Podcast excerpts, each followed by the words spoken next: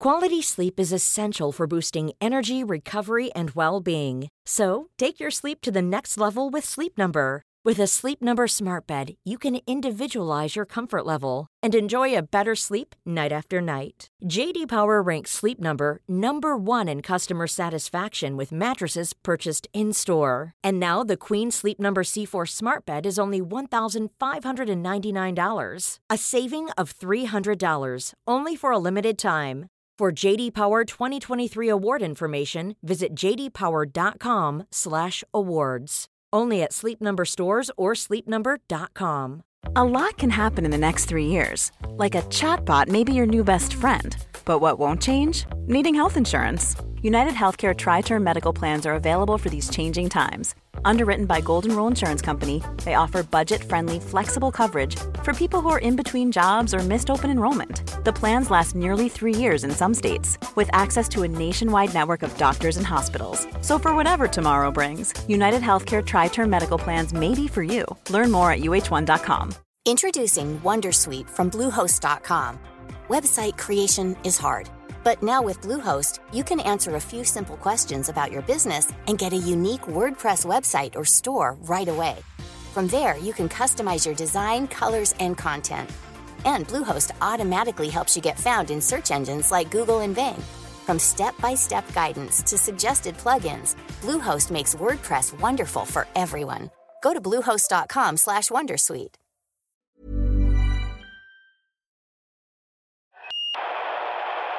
Mm, vi har precis fått veta att siffran har stigit när det gäller israeliska soldater. Tio israeler har nu dödats hittills i kriget. Då säger jag välkommen till Eli Gönder som är Mellanösternvetare, islamolog, bott många år, 25 år i Israel. Mm. Allt detta dödande vi ser nu i Gaza, på vilket sätt stärker det Israels säkerhet? Ja, frågan är märkligt formulerad. Det är inte dödandet som stärker Israels säkerhet. Eh, dödandet kommer som ett resultat av beskjutningen på Israel och dödandet är ett resultat av att Hamas har valt Gaza som krigsskådeplats och civila omgivningar som krigsskådeplats. Eh, men varför, men, döda, varför dödar man så många människor? Ja, det är återigen en väldigt märklig fråga. Det handlar inte om varför man dödar så många människor. Om man väljer en krigsskådeplats som är en väldigt tätbefolkat område så spelar det inte så stor roll egentligen vad man skjuter. Människor kommer att dö. Så den frågan borde egentligen ställas till Hamas. Varför har Hamas valt den här platsen för det här slaget? Men om vi säger så här Israel säger vi gör det här för att skydda israelerna därför att mm. de att attackeras av, ja. av Hamas. Eh, på vilket sätt, det kriget vi nu ser, mm. på vilket sätt stärks säkerheten för Israel genom det här kriget? Det man hoppas, tror jag, Israel, det är att budskapet om att Israel inte accepterar att bli beskjutet ska gå fram. Att Hamas ska förstå att Israel inte accepterar att bli beskjutet. Eh, jag tror att det finns en skillnad mellan fred och samexistens. Jag tror att samexistensen i Mellanöstern är ganska långt bort. Men man hoppas att man ska förstå från Hamas sida att Israel på inga som helst villkor kommer att acceptera att bli beskjutet. Och blir Israel beskjutet så kommer konsekvenserna bli väldigt, väldigt allvarliga. Mm. Men på, på vilket sätt skulle våldet leda till fred? Ja, det är också en konstig fråga. Det är ju inte det att våld leder till fred. Våld har vanligtvis lett till fred. Alltså fred kommer ju ofta som ett resultat av krig, tyvärr. I Mellanöstern är väl inte riktigt det vi har sett? Jo, det är väl ganska vanligt. Om man tittar på freden med Egypten exempelvis så var ju det två krig som utspelades mellan Israel och Egypten. Överenskommelserna mellan Israel och Fatah har också varit resultat av väldigt långgående konflikter. Så att, mm. Det ena utesluter tyvärr inte det andra. Eh, fred behöver man ju inte sluta med någon man redan har fred, utan fred kommer ju som en konsekvens av ett krig. Jag tror inte att sympatin eller empatin för Israel ökar i och med den här aktionen. Men jag tror att man från israelisk sida hoppas att man ska förstå, att Hamas ska förstå för en gångs skull, att eh, det får konsekvenser om man skjuter på Israel. Mm. Hur ser du på risken att det här kriget får motsatt effekt? Att det leder till större hat bland palestinierna och en säkrad återväxt av eh, extremism? Jag tror att man från israeliskt håll är mindre bekymrad över det. Eh, därför att de stämningarna som redan finns, om man tittar på Hamas som organisation och det Hamas säger och det Hamas står för så är det redan en väldigt grovt hat mot Israel, en väldigt grov antisemitism. Det kan inte bli värre eller? Ja, det är svårt att om man läser Hamas programförklaring hitta något som är mycket värre. Man har visserligen fred med Egypten, men i Egypten säljer man fortfarande antisemitisk litteratur öppet och, och, och deklarerar hat mot Israel. Så att Israels målsättning är nog snarare att få fram den här signalen att skjut inte på Israel därför det får konsekvenser. Tittar man på artikel 8 exempelvis i Hamas programförklaring så står det där att profeten är ledaren, lagen är Koranen, Eh, målsättningen är jihad och döden för Allahs sak är det mest eftersträvansvärda för en människa. Eh, finns det ingen annan väg än våldets? Ja, det är återigen, jag önskar att det fanns det, men det är återigen en fråga som man borde ställa Hamas därför att Israel evakuerade ju Gazaremsan från bosättningar och bosättare med en förhoppning om att det skulle se annorlunda ut. Och Hamas har utnyttjat de här förutsättningarna som har skapats men blockaden, för att skjuta blockaden raketer. mot Gaza? Ja, men blockaden mot Gaza var att förhindra beskjutningar. Det fanns inget, hade man ägnat sig åt produktutveckling av traktorer istället för missiler hade det aldrig varit någon blockad på Gaza. Tack så mycket för att du kom till Aktuellt. Visst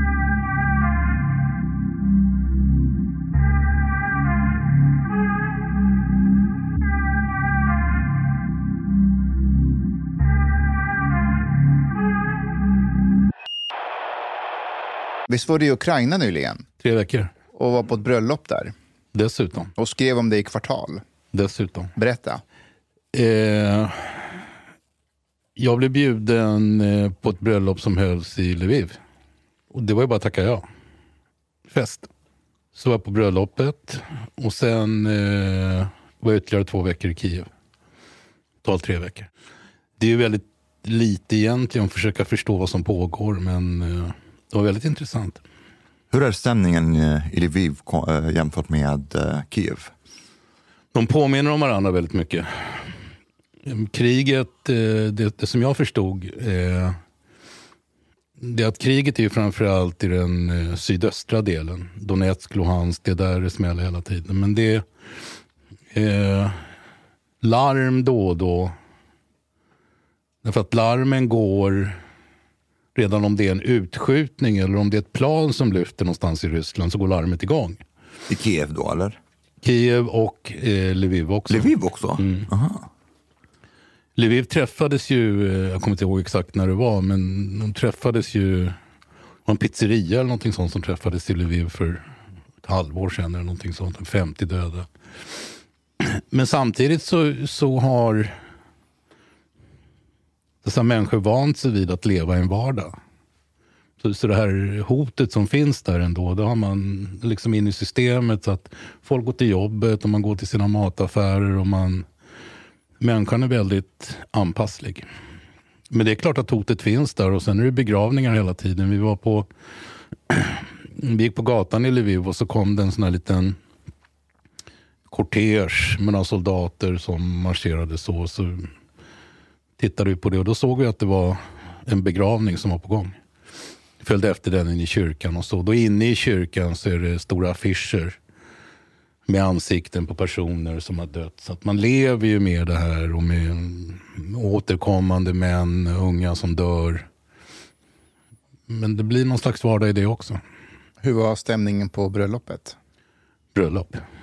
Alla glada och så. Men det är en sån här, det, det är också en, en eh, man är mitt i det här som verkar hopplöst, ett krig som aldrig verkar ta slut och så. Så är bröllop ändå en, en signal om en framtidstro. Man ska bilda familj och, och så. Två unga människor i 30-årsåldern eh, med hopp om framtiden. Eh, och Kiev är, är ja, med restauranger och kaféer och så är fulla. Och så går larmet och så eh, jag är inte helt ovan vid larm, men sa nu, nu eh, ska vi inte söka skydd. Att man söker skydd, då går man ner i tunnelbanan exempelvis. Det är bra. Mm. Nej. Vi kan inte låta ryssarna bestämma vår dagsrytm. Liksom. Det borde gå ett larm, ska vi springa ner i tunnelbanan? Det kan ju vara farligt, Nej, men det är så sällan det händer någonting. Så man har, allting har blivit ett motstånd mot Ryssland. Till, till och med att gå ner i skyddsrum. Vi, vi gick ner en gång. Eh, men det var bara vi där. Vad var det som gjorde att ni gick ner just den gången? Att personen jag var med ville vara medgörlig och hygglig en gång, liksom, därför jag ville gå ner. Det var liksom bara första gången vi hade pratat om det. Och så, ja men okej, då går vi ner den här gången. Det var mer för att bevisa för mig att det var bara vi där. Eftersom jag envisades med, men alla kommer gå ner. Det är klart att folk går ner i skyddsrum. Ja, ja, ja, okej då. Och så gick vi ner. Eftersom Hanif verkar lite fnittrig. Ja. Jag, jag har hållit Ja, men låda i Litauen, så jag är lite körd i rösten. Okej Bengt. Ja. Det, det är inte för att skrämma dig eller så. Är det, är det Bengt Magnusson? Japp. Vem är Bengt Magnusson? Det här från Vem vill bli miljonär är den första programledaren. Han har jättedjup, eh, mörk röst. Ah, okay. Var inte han nyhetsankare också? Jo, det var han. Eh, Ah, man vet inte vem Bengt Magnusson är. Nej. Nej, jag vet inte.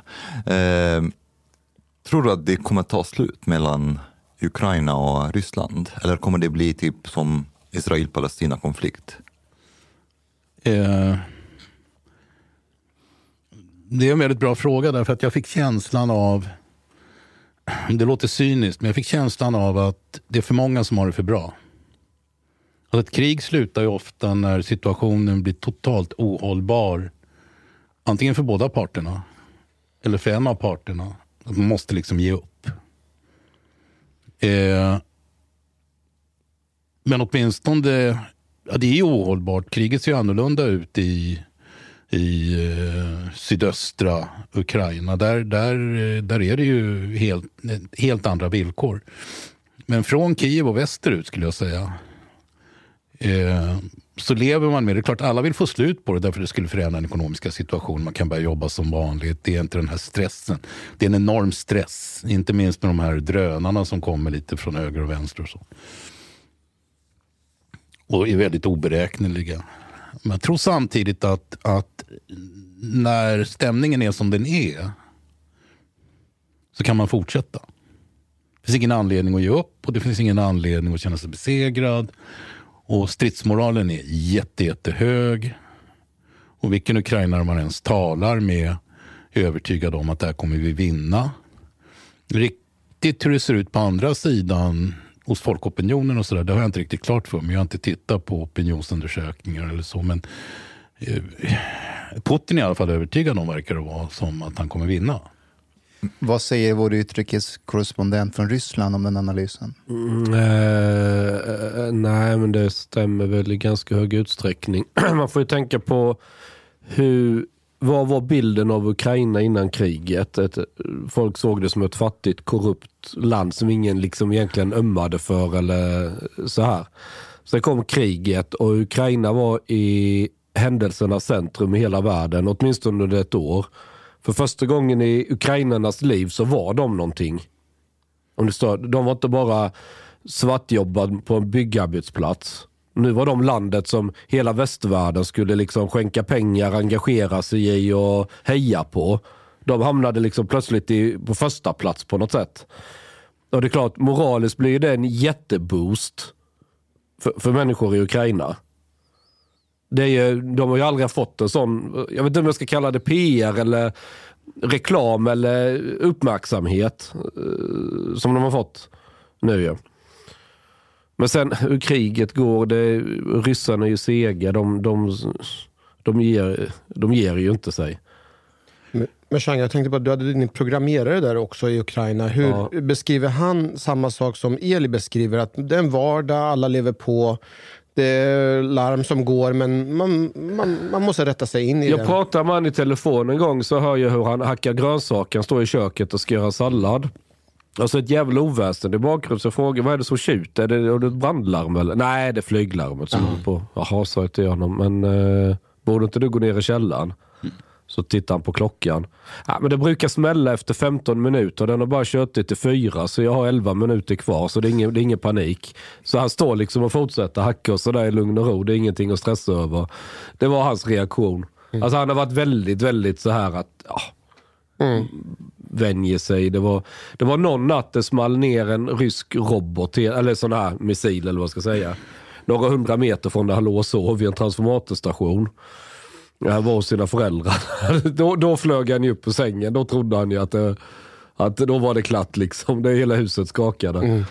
Eh, Det har jag ju berättat, men annars så... eh, Däremot så fick jag ju eh, inkallelseordet till militären.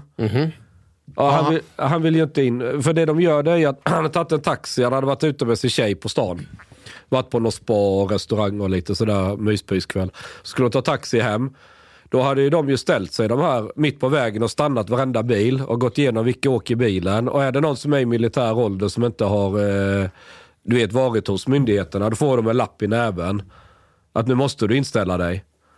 Och så annars blir det böter. Ja, du vet, sen drar hela processen igång och de jagar han. Så nu vart han, han vill ju inte in i militären och hamna i fronten.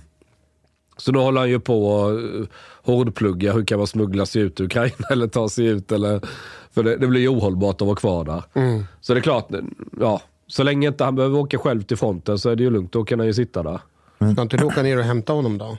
Men jag, men jag kommer ner med fläskmassan, hoppar in i bilen Vlad. Och sen kommer vi till gränsen och sen vad? Hur, hur hade du tänkt sen? Nej, jag vet inte, du har ju alltid någon plan tänker jag. Du kan gömma honom, vad vet jag? Jag har haft lite funderingar i, i, i sämsta tänkbara fall hur man skulle smuggla ut honom. Eh, Ja, det har jag, men eh, nu råkar ju Ukraina vara lite lätt korrupt ibland ju, så han känner igen, eller hans farsa är kompis med en i underrättelsetjänsten där som, jag tror 6 500 dollar eller något, så kan han fibbla lite med databasen vad som är skrivet på honom. Och fixa ett intyg att han har någon hjärtsjukdom så att han kan göra lumpen och så får han lämna landet. Vill du att Vlad ska vara i liv mer för hans skull eller för att ditt företag ska fortsätta med programmeringen? Och... Alltså det ena utesluter ju inte det andra. Men det är väl det som är, alltså det du säger var väl det jag upplevde som starkast. Att den ukrainska identiteten, nationella särarten, ukrainsk Ja. kultur. Allt sånt har fått en enorm boost genom det här kriget. Det handlar om att helt och hållet distansera sig från Ryssland. Och det är jätte, jätteviktigt. Och man har också fått upp självkänslan därför det, det land med fantastiska möjligheter. Oh ja. Det, det är ett jordbruk som man, man går ner i marknaden och ska handla. Det finns liksom allt. Tomater, 14 olika sorter. Eh, jordbruksprodukter hur mycket som helst. Så ena sidan är det ett jordbruksland. Det är också ett land som är väldigt, väldigt duktiga på teknik, high-tech, bygger sina egna drönare nu. Man, man har liksom human resources på ett sätt som inte alltid finns i jordbruksländer. Eh, och det enda som egentligen är... Därför det här kriget kommer sluta förr eller senare. Eh, och Kommer det? Ja, ja, förr eller senare kommer det ju sluta. Inget det, krig har väl varit för evigt. Inget krig är för evigt. Det, det kan ju hålla på Palestina. länge och det kan... Vad sa du? Israel-Palestina. Ja, ja, Det, det har hållit på i 80 år nu. Ja, ja. Men, men, men det som, det som eh, kommer förbli, som jag ser Ukrainas största hot, det är ju faktiskt korruptionen. Och där, gör man ju, där vidtar man ju åtgärder. Man sydde in någon oligark här för inte så länge sedan. Och man, och man jobbar mot den här korruptionen genom att hitta nya system, få betala böter, alla ska deklarera. Det, det finns allvarliga försök till att, till att, till att motarbeta korruptionen. Men just den här ukrainska nationalidentiteten, medvetenheten om vem man är, eller vem man vill vara och hur den här ska formas. Den har ju verkligen eh, tagit fart. Alla får lära sig engelska gratis nu. Ett nytt förslag regeringen betalar. Och när jag var där så fanns det till och med ett förslag på att göra sig av med de kyrilliska bokstäverna. Just det. Vad tror du att det blir? Vad, vad blir det för konsekvenser att genomföra en sån förändring?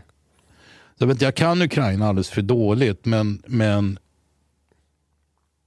det jag är övertygad om idag det är att Ukraina kommer aldrig igen på något sätt ha något med Ryssland att göra. Ryssland är enligt alla opinionsundersökningar, det är en halv procent enligt den senaste som gjordes i Gallup, eh, är villiga att ha något med Ryssland att göra. Så långt är det klart.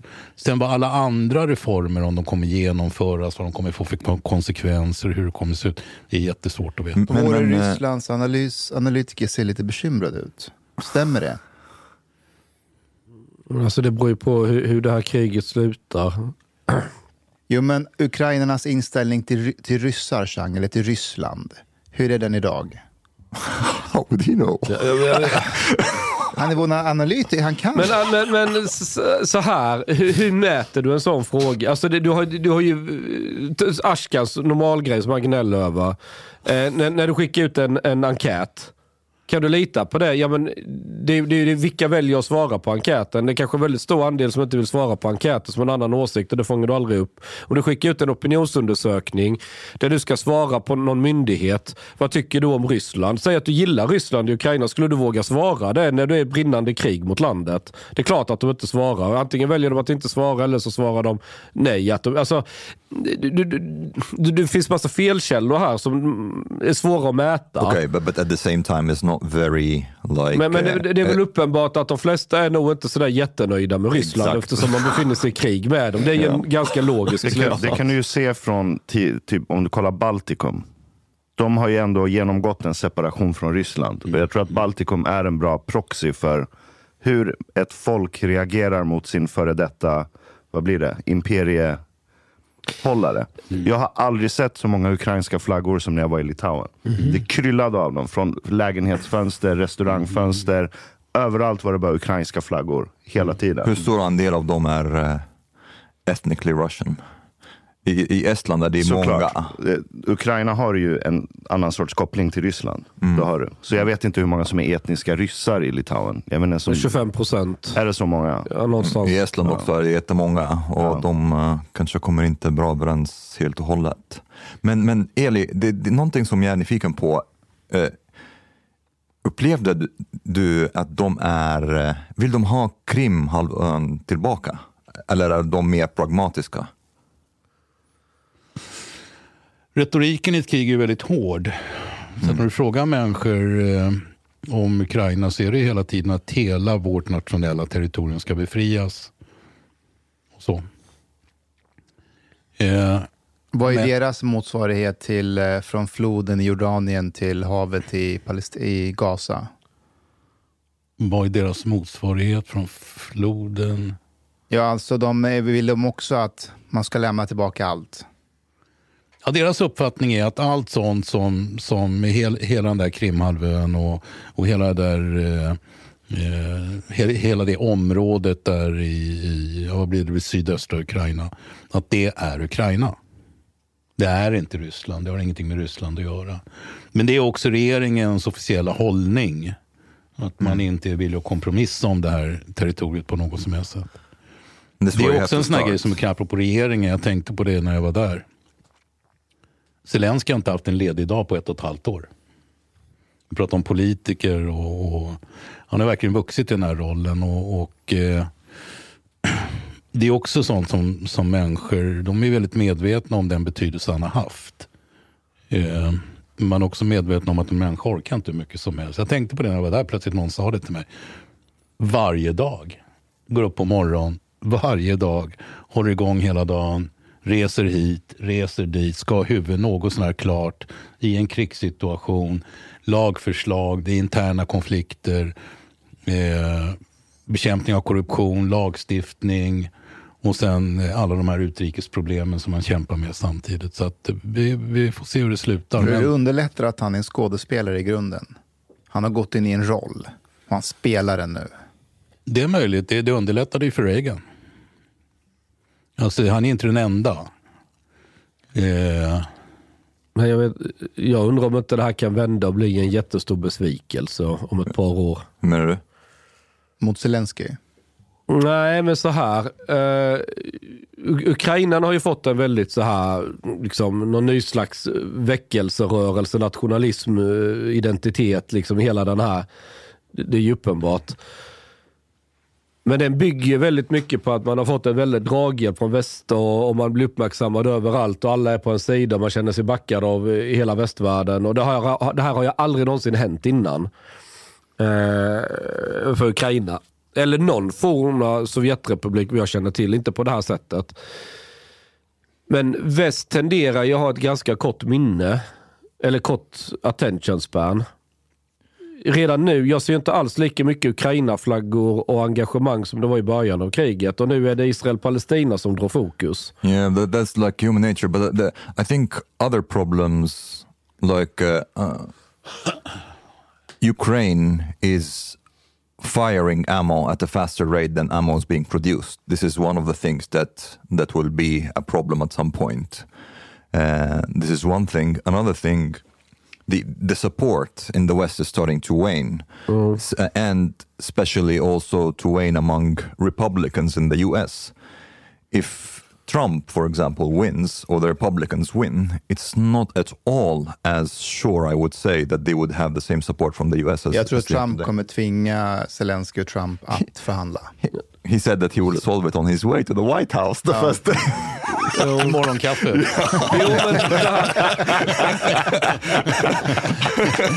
Han är It's bra. like, I know both sides, I will solve it on, the, on my way to the Oval Office. det, det finns ju ett uttryck som heter medgångssupporter. Om ni känner till, ja, Ja, inom fotboll känner man till Ja, det. likadant inom hockey och sådär. N- när det går bra för ens eget gäng, då är alla jättemycket och backar. Men så fort det börjar gå lite dåligt så faller hälften av.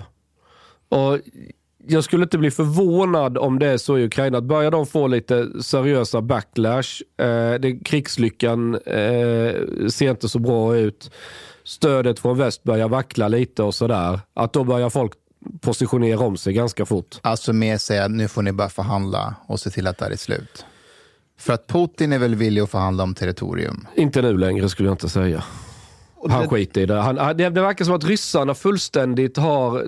Det, det, det är som att från deras sida, de har helt tappat förtroendet för väst. De skiter nu De bryr sig inte. Okej, vi är onda, vi är hemska, alla hatar oss. Vad har vi att förlora? Vi bryr oss inte längre. Han har slutat kalla det för Special Military Operation också. Han, ja, han de- använder ordet krig. Det Eh, tycker jag är det- intressant. Ja. Det, det, det är, det, när jag lär, försöker liksom på någonstans ta fingret i luften och känna hur det verkar i Ryssland. Det är som att okej, väst hatar oss, så är det bara. Vi kan inte göra någonting åt det. Vi skiter i vilket. Det finns ingenting att hämta. Det finns ingen anledning. Och, det är ungefär den, sådär, ja. Men det du säger nu, Chang, det det jag funderar på. Är det också en taktik varför från, om man tittar på Israel-Palestina-konflikten, varför man från Hamas sida väljer att gå in och agera? För att man vet å ena sidan att västs support för Ukraina, det håller på att avtar i eventuellt storskalig krig, eller det är ju redan krig nu. Men jag tänker också att om USA skulle ge sig in, då kommer ju opinionen för, Amerikan för USA att gå in, den kommer också vackla i och med att de är ju redan i Ukraina. I, I think for Hamas, uh, Ja, men jag tänker att det är någonting som man har tänkt efter från USA Irans perspektiv. Eller... USA är väl alltid konstant mer eller mindre inblandad i någon konflikt någonstans i världen, höll jag på att säga. Jo, Så att men nu det gäller ju... Jo, men opinionen är ju ändå viktig. Vad man har för opinion från he- hemma, från befolkningen. Det är ju centralt hur man ska vara framgångsrik och kunna fortsätta.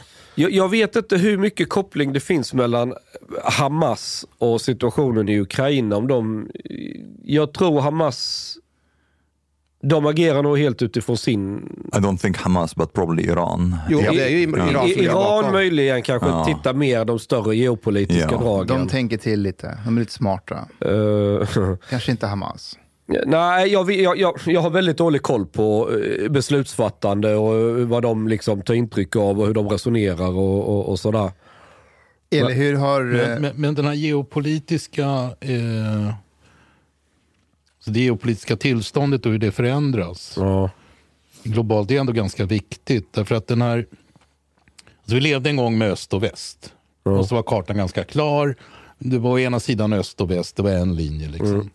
Och så fanns det en annan linje, Israel mot arabvärlden. Så. Och så hade vi liksom koll på tillvaron. Här, nu, är ju, nu är det en helt ny giv.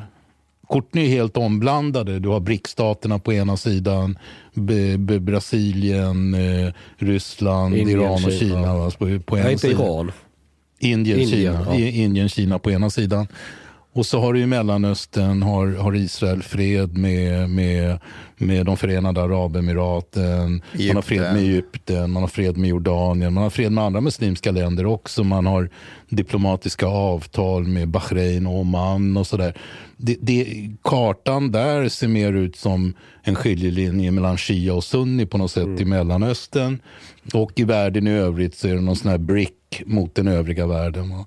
Och, och de skiljelinjerna förändrar ju också hur de här stormakterna i det här spelet agerar som exempelvis Ryssland och USA. Det gäller väl då även Ukraina och det kriget, eller kriget mellan Ryssland och Ukraina.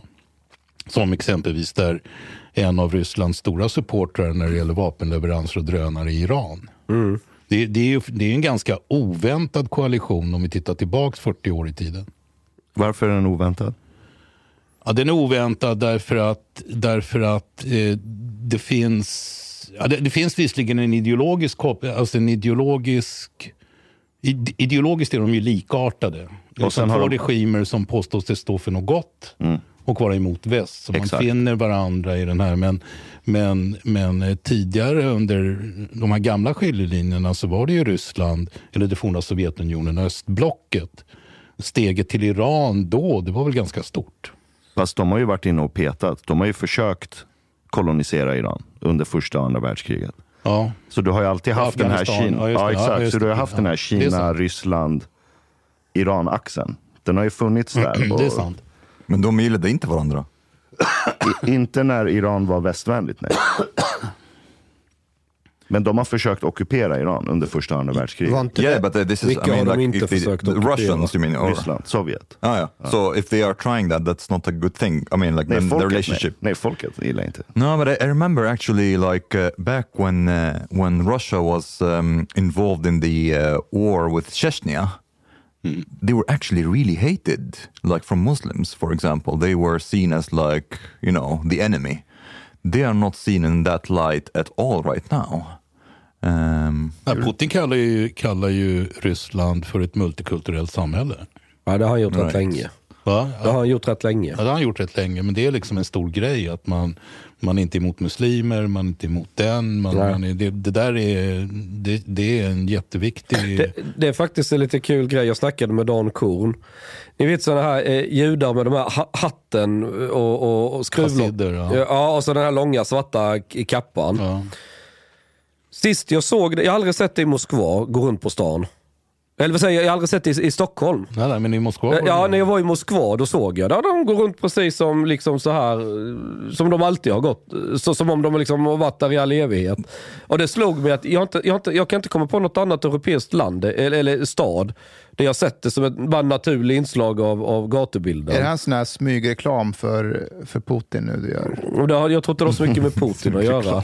Men det är intressant när man pratar om att, att det är mångkulturellt i Ryssland så skulle jag säga att det finns en liten sanning i det. För det är verkligen, Ja. det, det är samma land som där du även har Kadyrov, en halvislamistisk eh, småpåve och, och du, du, du har liksom alla Putin gick ut och, och fördömde Israel mot eh, Palestina och sa att eh, Palestina har rätt till sitt eget territorium. Gör han?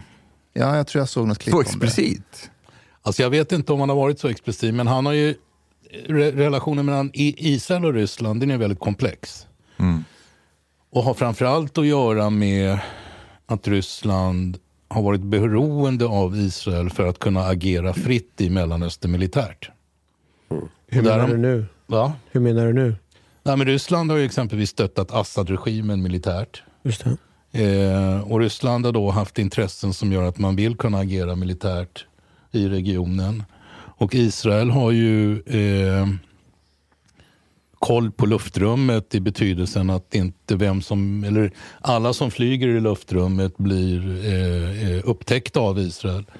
Eh, så att för, där har man haft en, en, eh, en eh, jag skulle vilja säga en stabil relation som delvis får sitt uttryck i ett väldigt begränsat israeliskt stöd till Ukraina.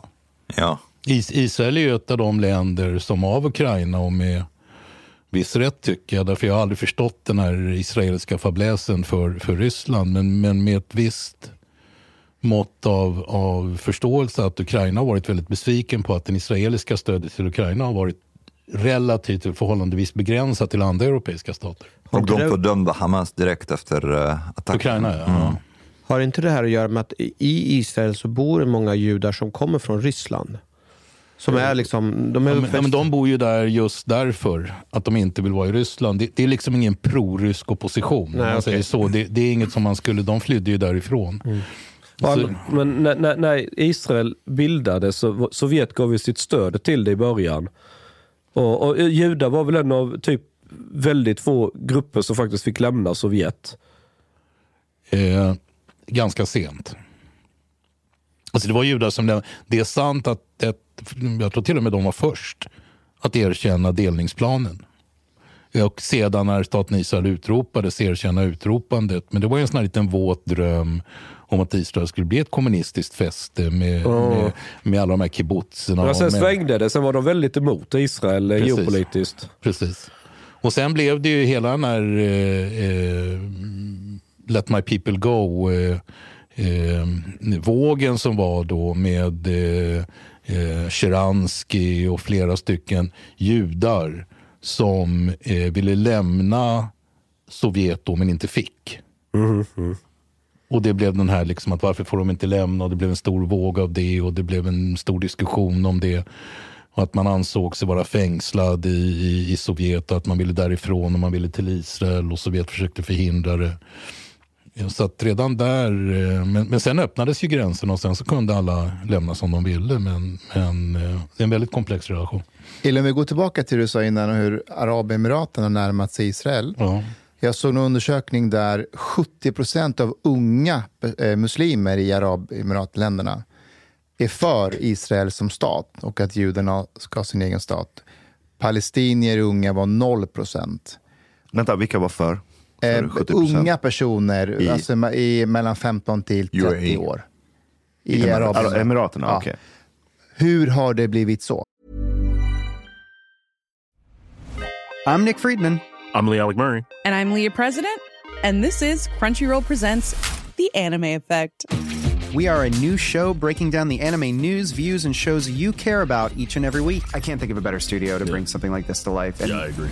We're covering all the classics. if I don't know a lot about Godzilla, which I do, but I'm trying to pretend that I don't right now. Hold it in, hold on. And our current faves. Luffy must have his due. Tune in every week for the latest anime updates and possibly a few debates. Oof. I remember, what was that? Say what you're going to say, and I'll circle back. you can listen to Crunchyroll Presents The Anime Effect every Friday wherever you get your podcasts. And watch full video episodes on Crunchyroll or the Crunchyroll YouTube channel.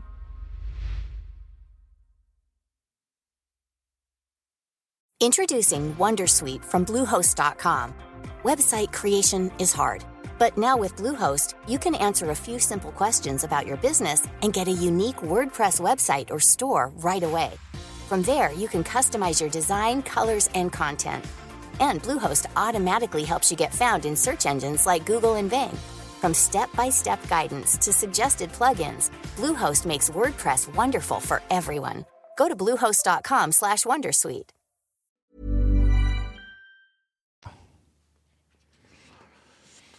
Jag vet inte. Jag kan bara spekulera. Eh, jag tror att det har funnits... Saker och ting kan vända rätt fort. Jag, jag tror att de här länderna som Israel har fred med, alltså de arabisk-muslimska länderna som Israel har fred med, så har det ju även uppifrån.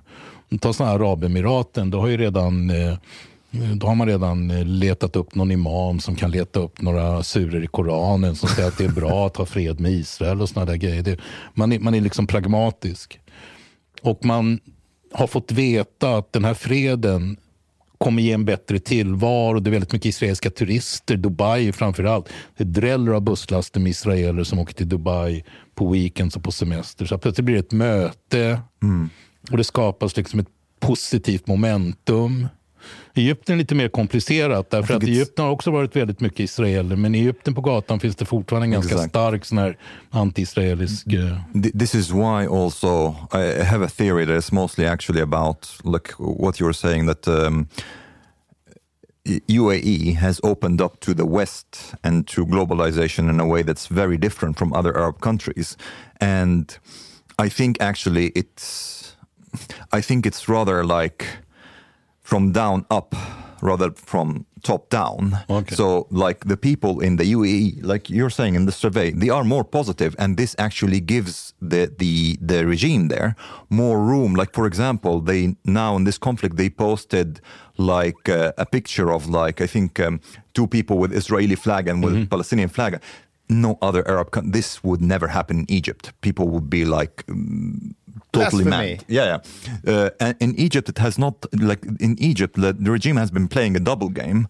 Um, towards the people, they're actually pretty hard towards Israel, like the rhetoric towards the people, that they they they stand for the Palestinians and like um, Israel is the aggressor, and then behind closed doors they are kind of like trying to be a bit more pragmatic. Um, so the, the the peace that Israel has with UAE is much more genuine that they have with Egypt, for example. Hur är engelskan i Egypten? Får man lära sig det i skolan? Från tidigare ålder? ålder? More in private schools there, rather than public schools. Okej, In och de flesta människor går i public schools. Så de flesta kan inte så flytande bra Nej, nej, nej. Hur är internet censurerat? Är det det på något sätt? Kan du gå Inte in? riktigt. Inte? Du kan gå in på vilken sajt du vill. Ja, det kan du, men du kan inte skriva vad som helst. Du kan inte skriva vad som helst, men du kan läsa vad som Ja, helst. Fast eftersom de flesta inte kan engelska så går Exakt, de inte in. cultural isolation a little bit. För, för Emiraterna tror jag det är annorlunda. Mm. Där har du ju inte en stor andel av befolkningen som är skitfattiga som bor där, korrekt? Korrekt. Korrekt, absolut. Men jag tror att det finns en sak till i Egypten som du inte har tagit med i ekvationen. och Det är brödraskapets väldigt långa, eh, starka ställning under väldigt lång tid. Om du tar det här området i Kairo, Ashwayat eller vad det heter, där bor 6 sex miljoner, sju miljoner människor som varken har, har eh, avlopp eller fungerande dricksvatten. Där, där brödraskapet verkligen har varit etablerat väldigt länge. Där man har kunnat driva sin propaganda väldigt länge som en eh, sån här socioekonomisk... Eh, det, det har ju varit Egyptens välfärdssystem, liksom brödraskapet på något sätt. Och att den påverkan som brödraskapet ändå har haft på befolkningen till Sisi bestämt för att göra slut på det.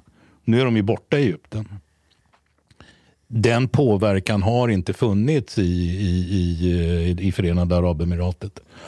Mm, I think it, this has definitely contributed, but I think there is. I'm not so sure how religious young people are in, in the Emirates right now. Uh, at least the, the, in Egypt, the the mm, the the uh, Palestinian cause to some extent has been very much connected to religion as well, um, like the the belief that is like um, Jerusalem is like uh, belongs to the Muslims and and and stuff like that. This is this is also uh, additionally a religious stance in Egypt. Um, Det är ju stora demonstrationer i Egypten för, eh, för Palestina. Eller social media is going Ja. batshit crazy. Varför also. öppnar de inte gränsen och släpper in sina muslimska bröder till Egypten? Uh, t- two, two reasons. Uh, I would say one, uh, the Egyptians have had very big problems with um, uh, jihadists in Sinai, and these jihadists actually have some kind of connection to Hamas, so they don't want that situation. They have like gotten to some extent the situation under control, the military, with the jihadists in Sinai. Kan de inte ringa till Sverige och berätta det? how they did it. It's pretty, pretty easy. They they they take no prisoners. So they just Okej, like nummer två. they have confrontation and shoot them. Um, uh, number two is that well, if they open up like the the crossing, they will establish a huge refugee camp that it will become like basically some sort of occupation of Sinai. I think like most of the mm, people in Gaza will go into Egypt. Mm. Uh, they don't want that. Men Eli, hos... Men det är, alltså det är en gammal historia också. Därför att Egypten har hela tiden varit väldigt noga med att Gaza inte tillhör Egypten. Fredsavtalet då mellan Israel och Egypten försökte ju bägge lite försiktigt dra en gräns där så att Gaza skulle hamna i Egypten. Men eh, man tog fram några gamla kartor från det Osmanska riket och så, där, och så visade man att Gaza aldrig varit en del av Egypten. Vi vill inte ha med Egypten och vi vill inte ha med Gaza att göra. Och så hamnade så att säga Gaza utanför Egypten med bara den här lilla gränsövergången. Så att Egypten har ju varit väldigt, väldigt noga med att hålla Gaza på avstånd. Ye- Yeah, so, some people also because between 49 and 67, E- uh, Gaza was actually under the control and administration of Egypt. Uh, but uh, and, and some people have suggested that this could be like a solution to the whole thing, but the Egyptians will not take it. Jag vill inte vara ofin men är inte Gaza som en blindtarm som ingen vill ha? Ja, men, normala fall när det är en konflikt så brukar folk bråka om att båda två vill ha en viss landplätt. Här är det bråk om att ingen vill ha den. I, I think uh, it, it's... Det måste väl vara unikt? Ja, Alltså man kan ju, ordvalet kan man ju diskutera, men det stämmer, men, men, men det stämmer att, att Gaza hela tiden har varit... Alltså Gaza hade ju mellan, mellan eh, eh, 49 blir det och 67 så styrde Egypten och då tillsatte man ju Egypten en, en man försökte på olika sätt ha någon slags palestinsk administration och förvaltning. Det fanns till och med försök eh, att, eh, att eh, producera palestinska pass fanns det en idé om att göra på Gaza. Men det förhindrade Egypten. Så att Egypten ville inte ha det å ena sidan men ville heller inte att det skulle bli autonomt och självständigt. Yeah, I think I think partly also there's another aspect that uh, is at play here, because if you take the Palestinian or Palestinian territories, you're also you're inheriting the Palestinian problem to some extent, and this is also partly why the Palestinians cannot have peace because the majority of Palestinians want the Israelis out of Israel. This is also another thing. So they, they, the, it's very difficult for Egypt to take this. Like let's say Egypt takes Gaza now, and they will try to prevent the Palestinians, including Hamas and Islamic Jihad and so on. They will try to get them to give up on the Palestinian cause. They will try to, like, you know, now you live in Egypt and forget about this mm, Israel Palestine. It will not happen. But it Eh, did happen. Alltså det hände ju, inte i Egypten, men det hände ju i Jordanien. Alltså Jordanien är också Palestina. Om du tittar på det här territoriet som du kallar för det palestinska brittiska mandatet så är Jordanien, alltså den östra delen av Jordanfloden och Jordanien är ju idag eh, vad det är, självständigt, en ganska stor procent. Det, det är svårt att hitta statistik på det där exakt. Men, men Jordanien lever ju, andas och frodas tack vare sin palestinska befolkning. Jordanien är ju, kungahuset är ju beduiner. Befolkningen som jobbar, pluggar, gör något vettigt i landet, det är palestinier. Beduinerna tjänar pengar på att äga mark som de hyr ut till UNRWA för de här flyktinglägren. Och sen finns det en liten grupp som har en sån här liten specialstatus i Jordanien och lite som de behagar, det är cherkesserna. Eh, som är kungahusets eh, livvakter och som... Eh, Kommer inte de från uh, Cherkesserna? Jag läste Ja, Svarta om dem. havet. Eh, Ja just det, Ja. Det, det är väl från Ukraina någonstans. Ja, alltså, de har ju kommit från lite olika, men det finns ju en, en, eh, en stor cherkessgrupp i Jordanien och det finns en i Israel också. Och För de var väl jättelojala och duktiga? Jättelojala. Ja. Det, är, det är en väldigt intressant grupp därför de är blint lojala till kungahuset i Jordanien å ena sidan. I Israel eh, är den här muslimska gruppen blint lojal till Israel. Alla gör militärtjänst, det är viktigt. Så den här lilla gruppen är, är är, men, men men just när det gäller Jordanien så tog ju Jordanien Västbanken och det är ju som du säger då. Eh, Det blev ett himla liv i arabvärlden där man sa att om Jordanien ockuperar Västbanken och tar över det här så, så, så förhindrar man Palestinas sak. Eh, vilket gjorde så småningom också att Jordanien eh, officiellt eh, tog avstånd från Västbanken i ett senare skede. Didn't they have a clash in 1970? With the 77, Palestinians? svarta september. Vad hände då? Jag kommer inte ihåg.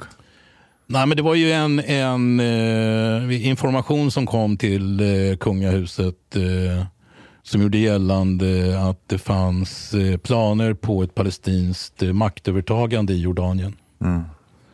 Och eh, det slog den dåvarande kungen Hussein ner väldigt, väldigt brutalt. Mm. Han massakrerade massor av människor i fängelser och utanför och sådär. Det var det som ledde till att eh, palestinier från Jordanien så småningom etablerade sig i södra Libanon. Bara en fråga Ja. om palestinier i Jordanien. Identifierar de sig som palestinier och vad har de för relation och lojalitet mot palestinier i Västbanken och Gaza? Det är en jättesvår fråga därför att Nej, det är det inte. Det kan du svara. Ja, Vi har ju de enkla frågorna, de ligger på bordet hela tiden. Eh, sen 1977, på grund av det, och då, då, då, då, då etablerades också den här terrororganisationen som gick under namnet Svarta September. Det är den som etablerades på 70-talet. Och I och med den här händelsen där, där man kunde anklaga den palestinska idén för att, eller palestinier för att vara illojala mot kungahuset. Därför Jordanien är också det enda landet i Mellanöstern, förutom Israel, där palestinierna har medborgarskap. I de övriga länderna så är, ser Palestina liksom någon slags statslösa, någon statslös flyktingstatus. Eh, och då blev det väldigt opopulärt att vara palestinier. Och så småningom växte det där in i någonting som numera kallas för Islamic Action Front. Som är Jordaniens motsvarighet till islamistisk rörelse med brödraskapsassociationer som verkar politiskt i landet men har liksom omdefinierat sin identitet till att vara muslimer eller islamister, men majoriteten av dem är ändå palestinier och de är väldigt verksamma just i, i the Palestinian cause, som man säger. De är väldigt engagerade just i den här palestinska frågan. Det är någonting som inte klingar bra med Islamic och action. Nej, det That's a bit better than Islamic Jihad då. Ja. you have to choose. Det händer en hel del. eh, Den, den kombinationen kan få oanade konsekvenser. Kan vi backa bandet lite? Ba- Backa till innan Israel blev en stat. Vad sa du? Till Ukraina. Nej, nej, nej. Till, till innan Israel blev en stat och vilken demografi som fanns där då. Och vilka konfliktlinjer som fanns. Ba- Bara för att kunna sortera lite och sätta allting i kontext. Alltså hur Mm, bara såg fråga. området ut? Bara fråga. Va? Bara frågan. Nej, men hur, hur var demografin innan Israel blev en stat? Vad var de initiala reaktionerna? Vilka konfliktlinjer har skapats? Bara fanns- så man kan sortera lite. För liksom du, du har ju Västbanken på västra sidan och så har du en liten bit vid kusten som är Gaza. Och så har du begreppet Palestina. Är det en nation? Är det inte en nation? Vad, vad är det för anspråk som görs? Det, där är ju, det, där, alltså det beror ju på också hur långt tillbaka du vill backa bandet. Men om du backar bandet tillbaka till efter första världskriget. Mm. Om du backar bandet tillbaka till efter första världskriget så har du ju en... Eh, britterna. Det är den här... Eh, det är en väldigt bra bok som heter eh, de, eh, eh, The Seven Pillars of Wisdom, eller någonting sånt, som skrivs av Lawrence. Lawrence of Arabia. Exakt. Eh, som egentligen heter Peter O'Toole. Så, vad hette han? Peter O'Toole är en brittisk skådespelare. Det är han som, som eh, spelar huvudrollen i den här filmen, Lawrence Som är typ fyra timmar lång. Ja, men det, är, men det är en väldigt bra film. Ja. Eh, och då är situationen den att eh, Sharif Hussein har blivit utkastad från Mecka. Och eh, hans eh, söner, tre stycken, den tredje kommer jag inte ihåg, men en är Abdallah och en är Faisal. Eh, erbjuder sig eh, att tillsammans med britterna bekämpa turkarna. På villkor att de får någonting för det. Här finns ju fransmännen med också på ett hörn. Och eh, de är med, britterna, i det här kriget. Kriget tar slut och nu vill de ha sina delar. Och eh, det brittiska mandatet etableras och mandatets uppdrag är att förbereda regionen för självständighet. Det är alltså inte en koloni i traditionell bemärkelse att man utnyttjar regionens naturtillgångar och så vidare och får berika sig själv. Utan det är mer en idé om att det här territoriet ska bli självständigt och de ska så småningom sköta sig. Så att Faisal eh, blir kung i Irak. Och i eh, Jordanien vet man inte riktigt vad man ska göra därför man har en kvar, det är den här Abdallah då. Som åtminstone enligt Lawrence upplevs som lite sådär inte helt alla hästar hemma. Men man... Men man, men man men, inte alla kameler hemma. Inte alla kameler. Men man, men man eh, be- bestämmer sig för att, att, att skapa Jordanien. Det, det finns en, en, en, jag vet inte om det är sant eller inte, men det finns en sån här myt som säger att Churchill kliade sig själv i huvudet när han fick där när, när Lawrence kom dit och sa men de har hjälpt oss, vi måste ge dem någonting. Och så drog Churchill några streck sådär och sa I created a new state over a cup of tea. Liksom, så. Ja. Och så var Jordanien etablerat och då hade man kvar det här som var väster om Jordanfloden. Och det genomgår en massa olika förslag. Och det sista förslaget då är det som passerar i FN som delningsplanen. Som läggs över till generalförsamlingen och som består egentligen av det här som den, den här medelhavskusten mellan Libanon, Syrien på ena sidan och Egypten på andra sidan. Den delas in i eh, sju delar. Tre arabiska, tre judiska och ett vad man kallar för interna internationaliserat Jerusalem. De hade liksom en egen status. Eh, och det är ett generalförsamlingsförslag. Och eh, det godkänns då av de judar som bor i Israel, eller det som idag kallas för Israel. Och eh, arabvärlden bestämmer sig för att det här vill vi inte ha och så har vi liksom det första kriget kan vi säga mellan Israel och den arabiska omgivningen. Och det här är 1947? 47. Men det, det, det fanns, det, innan det dock, Balfours um, Mm. det var 1917. Ja. So the, what I read also is that actually there is there was some kind of like self-interest from the British side as well that they needed a group that would be friendly to their to their existence in the in the region and they thought about like the Jewish people and it kind of like um, was timed more or, or less during like uh, the the Zionist movement uh, at the time. So this was good for the British too. Uh, and I think maybe it's possible that the British did not handle the the, the negotiation between them and the Arabs very well. ja, men Balfour-deklarationen blir ju en, ett löfte. Mm. Eh, som i princip säger att eh, ja, men vi är för det här med en judisk stat. Men det finns en markering i Balfour-deklarationen som är väldigt viktig. Som säger att den lokala befolkningen som finns där oavsett vilken det är, det vill säga etniska minoriteter och så vidare, får inte genom självständigheten skadas. Så det finns liksom en, i deklarationen ett väldigt starkt stöd för andra än judar också i regionen. Så den ställer sig liksom på båda sidorna. Men jag tror att, att det, det som drar igång alltså väldigt mycket av det som sen blir en konflikt, eh, det är ju, skulle jag ändå vilja säga, det är den sionistiska rörelsen som väljer att eh, försöka återetablera det man såg som en historisk judisk stat i Israel. Därför den sionistiska rörelsen, när den sätter igång så sätter den igång med ett europeiskt förstånd av vad en stat är. Så att människor, judar flyr ju antisemitism. Så var det. det fanns också judar där. Ehm, judar bodde i området precis som det bodde araber i området. Judar flyttade in precis som araber flyttade in. Det brittiska mandatet skapade ju ändå arbetsmöjligheter i mängder så att folk kom från Egypten och från Syrien och lite överallt och skulle arbeta i det här brittiska mandatet. Det ser man ganska tydligt också om man befinner sig på Västbanken och talar med palestinier där eller befinner sig i Gaza och talar med palestinier där så ser man nästan, det, det blir hur tydligt som helst att det är två etniska grupper i någon bemärkelse. Väldigt mycket kristna på Västbanken. På Västbanken hittar du någon form av palestinsk elit skulle jag vilja säga. Eh, eh, hög utbildning ofta. Eh, där har det funnits eh, palestinska aktivister som har tydliga kristna namn också, som George Habash exempelvis.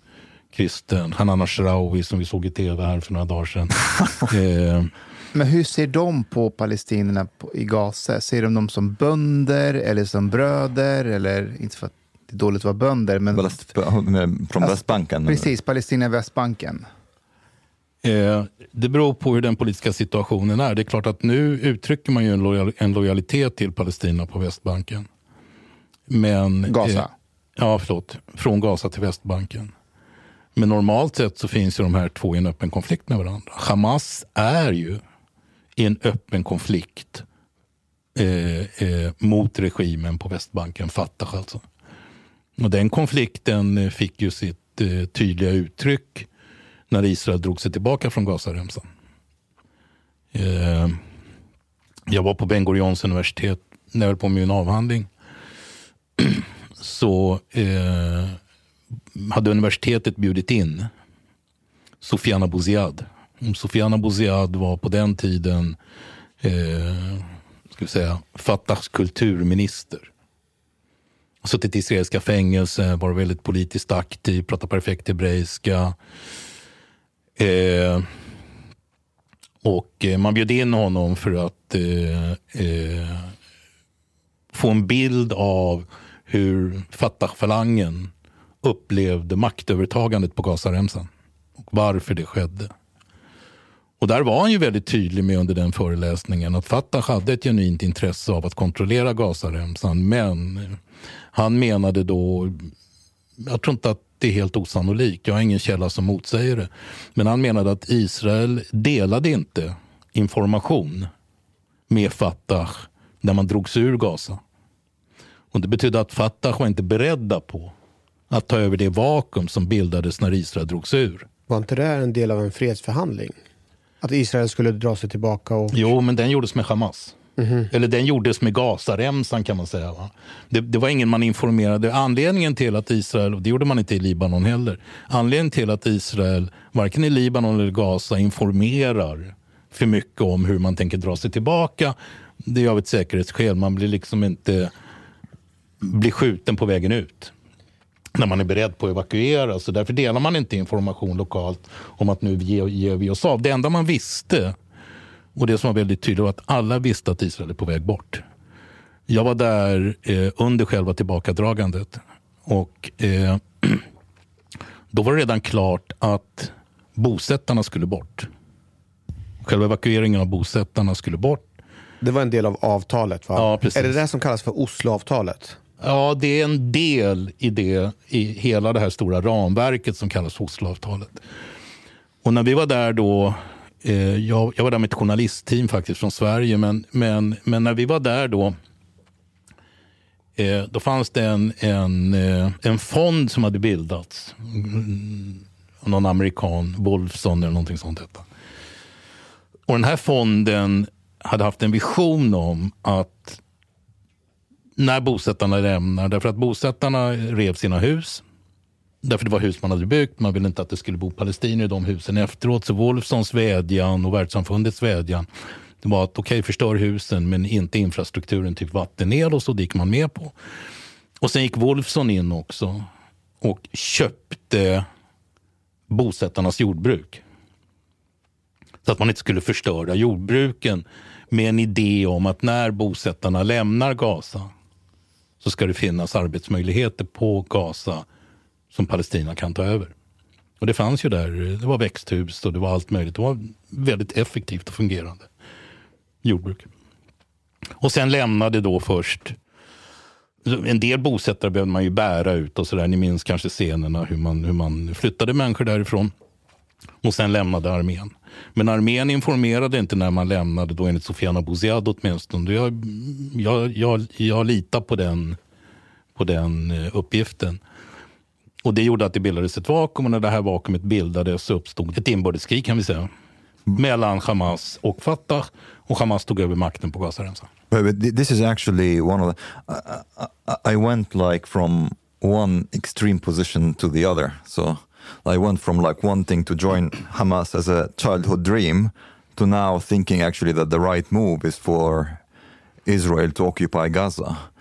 Uh, and I think I think it it was a mistake that uh, maybe Israel went out without having a total replacement. Like like for example, some people are saying now, okay, take out Hamas but then don't occupy, leave right away. But who will replace it? You can't leave Hamas in total like anarchy and chaos. What do you think will men, come out of this? Men där håller inte riktigt Eli med dig tror jag. För du menar Eli att, eh, att eh, Israel har fortsatt ockupera Gaza ja, även efter 2006? Jag, jag, sa det till dig att, att, eh, att, att Gaza fortfarande är ockuperat. Jag kollade den uppgiften sen. Eh, och det jag konstaterade det var att, att jag sa det till dig sådär tveklöst, Israel är fortfarande ockupant. Men det har pågått en diskussion om man kan anse Gaza vara ockuperat eller ej. Nu den här uppgiften som jag gav dig, den kollade jag en gång till. Enligt högsta domstolen i Israel är Gaza inte ockuperat. Men trots den då lagliga definitionen av vad som är ockuperat och inte ockuperat så kontrollerar ju Israel fortfarande vatten vatten, eh, luftrum eh, och en del av gränsen. Den andra delen av gränsen kontrollerar ju Egypten. Så det har pågått en diskussion om man kan eh, anse att Gaza inte är ockuperat och samtidigt ockupera. Isn't this mm. like more of a siege than occupation? Men probably. Ja, Förmodligen skulle man kunna kalla det för en... Där, där, därför ockupation är ju en, en, en, en, det, det är ju en, en, la, en, en term som är kopplat till internationell rätt. Liksom. Mm.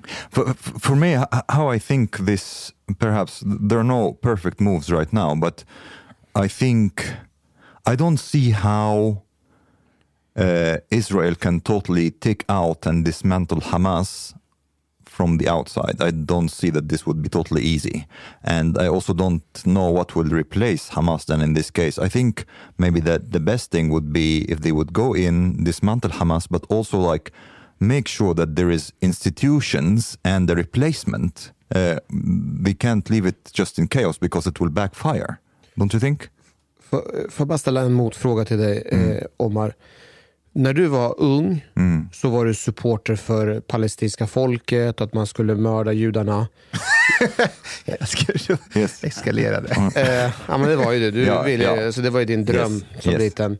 Och jag förstår att det är en lång process från när du var liten till vi är idag. Men jag undrar, nyckelfaktorer för förändringen från att ha supportat palestinska folket till att komma till den här positionen att Israel ska gå in och ta över hela Gazaremsan. Alltså du har blivit, du har blivit full liksom sionist åt Om, andra om du får liksom, eh, vad, vad är liksom nyckelfaktorerna så att du har kommit fram till den slutsatsen? För mig personligen, det handlade om religion. För mig personligen. Och, och kultur till en viss del. But also, I think... När du säger religion, vad menar du då? Jag menar när du var liten, tänkte du att... Yeah. Att So, då- th- there was like a lot uh, in in the Islam I grew up with. There was like a lot of anti-Semitism, and there was this prophecy that the last hour will not come until the Muslims have killed the Jews, and that that uh, Jerusalem is a holy land for the Muslims, and and and all that. So this this definitely played in. But I think after I after I've left Islam, and, and to to an extent also knowing how a lot of people, like in Egypt and and um, and to some extent also Palestinians, how they see the conflict, I kind of.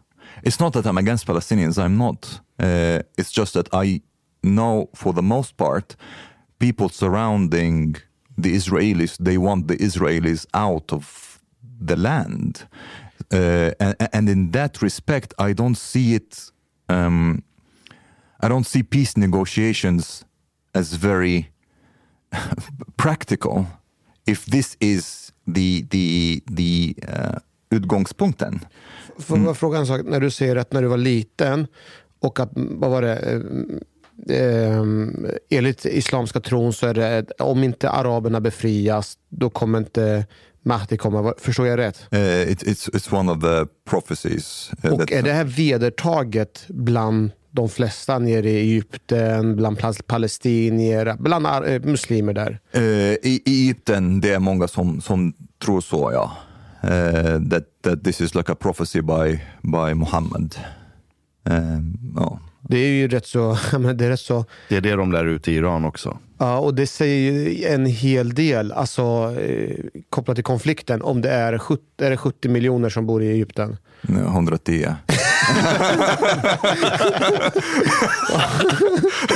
100 fucking 10 miljoner tänker på det här sättet. Eh, Jag vet inte om alla gör det, men... Men, men vad är eh, det en- profetia säger?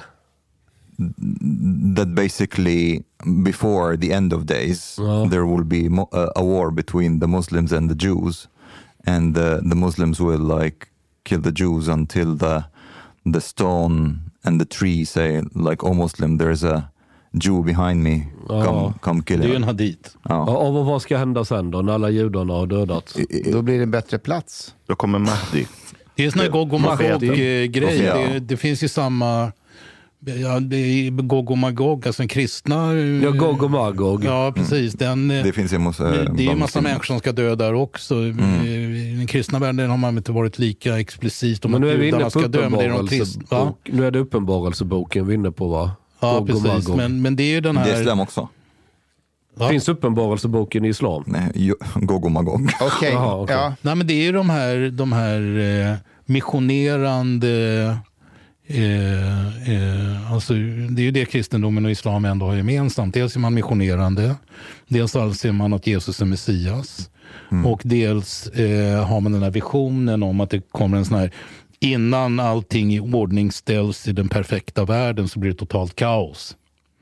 Det är en väldigt platonistisk idé. The, the Antichrist will, you know, uh, Ja, the precis. Antichrist comes and he, he will he will come after like uh, uh, very tough times, and he will come with temptations to the people. So some will follow him, and others will see that he's like the Antichrist. And then the end, Jesus will come down from the heavens, and will he will kill the Antichrist and will rule for forty years. This is this will be the golden years. Och då kommer alla bli som jag, eller du eller någon annan. Alltså alla som, varje människa som tror på det här tror ju också då att då kommer alla människor bli som jag. Det, det är därför jag försöker poängtera hela tiden att det är platonistiskt. För du Ja. ser exakt samma narrativ i miljörörelsen. Exakt. Att det finns en perfekt sta- eh, tillstånd perfekt någonstans. ordning, där- ja. Exakt. Och den ska vi eftersträva. Och till slut blir du som jag. Och det står en eh, miljöförstörande kapitalist bakom mig. Byt ut jude mot liksom, miljöförstörare. Och det där- det är och- exakt och det- samma grej. Ibland kan det vara både och. Alltså att det är en jude och en ja. miljöförstörare. Varför pratar ni om mig nu eller? det är sant, det är du. Nej, men det är intressant, därför jag har precis läst en, en, en bok om, eh, om rysk propaganda. Om rysk? Ja. ja. Nu kommer du få höra lite, mots, alltså, du kommer Ja, ja, lite men jag vet motstånd. det. så Jag är vet att det- Chang känner sig träffad med en gång. Ja. Boken heter Det här är inte ett krig. Eh, Och det är skriven Snygg av titel. Va? Snygg titel. Så väldigt snygg titel. Men han går igenom väldigt mycket där propagandan har fungerat. Den här eh, le- leninistiska idén då om, om eh, liksom, eh, våldet behöver en lögn. Man, må- våldet behöver en lögn. Eh, dels behöver man ljuga för, för att kunna utöva våld och dels behöver man ljuga för att dölja våldet. Eh, och så. Men det, det är mindre viktigt. Det är en bok jag rekommenderar i alla fall. Men där är just principen om ordning och kaos, den, den, den är jätteviktig. Som i det här fallet, samma sak. Ryssland står för ordning och goda värden. Världen utanför Ryssland är ett kaos. Eh, HBTQ-rörelser, demokrati, håller på att Och, och förfalla. vad var propagandan? Va? Och vad var propagandan? Den har pågått sedan Lenin. Nu- Om jag skojade lite. Ja, just det. Om du okej. skulle rekommendera den här boken till någon av oss specifikt här. Nej, men du jag, jag, tog upp den. jag tog upp den just därför att det med ordning och kaos. Om man, om man lägger ordning och kaos eh, teori som ett raster. Du du tar miljörörelsen som ett exempel som jag tycker är, är ett jättebra exempel. Och du tar in den på, i, i religiösa miljöer och sådär. Så, så tror jag att det där är också en väldigt intressant skiljelinje. Där, där liksom en grupp eh, ser sig som bärare av en ordningsidé. Yes. Och betydelsen av att den upprättas. För annars går allt åt helvete. Eh, och då, då ändamål helga medel och så vidare. Du ser exakt samma i intersektionalism, woke. Det finns en perfekt ordning som du på ett så neurotiskt sätt, även om det behövs våld, så ska du uppnå den ordningen. Precis. Allting går tillbaka till samma rot. Precis. Och det är det som skiljer judar från de andra abrahimitiska religionerna skulle jag säga. Ja, alltså det som skiljer judendomen eh, från de andra abrahamitiska religionerna, om man nu tar det på den, liksom att man försöker definiera vad en religion är, så är det dels att man inte är missionerande. Och Det innebär att har man någon tanke om ordning och kaos, vilket naturligtvis religiösa judar också har, så blir det en intern diskussion. Där man kan se andra judar internt i diskussionen. Ja, men du har inte tinninglockar så, utan du har tinninglockarna si. Så då kommer du stå för kaoset. Eh, ja, men det är ju så. Liksom. Man håller ju på med såna här dumheter. Eh, eh, det, det är det ena. Och det andra är att fokuset, religionens fokus är det jordiska här och nu.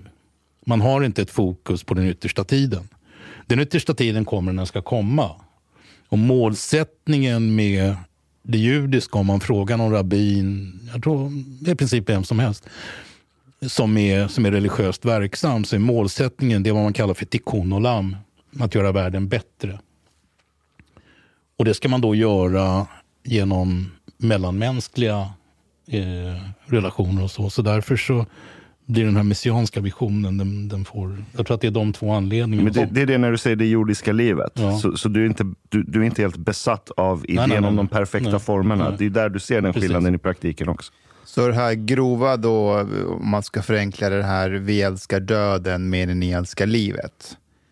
Kan, kan det vara, är det det som skiljer kanske islam ibland från, från judendomen?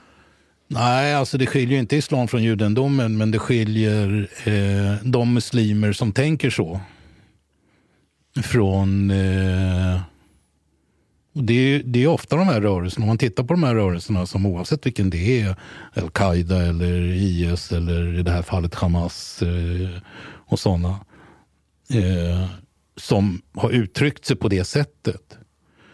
Eh, så har ju deras eh, verksamhet framförallt drabbat andra muslimer som tänker tvärtom.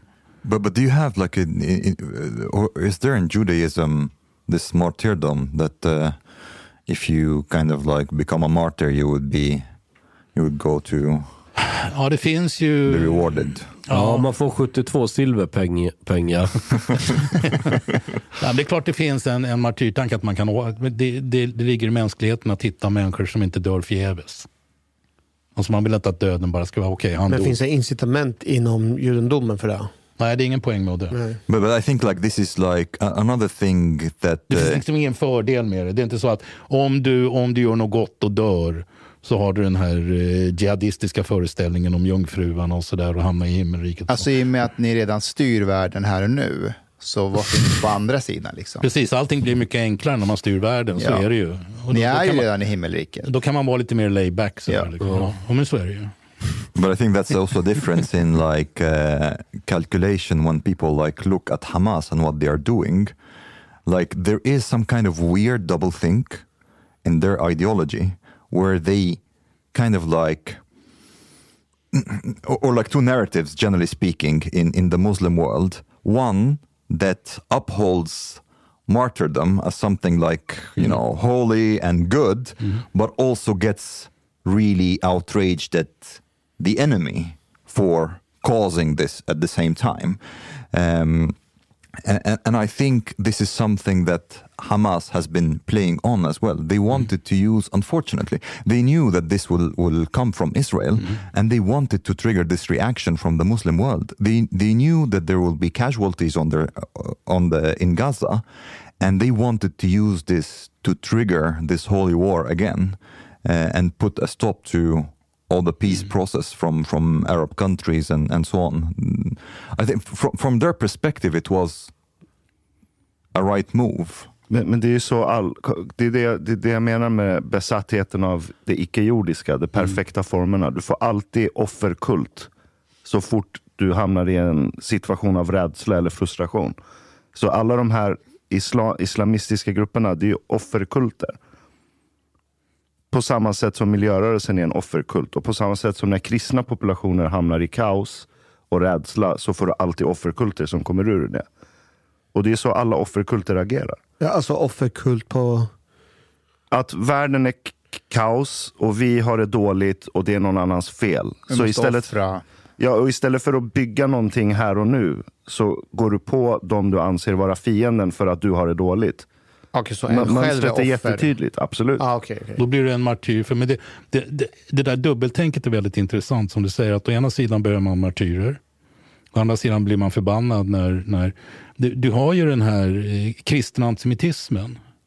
Och i samma idé där man eh, liksom periodvis har gått omkring och gnällt över att judarna dödade Jesus.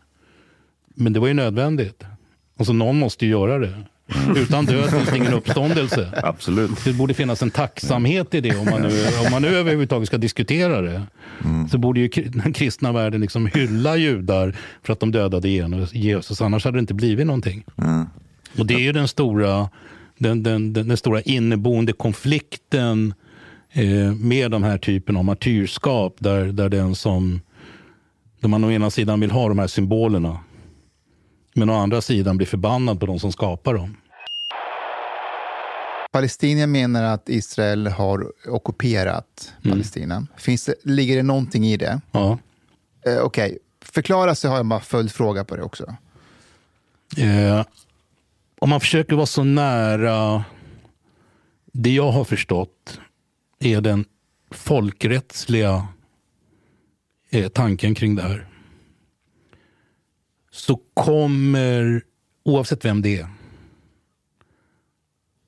kommer aldrig kunna komma ifrån det att Israels närvaro på Västbanken, nu är ju inte Israel på Gaza längre, men på Västbanken, är oönskad av befolkningen. Det sa till och med Sharon på den tiden när folk sa att ah, Västbanken är inte ockuperat och Västbanken är inte det. Och det är omdiskuterat område och det är disputerat och folkrättslig status. Och man babblar på med massa såna här hårklyverier som inte spelar någon roll för verkligheten. Så förblir befolkningen ockuperat eftersom Israel är en oönskad makt på Västbanken av majoriteten av befolkningen på Västbanken Oavsett om de har fått det bättre ekonomiskt, oavsett om de kan arbeta på bosättningarna och så vidare. och så vidare. Territoriet Västbanken är liksom ett annat problem. Därför territoriet, marken, har ingen som gör anspråk på. Alltså om Sverige går i krig med Norge, okej? Okay? Då kan norrmännen säga att du har tagit en del av vår mark, det är ockuperad mark. Då kan svenskarna säga vi vill ockupera eller vi vill annektera eller någonting sånt. Va? Men just Västbanken hamnade i en gråzon i och med det delningsplanen. Det var ett brittiskt mandat, det var inget land. Och det, var, det var liksom ingen kung, det var ingen självständig stat som satt där. Utan territoriets framtid när delningsplanen presenterades var oklar. Och Det gör att man hamnar i såna här konstiga diskussioner och hårklyverier som jag menar är helt meningslösa. Jag anser inte att det är till Israels fördel att vara i den situationen man är med att ockupera ett annat folk. Det kan aldrig sluta väl och det kan inte sluta väl för Israel heller. Okay. För Israels framtid, oavsett hur man ser på den, så gör Israel nu ett anspråk där en av tre måste bort. Alltså man säger så här att Israel ambition är att vara en judisk demokrati så utgår den ifrån att den judiska majoriteten faller sig naturligt. Och idén med judisk stat, den är judisk i sig, naturligtvis. Men det är också FNs idé om delningsplanen. Därför FNs idé om delningsplanen talar om två etniska statsbildningar. Judisk och arabisk. Om man däremot ockuperar befolkningen där då måste man antingen göra den befolkningen till medborgare. Gör man befolkningen till medborgare om man inte vill hålla på med en ockupation som pågår för evigt och förgiftar liksom hela samtalet. Hur menar du att du blir förgiftad? Nej, men ett folk som känner sig ockuperat och inte vill ha ockupanten förgiftar ju relationen ja. till... Det blir liksom... Eh, så riskerar du, om du gör befolkningen på Västbanken till israeliska medborgare, då hamnar du i en situation där befolkningen mellan Jordanfloden och Medelhavet är 50-50 judar och icke-judar. Och då kan du ha en icke-judisk demokrati. Om du vill bevara judiskheten, då kan du ha en judisk stat mellan Medelhavet och Jordanfloden som inte är demokratisk. Men vill du bevara den judiska demokratin och bli av med rollen som ockupant av ett folk så måste man hitta en lösning som jag menar för länge sedan borde ha varit att dra sig undan från Västbanken. Men vad, helt från Västbanken? Helt. Vilka skulle det är... kontrollerat då? då? helt från Västbanken. När du säger helt från Västbanken och då, och då eh, anspelar på stilleståndslinjerna som var före kriget 1967 så inser alla idag att det måste ske vissa justeringar på grund av demografin. Men, Men är det inte 700 000 judar som bor där? Ja, precis. Eh, jag vet inte exakt hur det ser ut idag. Mm. Men de siffror som var för inte så länge sedan innebar att 80 procent av bosättarna på Västbanken bor på 20 procent av territoriet. Och Det innebär att du kan göra en sån här swap shift på något sätt, liksom, där, du kan, där du kan eh, hitta olika lösningar. Det fanns en lösning som sattes upp av, av en politiker som heter Lieberman som allmänt varit föraktad, ursprungligen från Ryssland. Alla hatar honom. Eh, av olika anledningar. Eller många gör det i alla fall. Eh, och han sa så här, men vet ni vad, sa han, jag, jag, jag har en lösning, vi går tillbaka till delningsplanen. Så att de territorier som Israel ockuperar under själv, så kallade självständighetskriget. Från israeliska sidan kallas det för självständighetskriget. Palestina kallar det för Nakba, den stora katastrofen. Det är då man förlorar sitt land. Eh, eh, så att de araber som bor i Galileen exempelvis, vi drar ett streck och samlar dem i Palestina. Så. Och judarna som bor på Västbanken, vi drar ett streck så och samlar dem i Israel. Då har vi gjort liksom en etnisk swapshift utan att flytta människor från sina hem. Och vi har liksom följt upp delningsplanen som de har tänkt. Men det föll på att det blev enorma demonstrationer i Israel bland den arabiska befolkningen som inte, som, som inte vill ha den förändringen. I'm starting to really think that this is a simulation because now I will be defending Israel against a Jew. Okej, eh, men- så- men, men det är jag har en om fråga om ockupationen. Ja, det är, jag vill kommentera någonting han sa nu.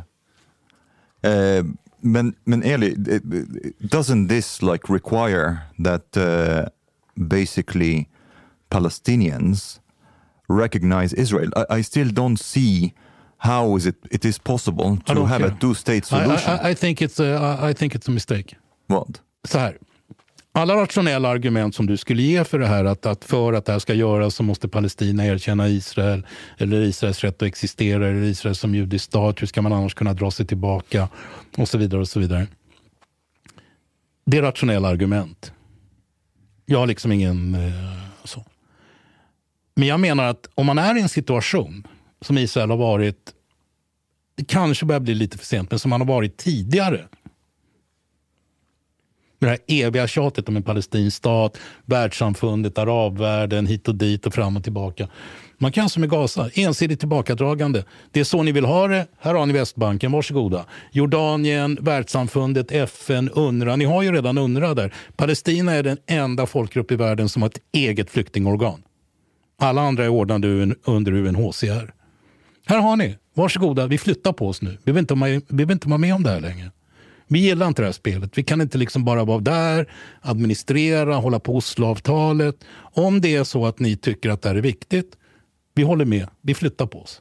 Be my guest, varsågoda. But but but uh, I mean, the security risk though. Like I mean, you, you have you have. But it's a security risk for Jordan also. Yeah, but but they, they they they want to kill the Jews. They don't want to kill the Jordanians. So if you if But you that's not something new.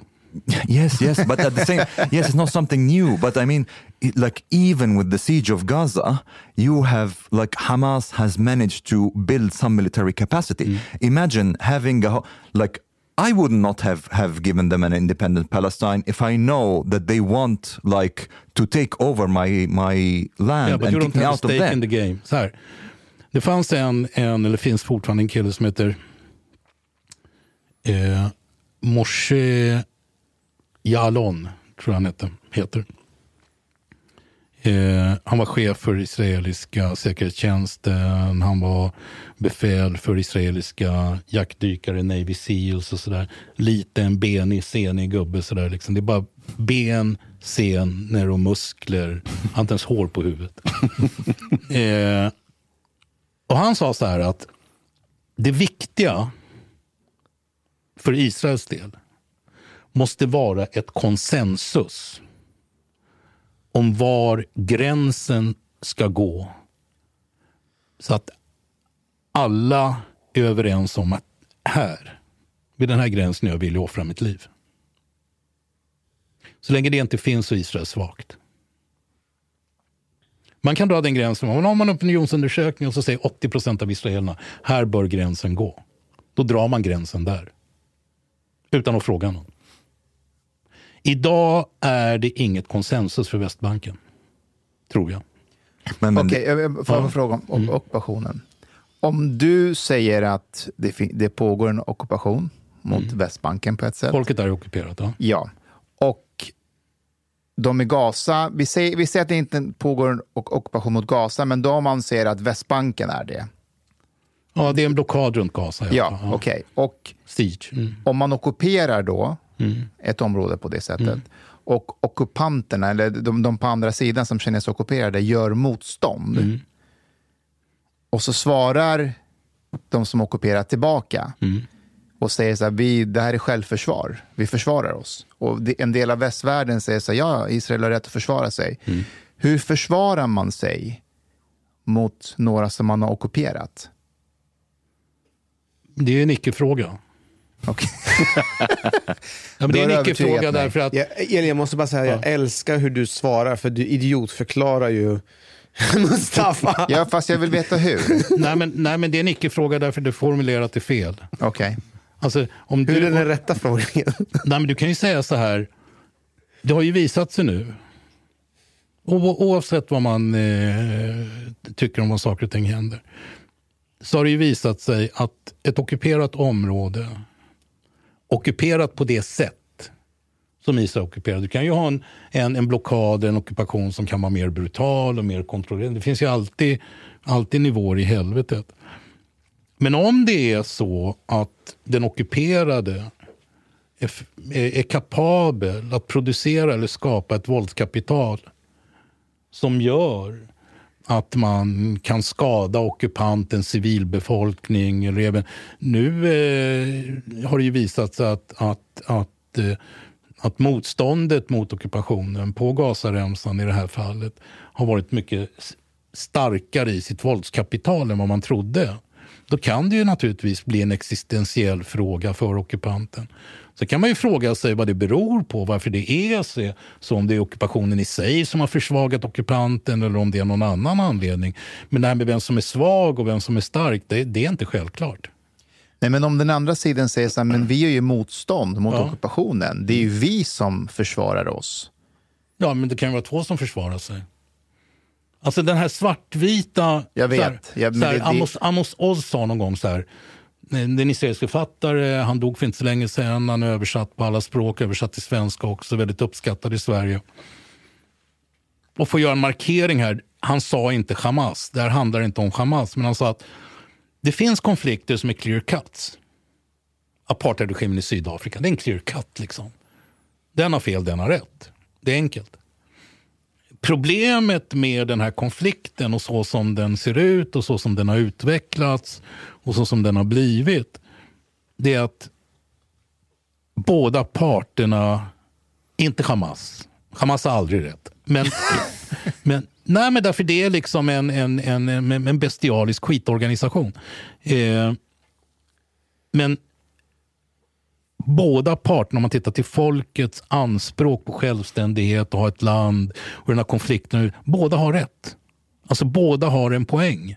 Du kan inte göra en clear cut. Och eftersom du inte kan göra en clear cut på det sättet så blir också lösningen så svår att hitta. Därför du kan inte bara säga, ja, men vi skiter i det där, vi bryr oss inte om det. Det är det som gör det så erbarmligt svårt. Eh, och sen finns det en massa andra aspekter i det här också som är viktiga. Och det är det, liksom arabvärldens intresse för det här. Flyktingstatus. Det har vuxit fram som... Ta det här med UNRWA. Vadå? UNRWA, United Nations Relief and Work Agency. När det här kriget, alltså det israeliska självständighetskriget ur israeliskt perspektiv, Nakban ur arabiskt perspektiv, när det var över så fanns det en massa flyktingar. Man visste inte vad man skulle göra med dem riktigt därför att UNHCR fanns inte än. United Nation eh, Chief Commissioner of Refugees eller någonting sånt. High Commissioner of Refugees. UNHCR. Eh, så då bildade man UNRWA. UNRWA blev de palestinska flyktingarnas hjälporganisation kan man säga. Syftet var att det skulle vara temporärt. Det skulle bara finnas en kort stund tills man hade hittat en lösning på flyktingproblemet. Och sen skulle UNRWA gå hem. Men det här har permanentats. UNRWA är kvar. Och UNRWAs beräkning av flyktingar när de kom in i bilden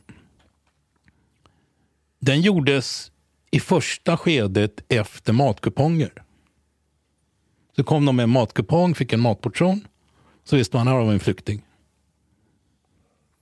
När palestinier dog så grävde man ner de som dog och så behöll man kupongen. De palestinska flyktingar är den enda folkgrupp i världen som hela tiden ökar till antal och där det under en lång tid inte fanns några döda. UNRWA brydde sig inte om det då. UNRWAs definition av palestinska flyktingar är att alla som är barn till, Araber som bodde i området som kallas för Palestina under en viss period, de och deras avkommor är flyktingar. Den enda flyktingstatusen i världen som går i arv. UNHCR ser flyktingstatusen på ett helt annat sätt. Men då upprätthåller man en flyktingidentitet. När Sofian Abouziad, när jag träffade honom där, då sa jag till honom, men du Sofian, kan inte släppa det där med flyktingstatus, släpp det. Du sa det till honom på en föreläsning alltså? Nej, det var eh, efter föreläsningen. När det var frågor. Släpp flyktingstatusen. Det, det är ju inte... Försök, se hur man förvaltar liksom en nationell identitet och utveckla den i Norge. Då sa han så här. Får jag vad du vill. Ni rör inte vår flyktingstatus. Jag är flykting, min mamma är flykting, min mormor är flykting. Det är jätteproblematiskt. Det här är bara en liten, liten del i den israelisk-palestinska konflikten. Det är bara en liten, liten del i den israelisk-palestinska konflikten. Arabländernas eh, ointresse för att göra det som var naturligt då. Ge alla flyktingar som kom arabiskt medborgarskap, vilket nationellt, Syrien, Libanon, vad det nu är och bli, och bli en del av de här länderna, medborgare. De Här. Precis som människor flydde efter andra världskriget, sudettyskar, vad du vill. Folk har flyttat fram och tillbaka i Europa, flytt hit och dit. Frågan om miljontals människor som har löst sig i och med det att människor kom till andra länder, fick bli flyktingar. Allt det här, oavsett vad man tycker om det, det är inte ens en rätt och fel diskussion. Men det skapar narrativ och identiteter som är fyllda av historiska belastningar som gör konflikten oerhört komplicerad. Men, men, men Eli, I'm still, if we can go back to like the two state solution, mm -hmm. like I still don't see how would that function security wise. Like I mean, ima imagine, like first of all, it's like about seventy percent of the Palestinians and the Israelis they don't believe in two state solution. There, so this is already one obstacle. Mm -hmm. Another obstacle, like imagine now we we give Palestine total self governance. Mm -hmm. And total control over its borders, mm-hmm. and you see that Hamas has come to power there, and they have very good relationship with with Iran, mm-hmm. and they're supplying them with. So you will have another Hamas, uh, another Hezbollah on your front, and then they will have an arsenal that is like capable of hitting the heart of your country. How is this a practical solution I'm, for, the, I'm not for Israel? Saying, I'm, I'm, I'm, alltså jag säger inte att tvåstatslösningen är en enkel och bra lösning. Och det är klart att alla de här idéerna som man har haft med tvåstatslösningar och, och andra lösningar också för den delen varit kopplade till en massa säkerhetsgarantier och så vidare. och så vidare. Det enda jag säger det är att, att, att narrativet eller berättelserna eller idéerna om hur den här konflikten ser ut, om du talar med israeler å ena sidan, och, alltså ur, ur, ur, ur exempelvis ett israeliskt perspektiv, så fanns Israel långt innan andra världskriget. Och innan. Men man de hade uppstod byggt där ju. Va? De uppstod där ju. Ja, men, man hade redan byggt institutioner och myndigheter. Sionistiska rörelsen byggde domstolar, eh, busskooperativ. Eh, Abima-teatern, israeliska Abima-teatern i Tel Aviv hade sin första föreställning 1918. Så det fanns redan en form av statsbildning. Var den illegal då? Nej, den var ju inte illegal eh, därför att den gjordes ju med mandatets godkännande. Det var inte, på den tiden, det var väl mest en sandöken med lite åsnor och några kameler. Ja, det bodde ju människor. Alltså, Ja, men Tel Aviv på i början av 1900-talet, det var, det var ju en liten by. Ja, det var det. Det var ju men, liksom- men det som också är intressant med det där, när man, när, när, när man talar om det, det var ju inte så liksom att folk bara gick dit och roffade åt sig mark. Hej, nu är vi här, nu tar vi det och tar vi det. Folk köpte mark. Yeah, but, but, uh, Det är båt, det är båtland. Ja, men det är ju inte en argument i sig tycker jag. För att om man har en idé om att man vill så småningom skapa en stat Mm. så kan ju eh, redan vi nu i förväg gå och köpa oss ett landområde i något land och sen efter ett tag utöka och utöka det och till slut så har vi en egen stat, självständighet, militär. Ja. Men det är ju inte det är legalt kul? att köpa mark. Det, det är ju ingen... eh, Alltså det är inte... Det, så här. Jag tror, jag har inga belägg för det och det finns ingen em- empiri som, som kan stödja den idén. Men jag tror att hela idén om en nationalstat så som sionisterna föreställde sig den när de försökte etablera staten Israel var helt i konflikt med hur arabvärlden i Mellanöstern såg sin egen tillvaro. För nationalstaten är ett europeiskt påfund. Det vill säga, man skulle kunna säga att Palestina erbjöds ett land innan de visste att det var det de ville ha. Därför att Mellanöstern såg helt annorlunda ut. Idén om att bygga nationalstat mitt i det här myllret av olika klaner och städer och, och, och liksom den här hela idén om gränsdragningar och stater är europeiska påhitt. Okej, men utifrån det du säger nu, ja. hur skulle man kunna ha en mer pragmatisk lösning på det? Alltså utifrån att man tänker sig att själva nationalstaten är europeiskt. Jag tror att den pragmatiska lösningen, och det är därför jag tror också att det ser ut som det gör just nu. Min uppfattning är den att en av de största och mest dramatiska händelserna i Mellanöstern på senare tid som hade förutsättningar att förändra väldigt mycket. Både för palestinier och israeler och hela regionen. Det var närmandet mellan Saudiarabien och Israel. Hade det närmandet fått värmas upp och fortsätta utvecklas för att så småningom nå en fred mellan Israel och Saudiarabien. Då hade Mellanöstern plötsligt förändrats helt. Palestinska problemet hade sett annorlunda ut. All, all, allting hade omdanats på ett sätt som hade gjort regionen mycket lugnare och mycket bekvämare för alla parter. Yeah, but um, it's it's interesting also that you bring up this about uh, nation state and so on, how how much it's foreign for Arabs at the time, and and also, have you seen this like picture? Uh, that okay. was being circulated about uh, how Palestine was like in the beginning that all the land was Palestine land. Mm. This is also bullshit. Like uh, the, the Palestine before the before the end of World War One was was part of what's called Ottoman Syria. Mm and the majority of the land, like during the Ottoman time and, and the Mamluk time before that, it was a semi-feudal system. So basically, it's the Ottomans and the Mamluks that owned all the land, and they gave like tenants, and it was lords that were in the service of the Ottomans and the Mamluks who took the profit of these tenants. So there wasn't this kind of like. De land. rörde sig helt fritt också mellan yes, Jordanien like och... alltså, alltså det, det, det där är jätteintressant det du säger, därför jag menar att här har också en sån här grund till den israelisk-palestinska konflikten.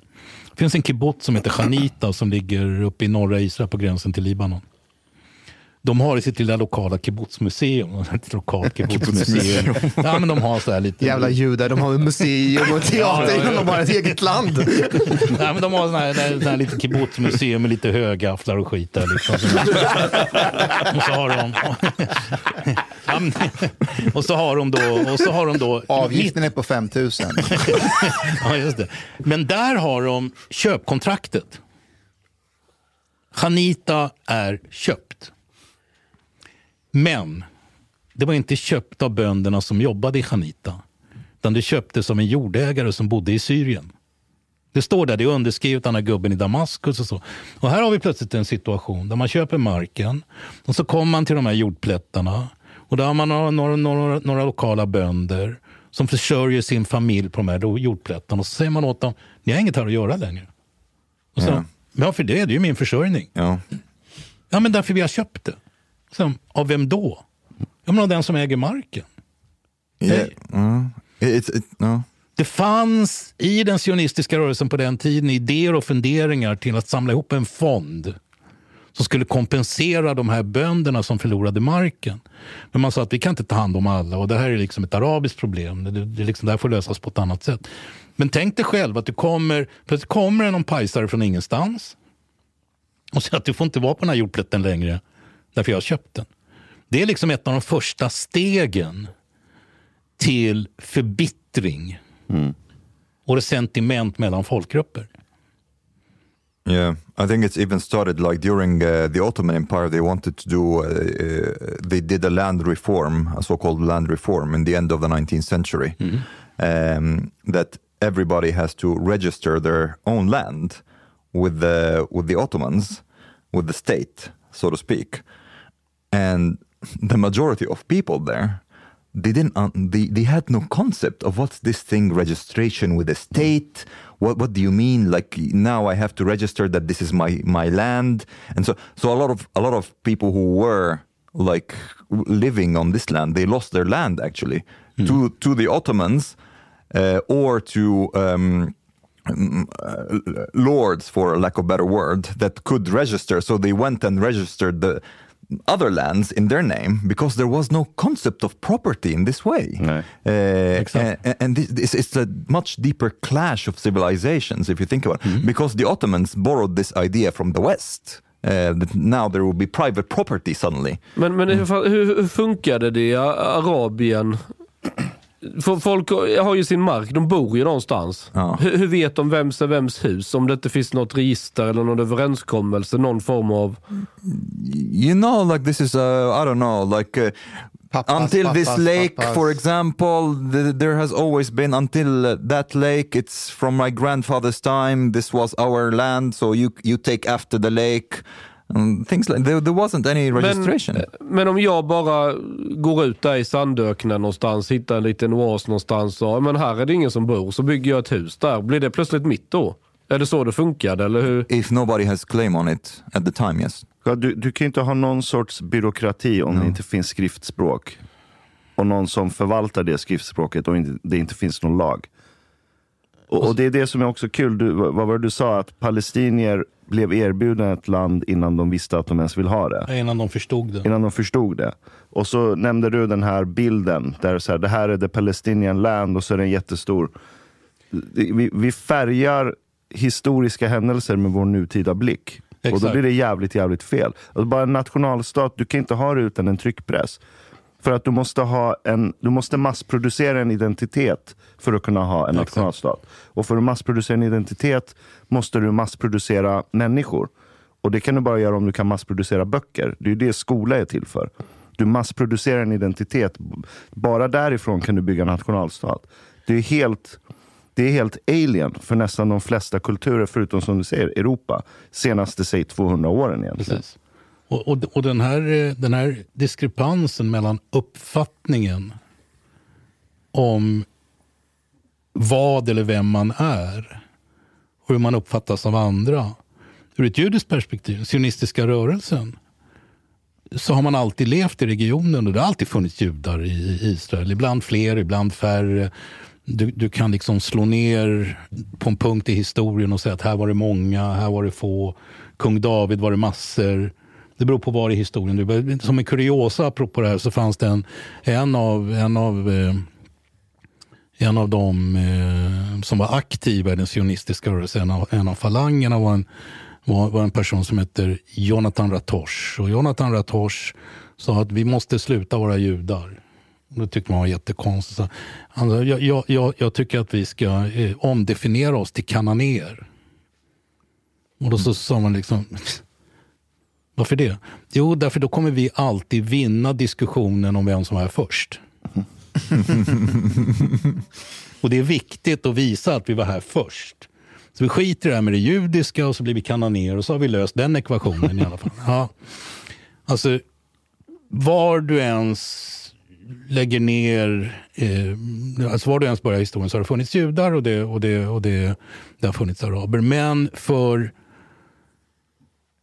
den arabiska världen, självbilden av idag 380 miljoner människor, det panarabiska som Nasser pratade om och som har varit någon slags vision som aldrig har funkat därför att man aldrig lyckats enas. Så ur deras perspektiv fanns det en rimlighet i att uppleva etablerandet av staten Israel som en kolonial rest som man hela tiden kämpat för att bli av med ur det israelisk-judiska perspektivet, det sionistiska perspektivet, Herzls visioner och sådär, så var man ju liksom hemma. Och Herzl hade ju en, en, en ganska intressant föreställning om att ja, men araberna i Mellanöstern kommer bli överlyckliga när vi kommer. Där vi kommer göra alla, Tänkte vi, han så? Ja, därför vi kommer göra allting bättre. Det, det kommer bli bättre. Det, det, det kommer bli järnvägar och det kommer bli det ena och det kommer bli det andra. Och i och med det att vi kommer komma med det kunnandet som vi kommer från Europa med så kommer det tas emot av arabvärlden på ett positivt sätt och sådär. Och det, all, alla kommer bli nöjda. Det är en reverse Sweden att så fort alla som inte har upplevt nationalstat får komma hit så kommer de älska nationalstaten. När den kommer dit. Ja, exakt. precis. Institutioner och liksom där västerländska, det, det är ju naturligtvis en, en, om man ska använda, jag tycker det där begreppet är, är liksom söndertrasat, men det funkar ganska bra just i det här sammanhanget. Att här så hade ju då en ganska kolonial blick på Mellanöstern, minst sagt.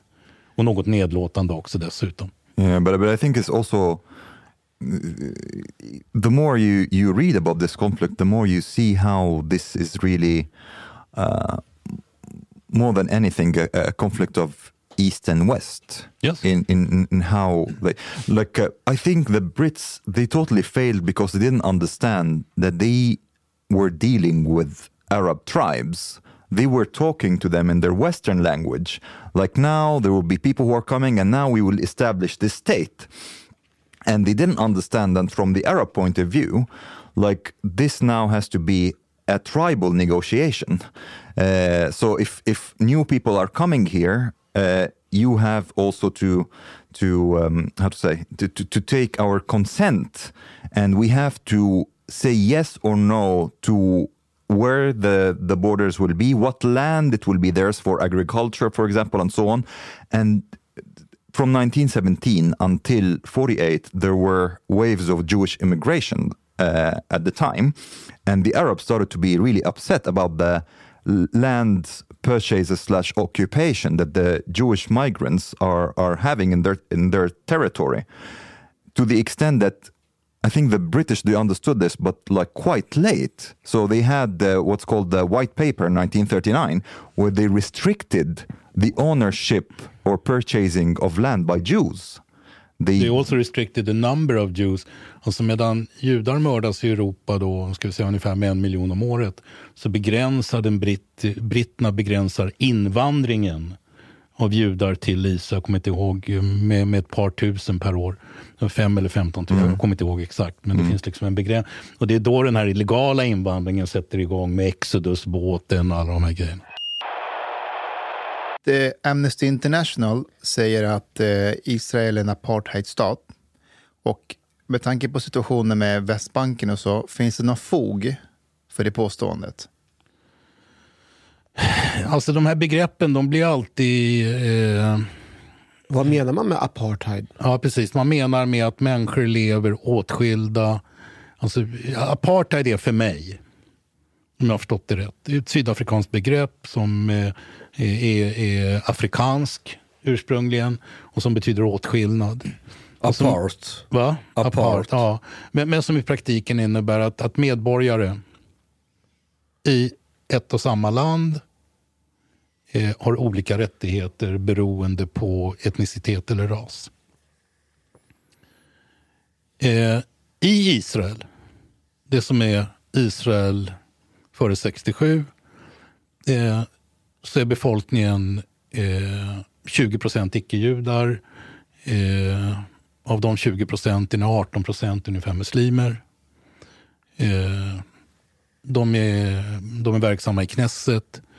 Eh, de är fullvärdiga medlemmar? Ja, alltså, de är fullvärdiga medlemmar. Ja, det beror ju på vad man menar med fullvärdiga medlemmar. De men när Moshe Katsav, när Israels president Moshe Katsav skickades till fängelse sju år för sexuella trakasserier. Han var iranier också. Han var iranier dessutom. ja, då var domarsammanslutningen som dömde honom både i hovrätt och högsta domstolen ledd av en arab.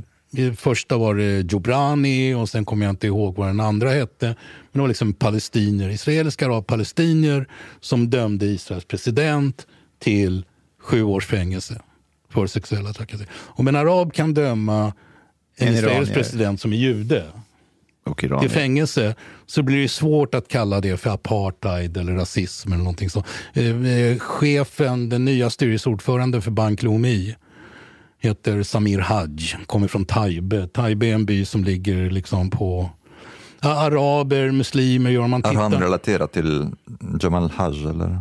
Ja, precis. Jag, Hosseini, ja, ja. Nej, men det är att han är hajj. Liksom. Han flyttade tillbaka från USA, han bodde i USA. Kom han till, tillbaka till Israel med argumentet att han vill, han vill inte uppfostra sina barn i Amerika, han vill göra det i Israel. och så bor han i Taib, och Taib är en liten by som ligger precis på gränsen mellan det som kan kallas, eller, eller det som är liksom på gränsen mellan Västbanken och Israel. Det finns otaliga exempel. Du, du har araber, muslimer som gör militärtjänst i Israels armé, druser. Om du tittar nu på listorna på soldater som dör så finns det en Ali där och en Mohammed där. Hela Israels säkerhetstjänst är helt och hållet beroende av sin arabiska befolkning. I mångt och mycket. Men på Västbanken har du en situation med dubbel lagstiftning. Och där har du å ena sidan palestinier som på grund av att Israel är ockuperat lever under militäradministration. Och så har du bosättarna som bor på Västbanken. De lever under israelisk lagstiftning därför de är israeliska medborgare.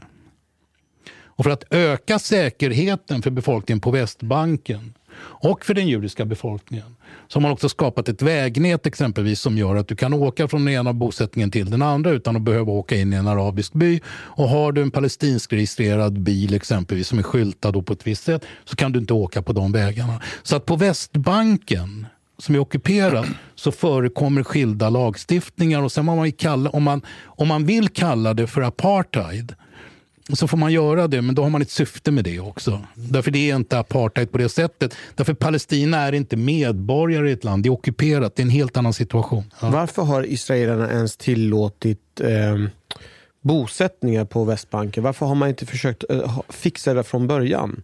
Därför att när kriget var över 1967 så ansåg man, och det, det, är en helt rimlig uppfattning, att judar har rätt att bo på Västbanken eftersom det är en del av liksom, judisk historia och biblisk mark. Staden Hebron exempelvis, där ligger patriarkerna och matriarkerna begravda. Och det som då styrde Israel, det var ju arbetarpartiet. Eh, och, och de bestämde då att det är klart att, att vi ska bo där som överallt annars. Om man argumenterar på det sättet att det är klart att vi har rätt att bo och mm. sätta oss där. Mm kan man inte från Palestinias sida argumentera motsatta? Att vi har också rätt att bosätta oss lite grann vart som helst? Absolut. Det är klart man har. Man, man, man, man, kan säga att vi bodde en gång i Haifa, vi bodde en gång i Jaffa. Eh, det är gamla arabiska territorier. Det är, det, jag säger, det, det är därför jag säger det finns så mycket komplexitet i det här. Eh, ja, realpolitiskt, om man tittar historiskt, och det behöver man inte gilla, men verkligheten är den att den som är starkast vinner. Det spelar ingen roll vilken konflikt du tittar på. Mm. Så är det. Så är det. Sen kan man, sen kan man liksom eh, skrika sig blå om, om ursprungsbefolkning. Och så får man bestämma vilken som är ursprungsbefolkning därför att det finns alltid en ursprungsbefolkning som var där före ursprungsbefolkning. Från, is Va? från Was there though? Va? Was there though? What was there though? Of course there were Arabs. Det är klart det var araber som bodde i Haifa, som bodde i Jaffa och som antingen flydde eller drevs på flykt när Israel bildades. Yeah, but I mean, och sen fanns this... det de som stannade också. Det, det, som jag säger den arabiska befolkningen som bor i Israel, det var ju de som stannade då. Och de har alltid hånats av den övriga arabiska världen. De har kallats för 48 de har kallats för förrädare, eh, men allt but, möjligt. But, but Arab were mostly like... Uh, Arab... ja, precis. Ja, men de är husblattar. Ja. Arabs were mostly... They were not there really like in the beginning it was the Canaanites and the Israelites that descended from the Muslims Canaanites. were nowhere before the 7th Not Muslims, century. Arabs. Arabs. Arabs. Arabs. Arabs okay, men det är också en fråga. Så det är därför jag säger att Jonathan Rators sa vi ska vara kananéer. Därför du kommer ingen vart. Så när du säger Arabs, det, det är klart att på den där kustremsan fanns det araber. Det finns massor om titta arabiska hus i Jerusalem, arabiska gamla Jaffa. In, in, yeah, in, in Gaza, Ashkelon, Ashdod and so on. Yeah. Yes, yes. But this, this was not part of the kingdom of Israel and Judea. But, but the kingdom of Israel is 1000 years before Christ. Yes. Yes, I, I, I agree. Mm. I, I agree. And we could talk about this as having a discussion between us to try to clarify, alltså försöka hitta ett sätt att, därför vi har båda ett intresse av att förstå saken bättre. Och då blir en sån diskussion intressant därför man genom de här olika upptäckterna som man gör under samtalet så får man nya insikter. Men det är inte därför andra håller på med det där. Utan det är liksom bara man kastar ur sig det och man kastar ur sig det. Den har rätt, den har fel, den har rätt. Och därför så blir den diskussion om vem som kom först helt fruktlös. Men om jag hade haft en, eh, någon maskin som kunde göra en videoinspelning på alla människor som har rört sig där i all historia. Och, och sen åker ner dit bara, guys, guys, kom kolla. Här var ni och här var ni. Det är inte som att de bara skulle, aha, var det där vi var? Okej, okay, alright. Och så drar de gränserna och så fikar de. Ja, men nu vet vi. Ja, det är inte det det handlar om. Ja, men du har helt ja. rätt liksom, Hanif, när du säger så här. Om man kan som jude komma och göra anspråk på ett territorium därför att man anser sig ha liksom en historisk rätt. Man kan peka tillbaka. Det här är vårt hemland. Det är liksom den berättelsen som den sionistiska rörelsen tar upp. Man, man hade ju ett förslag på bordet. Ni, ni, kan få Uganda, sa man till den sionistiska rörelsen. Där, där, där, där kan ni göra ert land. Och det låg på bordet där ett tag att man skulle kunna... Är det sant? Ja. Uganda? Ja, ja, det som blev Uganda. Men liksom det, det, det, det, det, det kunde världen släppa ifrån sig. så. Då, då... Men alltså, Uganda, vad fan tror ni? Vi vill till araberna! Vi vill till araberna. Ja. Nej, men man sa det var en diskussion, okej okay, vi kan börja där och så kan vi träna på hur det är att bygga ett land och så vidare. Men vi ska ju tillbaka till vårt. Och det intressanta är med den sionistiska rörelsen i det avseendet, det är att den är helt icke-religiös. Det vill säga föreställningen om nationalstaten och den judiska statens eller judars rätt till Israel görs av icke-religiösa nationalister som lever i en tid där alla är nationalister. Det var ju poppis på den tiden, vi pratar 1800-talet. England, engelsmän i England, fransmän i Frankrike och så vidare. Det är så Pakistan kommit till. Pakistan, idén Pakistan kopierar den sionistiska rörelsens föreställning om en muslimsk stat, Gina och Mohammed Iqbal exempelvis, som har den här idén om att befria sig från det hinduiska förtrycket i Pakistan. Har samma retorik om Precis som den sionistiska rörelsen. Det, det låg i tiden. Så fransmän i Frankrike, tyskar i Tyskland, svenskar i Sverige och judar i Uganda. Ja, men det blev... typ, ja. ja. ja. Men, men, men, men det blev ju inte något av det. Men, men, men, men, det jag menar är liksom att den här idén om, den växer upp i en tid när nationalismen och nationalstaten var på tapeten överallt och var viktig. En fråga till. När det gäller eh, judar som är på ockuperad mark på Västbanken, finns det en... Marken är inte ockuperad, folket är det. Folket är där, men finns det liksom en... Finns det någon opinion eller någon idé om att flytta tillbaka dem till israelisk mark? Massor. Ja, det var som jag sa. Och vad är, vad är konfliktlinjen där? Vad är, är det, liksom... ja, det är liksom någon som menar att man ska inte flytta på sig. Nu har det blivit en strategisk fråga, men det är som jag sa tidigare att hela den här rörelsen, det är också en sån här israelisk grej som jag inte tror landar i en möjlighet för en normalsvensk förståelse av, av, av regionen. Fred nu-rörelsen, Shalom Achshав, den bildades, grundades av 77 officerare i stridande förband. Tired of ads barging into your favorite news podcasts? Good news! Ad-free listening is available on Amazon Music for all the music plus top podcasts included with your Prime membership. Stay up to date on everything newsworthy by downloading the Amazon Music app for free or go to amazon.com slash news ad free. That's amazon.com slash news ad free to catch up on the latest episodes without the ads. Hi, my name is Danny Pellegrino from Everything Iconic, and I'm excited to talk to you about Club Med. Club Med operates beach and mountain resorts and is the best all inclusive getaway for families. They have Club Med Punta Cana, their flagship family resort, and many other options in Mexico, the Caribbean, and around the world. Club Med are the pioneers of the all inclusive concept, which is the best way to vacation. Great for families, groups, or even solo travelers looking for land and water sports, delicious food food, and a place to make unforgettable memories. Visit clubmed.us, call 1 800 Club Med, or your travel advisor.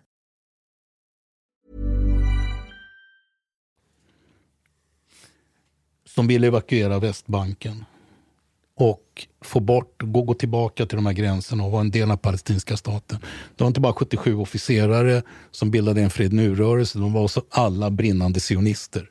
Det är den starkaste fredsrörelsen som Israel någonsin har haft och som har varit konsekvent motståndare till bosättandet och menar att det skadar Israel på sikt. Eh, eh, de har ju fått en massa bakslag. Mm -hmm. Bakslaget har berott på att varje gång som Israel dragit sig tillbaka, man drog sig tillbaka från Libanon exempelvis, fick man Hizbollah. Man drog sig tillbaka från Gazaremsan, fick man Hamas. Det är liksom inget tillbakadragande som har blivit... Något bra? Något bra. And, and, Och- och- this is what I mean, like two-state solution is Ja, not det är det som är intressant med de här kibbutzerna som nu attackerades av Hamas. Som ligger i Israel 48 eh, och som attackerades av Hamas i den första vågen.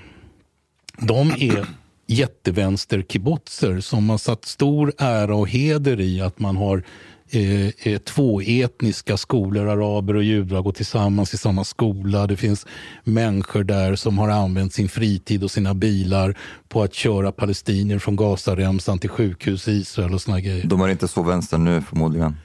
Ja, just, Nu nu är de döda. eh, alltså just nu är de mest ledsna tror jag, men, men, och, och, och desillusionerade. Men sen är det så här att, att sådana ideologer ger ju sällan upp, därför man tror fortfarande på sin sak. Och det, och det har man uttalat också nu under konflikten. Men jag tror att, att just den här grejen då, att, att, att, man har, att man har haft en vision och en, och en idé om den här tvåstatslösningen väldigt, väldigt länge. Men den har varit väldigt svår att genomföra av olika anledningar. Finns det inte möjlighet... Vi pratar om, om jag förstår det rätt, Eli, lite grann att i samband med att Israel finns där som en ockupation, ockupation, ockupationsmakt. makt, så skapas det en resentiment, motstånd från eh, Palestinas sida. Om man skulle ha en internationell eh, aktör som är där och ser till att eh, de här gränserna erhålls, så att det inte bildas islamistiska grupper och polisen och allting är mer internationellt där det kommer från olika. Skulle det kunna vara en lösning framåt? Det kan det vara, men Israel är väldigt kritiskt till sådana lösningar. Därför att du har FN i Libanon, det har ju funkat sådär. Mhm. Det har ju inte eh, avskräckt eh, Hizbollah från att etablera sig i Libanon.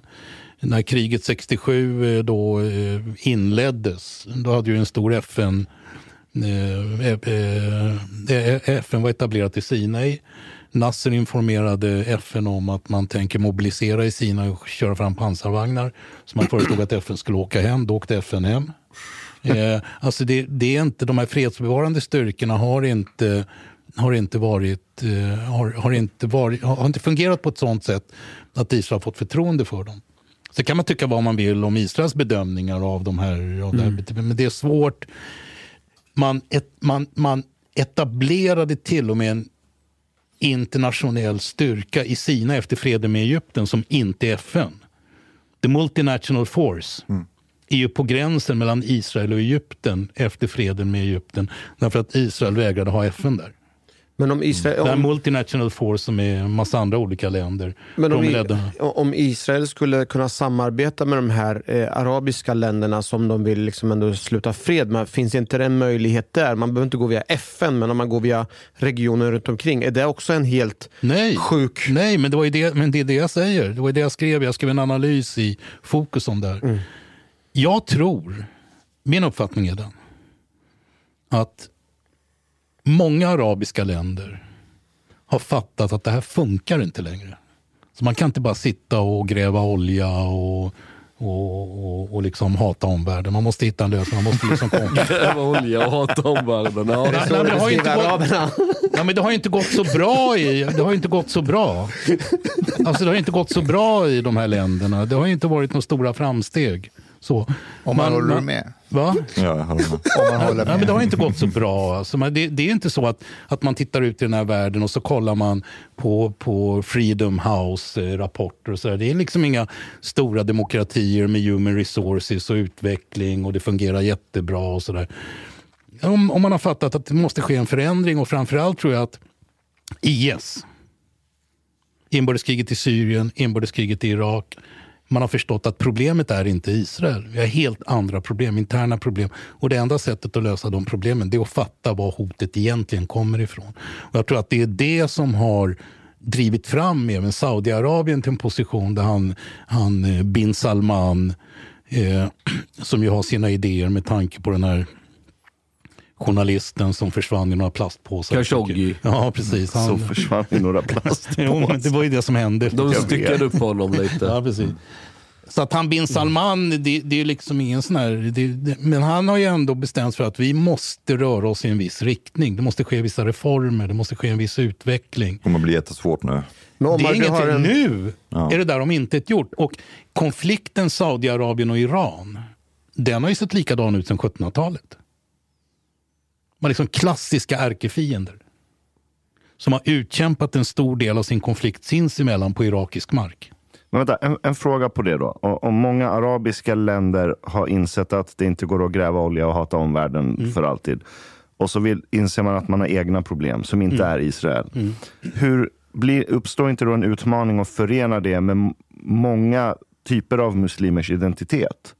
Som kretsar kring att judarna är det stora hotet.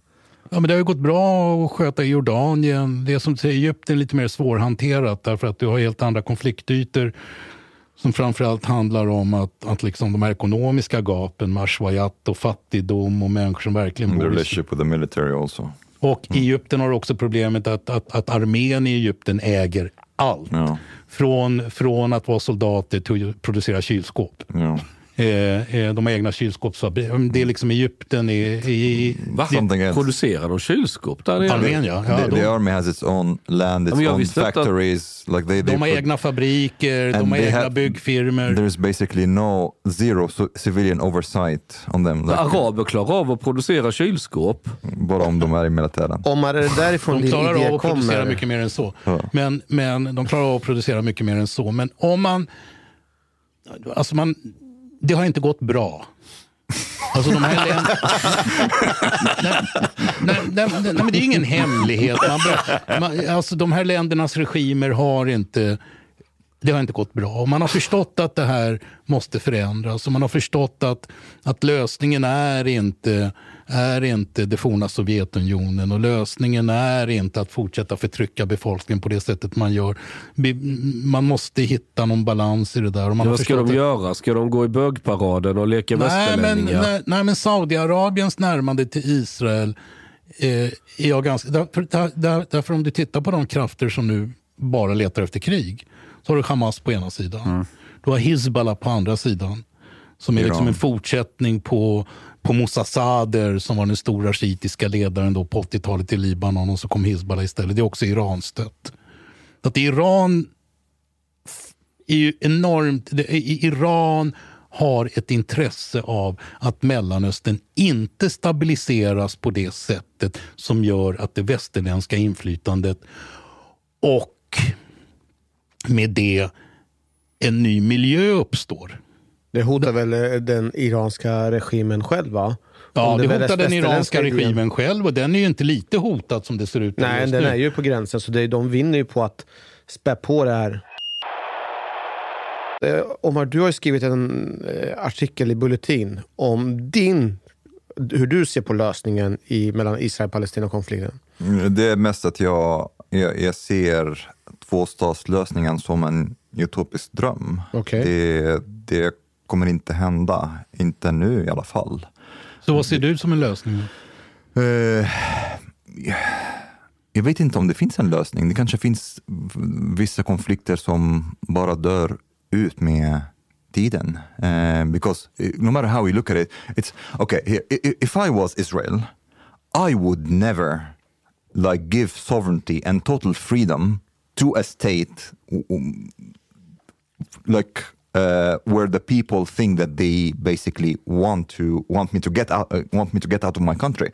I would never do that. And especially like when i've seen hezbollah and what happened when i when i withdrew when i've seen what hamas has achieved under blockade will i give them their own country uh, and knowing that iran will supply no way Men tror Eh, du Hamas skulle kunna förankra sig i Västbanken på samma sätt som de har förankrat sig i Gaza? det är möjligt och det, De har ju redan börjat. Ja. I och för sig, Israel gjorde ju nu en räd på Västbanken där man fängslade en 60-70 personer som är Hamas-anknutna. Och och på Västbanken är ju han, eh, han som sitter där, president Abbas. Hans ställning är inte speciellt stark. Och, och, och det du säger håller ju i princip israeliska politiker också med om. Det vill säga att tvåstatslösningen var ju också kopplad till ett israeliskt krav på att ha israelisk och militär närvaro eh, i Jordandalen. Mm. På gränsen mellan Jordanien och Västbanken. Så att dina, dina eh, eh, synpunkter är högst relevanta, men jag tror fortfarande, eh, och jag har ändå levt i regionen i 25 år, men jag tror fortfarande att det som... Hatet är en sak, Hizbollah är en sak, Hamas är en annan sak. Eh, oförsonligheten, den finns där. Och det kommer ta jättelång tid. Men det är också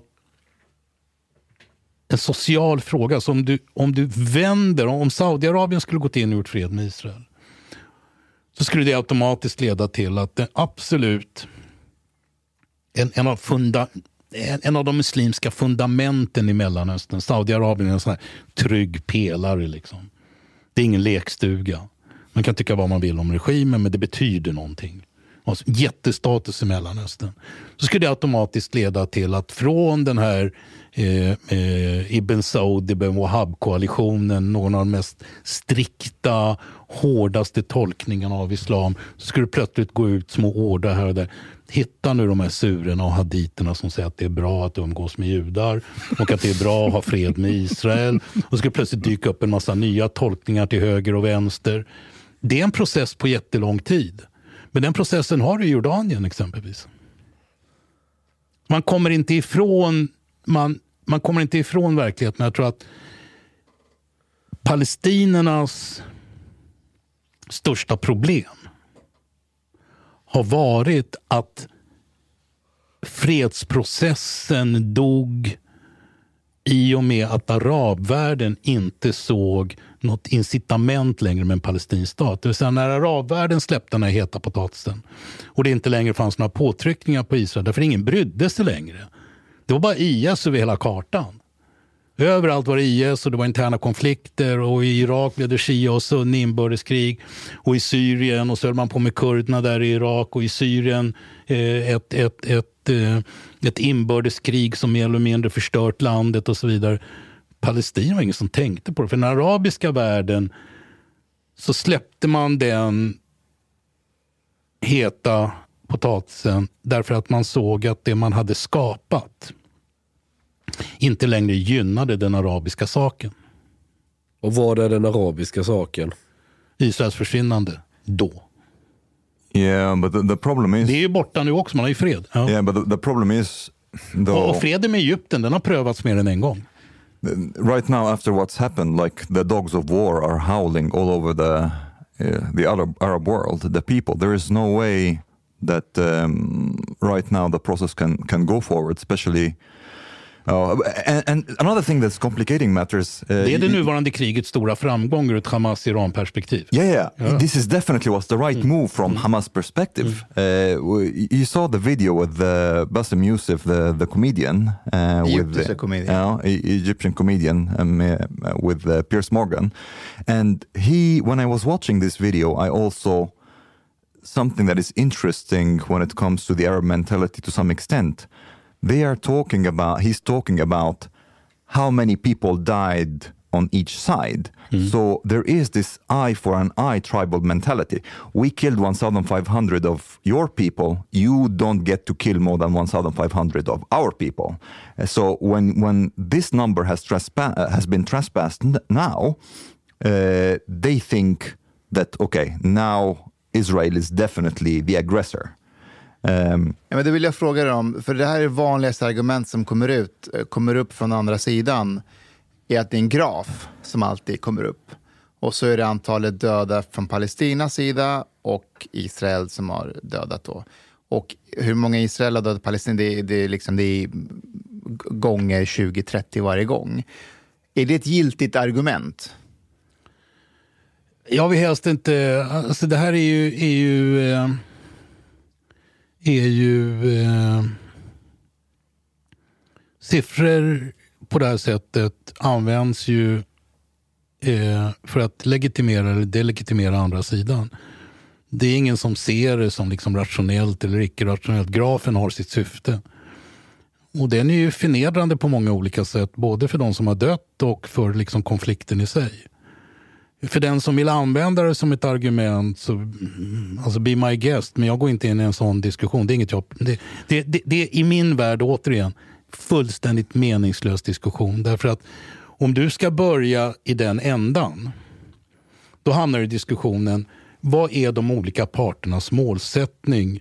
Vad har man haft för mål med sina militära aktioner eller terroraktioner? Och då är det ganska uppenbart att Hamas målsättning med sin aktion var civila mål. Som man då tolkar alla israeler är egentligen soldater, därför de gör repövning och sådär. Men det är svårt att lägga det liksom argumentet på en 85-årig tant. Och då kommer från andra sidan så kommer Israels argument. De säger att vi har inte civila som mål. Så att siffrorna har ju som syfte att ta bort eller åtminstone överskugga de olika parternas mål med sin krigföring. Och eftersom det är emotionella argument som har ett sånt syfte, man vill liksom inte in på den detaljnivån, så tycker jag att det är en meningslös diskussion. Därför du kommer ingen vart med Jo, fast om man, om man tänker så här att det är ju två olika, det är två olika styrkor. Eh, och man kan tänka sig att i och med att Israel har mycket mer makt och dominans Mm. så ska de vara lite mer varsamma hur de går fram. Mm. Och någonstans i det här kriget, så som jag tolkar det, det Mm. handlar ju i sy- syvende och sist om den allmänna opinionen. Den allmänna opinionen, vad människor runt omkring i världen tycker, kommer påverka direkt utgången. För om det är hela världen som sluter sig och pressar Israel att dra sig tillbaka, Mm. då kommer de ju mer eller mindre tvungna att göra. Så att Alltså, siffror, tror inte- siffror idag- spelar ju roll och för att Alltså, det har ju med det allmänna opinionen att Ja, göra. Okej, Okej, då finns det två, två förhållningssätt till det här. Eh, I- Israels oppositionsledare Yair Lapid höll ett tal i Knesset i förrgår, tror jag det var. Det, det är väl hans starkaste sida, det är att prata. Han är väldigt verbal, han var journalist. Hans pappa heter Tommy Lapid. Eh, Tommy Lapid räddades för övrigt i ett sånt här Raoul Wallenberg-hus i Budapest. Och Yair Lapid sa så här, han ställde sig i Knesset och så sa han så här att ja, det som sker just nu Eh, han uttryckte sig ungefär så här att det som sker just nu är, det, det, det, det finns många i världen som inte tycker om det vi gör. Eh, och då sa han, låt dem inte tycka om. Därför det handlar inte om deras barn, det handlar om våra barn. Eh, stämningen som är i Israel nu har aldrig varit likadan så länge jag kan mena. Jag har aldrig varit med om det. hur, menar, hur är stämningen? Den här totala enheten och samlingen kring uppfattningen om att det här kriget är existentiellt.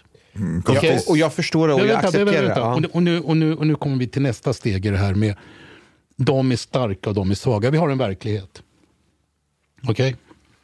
Verkligheten ser ut så här. Det är sanningar som vi kan komma överens om. Israel har en mäktig armé. Eh, vad Hamas gjorde under den här attacken, vi, vi behöver inte gå in på detaljer, det ser ut som det gör. På andra sidan har vi en organisation som, där, därför att så här, vi kan alla vara överens om att Israels armé är mäktig och vi kan vara överens om att Hamas enda sätt att utmana den mäktigheten det är att använda civila i Gaza och civila omgivningar som en sköld eller som ett skydd för sin verksamhet för att på det sättet uppnå någon balans med den mäktiga armén. Det är ju Israels perspektiv hur man vill framea det här narrativet. Det är ju den allmänna opinionen. Om man frågar vem som helst på gatan så ser man ju inte det på det sättet.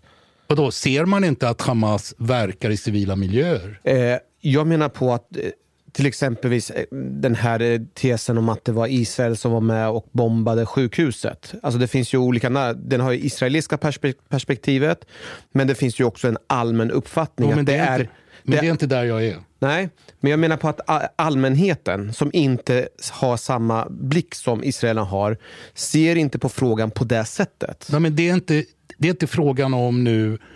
Alltså jag säger så här. Vi bryr oss inte om hur människor ser på det ena eller andra. Vi har vissa saker, eller vissa eh, eh, uppfattningar eller, eller vissa verkligheter som de flesta borde kunna vara överens om. Och det är att Israel är en väldigt mäktig armé. Ja, ja, ja. Då måste man också kunna acceptera att Hamas strategi för att förbättra sina odds är att dölja sig i civila omgivningar. Det låter rationellt och rimligt. Ja, men är det någon som nekar till det? Vad, vad, vad, har de för annat alternativ? Eh, jag tror att de som inte är riktigt så pass insatta, som bara ser en rubrik, bara ser en nyhetsklipp, när man ser bara en sekvens när man ser döda eh, palestinska barn, de, det är inte alla som rationellt eh, liksom gör hela kopplingen. Nej, nej, men, det, men verkligheten, även de, om man säger så här, spelar ingen roll idag om det var liksom riktat mot civila, inte riktat mot civila. Gaza är ett tätbefolkat område. Jag tror det är två eller tre i världen efter Singapore och Hongkong och sådär. Singapore och Hongkong är mer tätbefolkat än Gaza. York. Ja, och New York är mer tätbefolkat Gaza, än Gaza.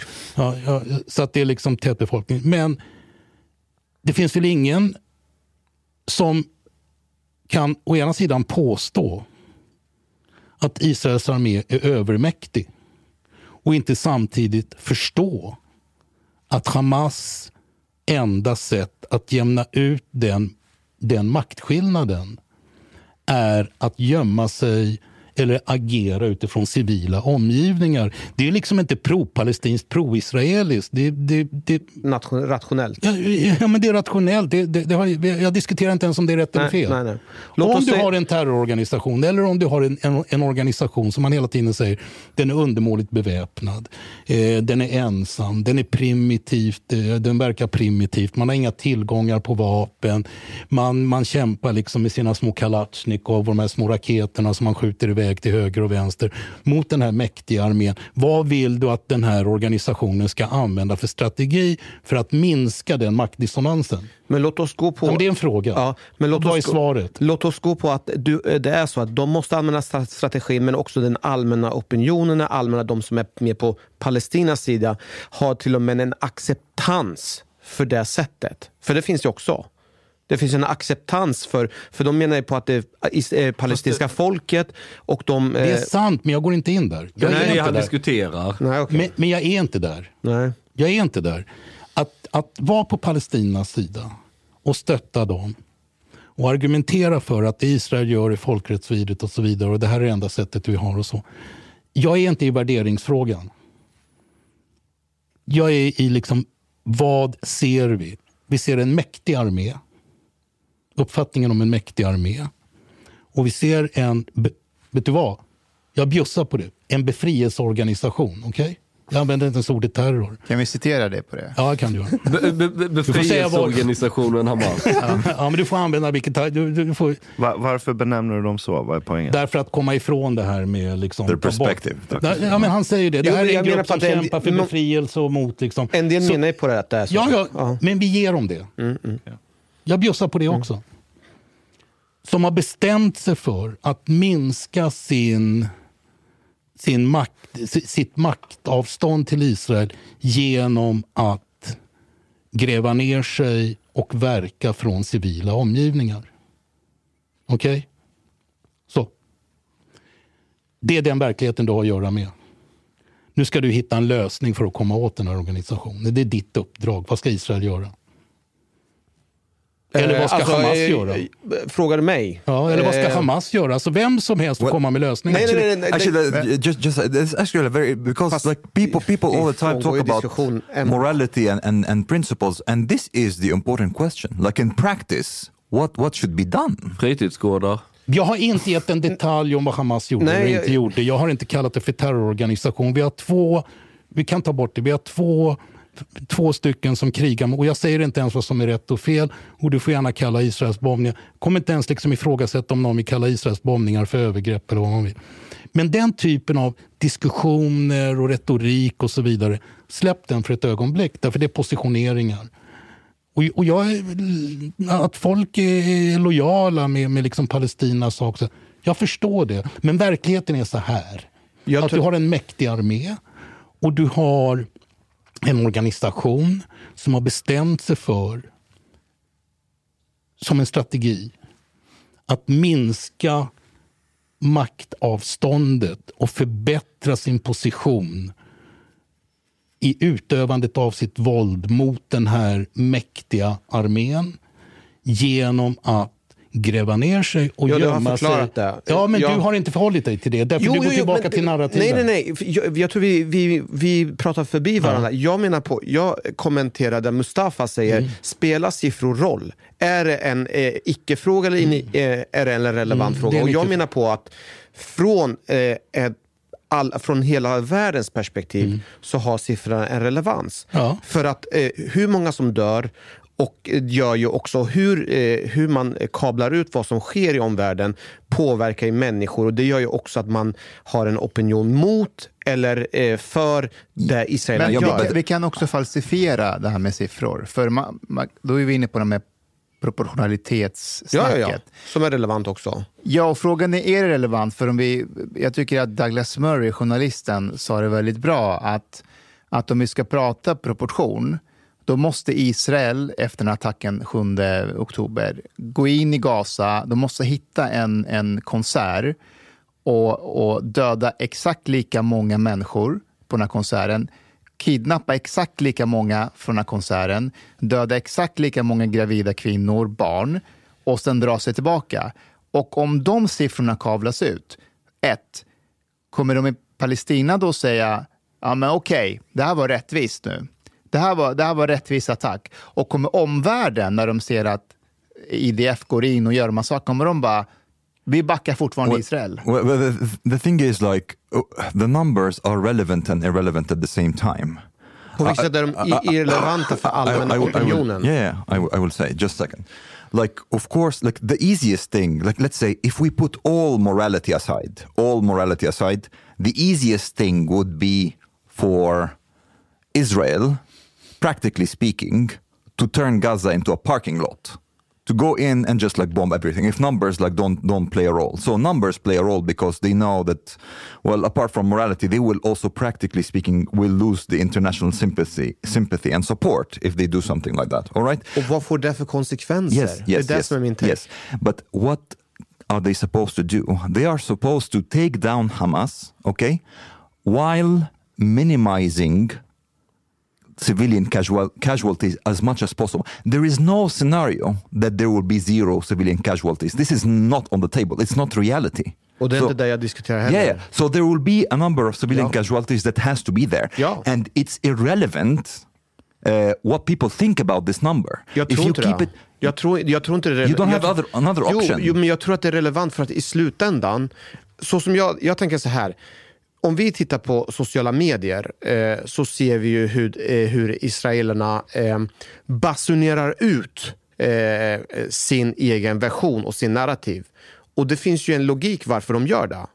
Det handlar ju om att få med sig den allmänna opinionen och vara på israelernas sida. Och det har de ju fått från första början, så fick de ju med sig det.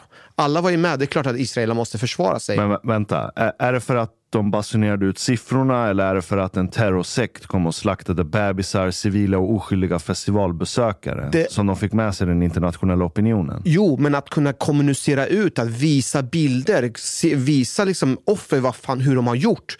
Det, har, det blir ju mycket, mycket tydligare, det, blir mycket, det förstärker ju deras argument. Visar inte Hamas själv sina bilder? Jo, och de gör det från sitt perspektiv. Fast det, ja, Och fast det jag det menar på- perspektivet blev till Israels fördel. Vad sa du?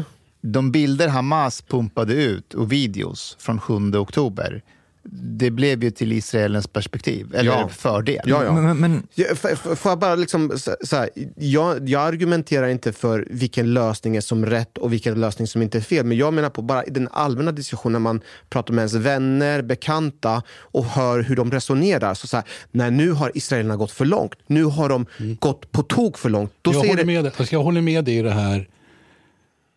Och jag vill backa bandet och byta spår. Därför att jag tror att du har helt rätt att det som kommer, det som delvis påverkar konflikten är de emotionella reaktionerna på det man ser. Och jag menar att det enda, ett av sätten att hantera det och försöka förstå, så här, vad handlar det om? Handlar det verkligen om, om, om eh, att mån om palestinernas väl? Handlar det om, eller är det andra saker som triggas? Den moraliska uppfattningen, att man tycker att det är för jävligt med för många barn och sådär. Det finns olika nivåer på det också. Jag tror att väldigt mycket av den här diskussionen eh, när det kommer till de här frågorna om skuldfrågor och så vidare, det är en aversion mot Israel. Eh, och den aversionen mot Israel har säkert en massa olika förklaringar, en del rationella, man får tycka och tänka vad man vill och så vidare. Och anledningen till att jag säger det, det är att övergrepp på palestinier som görs av andra som är lika omfattande hamnar aldrig i media. Det händer ingenting. Om jag säger Narel Bared exempelvis så betyder det ingenting för någonting här. Det är liksom, jag bara kastar ut någonting. Narel Bared är ett flyktingläger i Libanon som stormades av den libanesiska armén. Som gjorde 20 eller 25 000 palestinier hemlösa. Salvatore Lombardo som var då eh, chefen för UNRWA vädjade om hela världens eh, hjälp för att återinstallera eh, de här, liksom, ge Palestina de här hemmen igen så de kunde bo där. Men det var liksom fel förövare. Det var den libanesiska armén, det var inte Israel.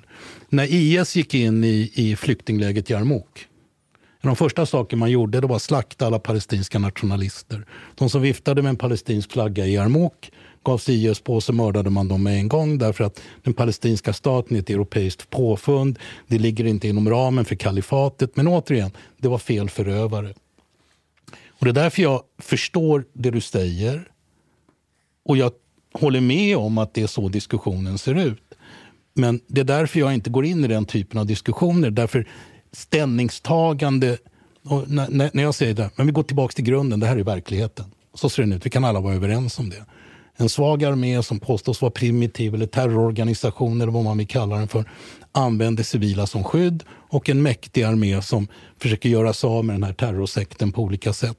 Det är liksom verkligheten. Hur gör du det nu? Då säger alla, ja, men det vill jag inte prata om. Därför att det är det som är pudens kärna. Mm. Ja. Jag vill ställa en fråga om det du sa om Hamas. För du sa att det är en primitiv organisation och de har inte så mycket... Nej, liksom... jag säger inte det. Men det Nej, men det de är det. Men det är medel och de slår... Ja, det är liksom... Kalashnikov och rör raketer. Ja, precis. Men frågan är, är det verkligen de sant? De är raketforskare.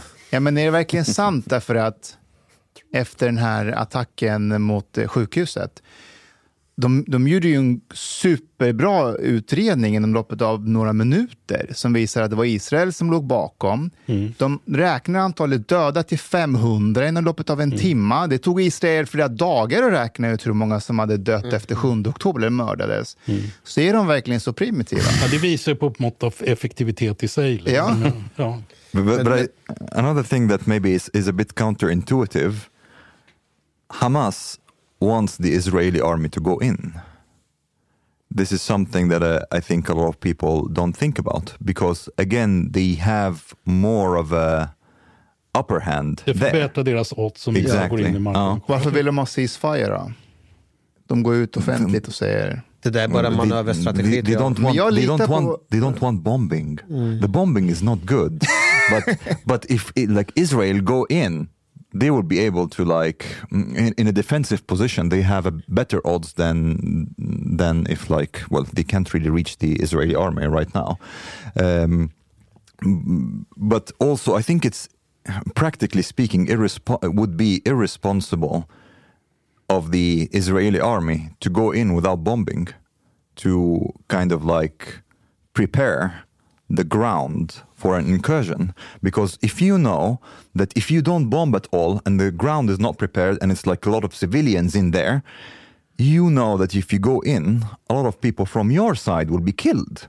And why do you have to make this, this sacrifice? Alltså, konflikten är ju också så här att om man tittar på hur världen ser ut och vad världen vill, inklusive Turkiet, Saudiarabien, Egypten. Vi, det, det är väldigt få, om någons en, regering eller någon eftertänksam människa någonstans, någon rationell politiker, skulle säga att det är väldigt bra om Hamas får finnas kvar. Vi behöver Hamas som en del av vår civilisation. Det är viktigt att Hamas inte skadas.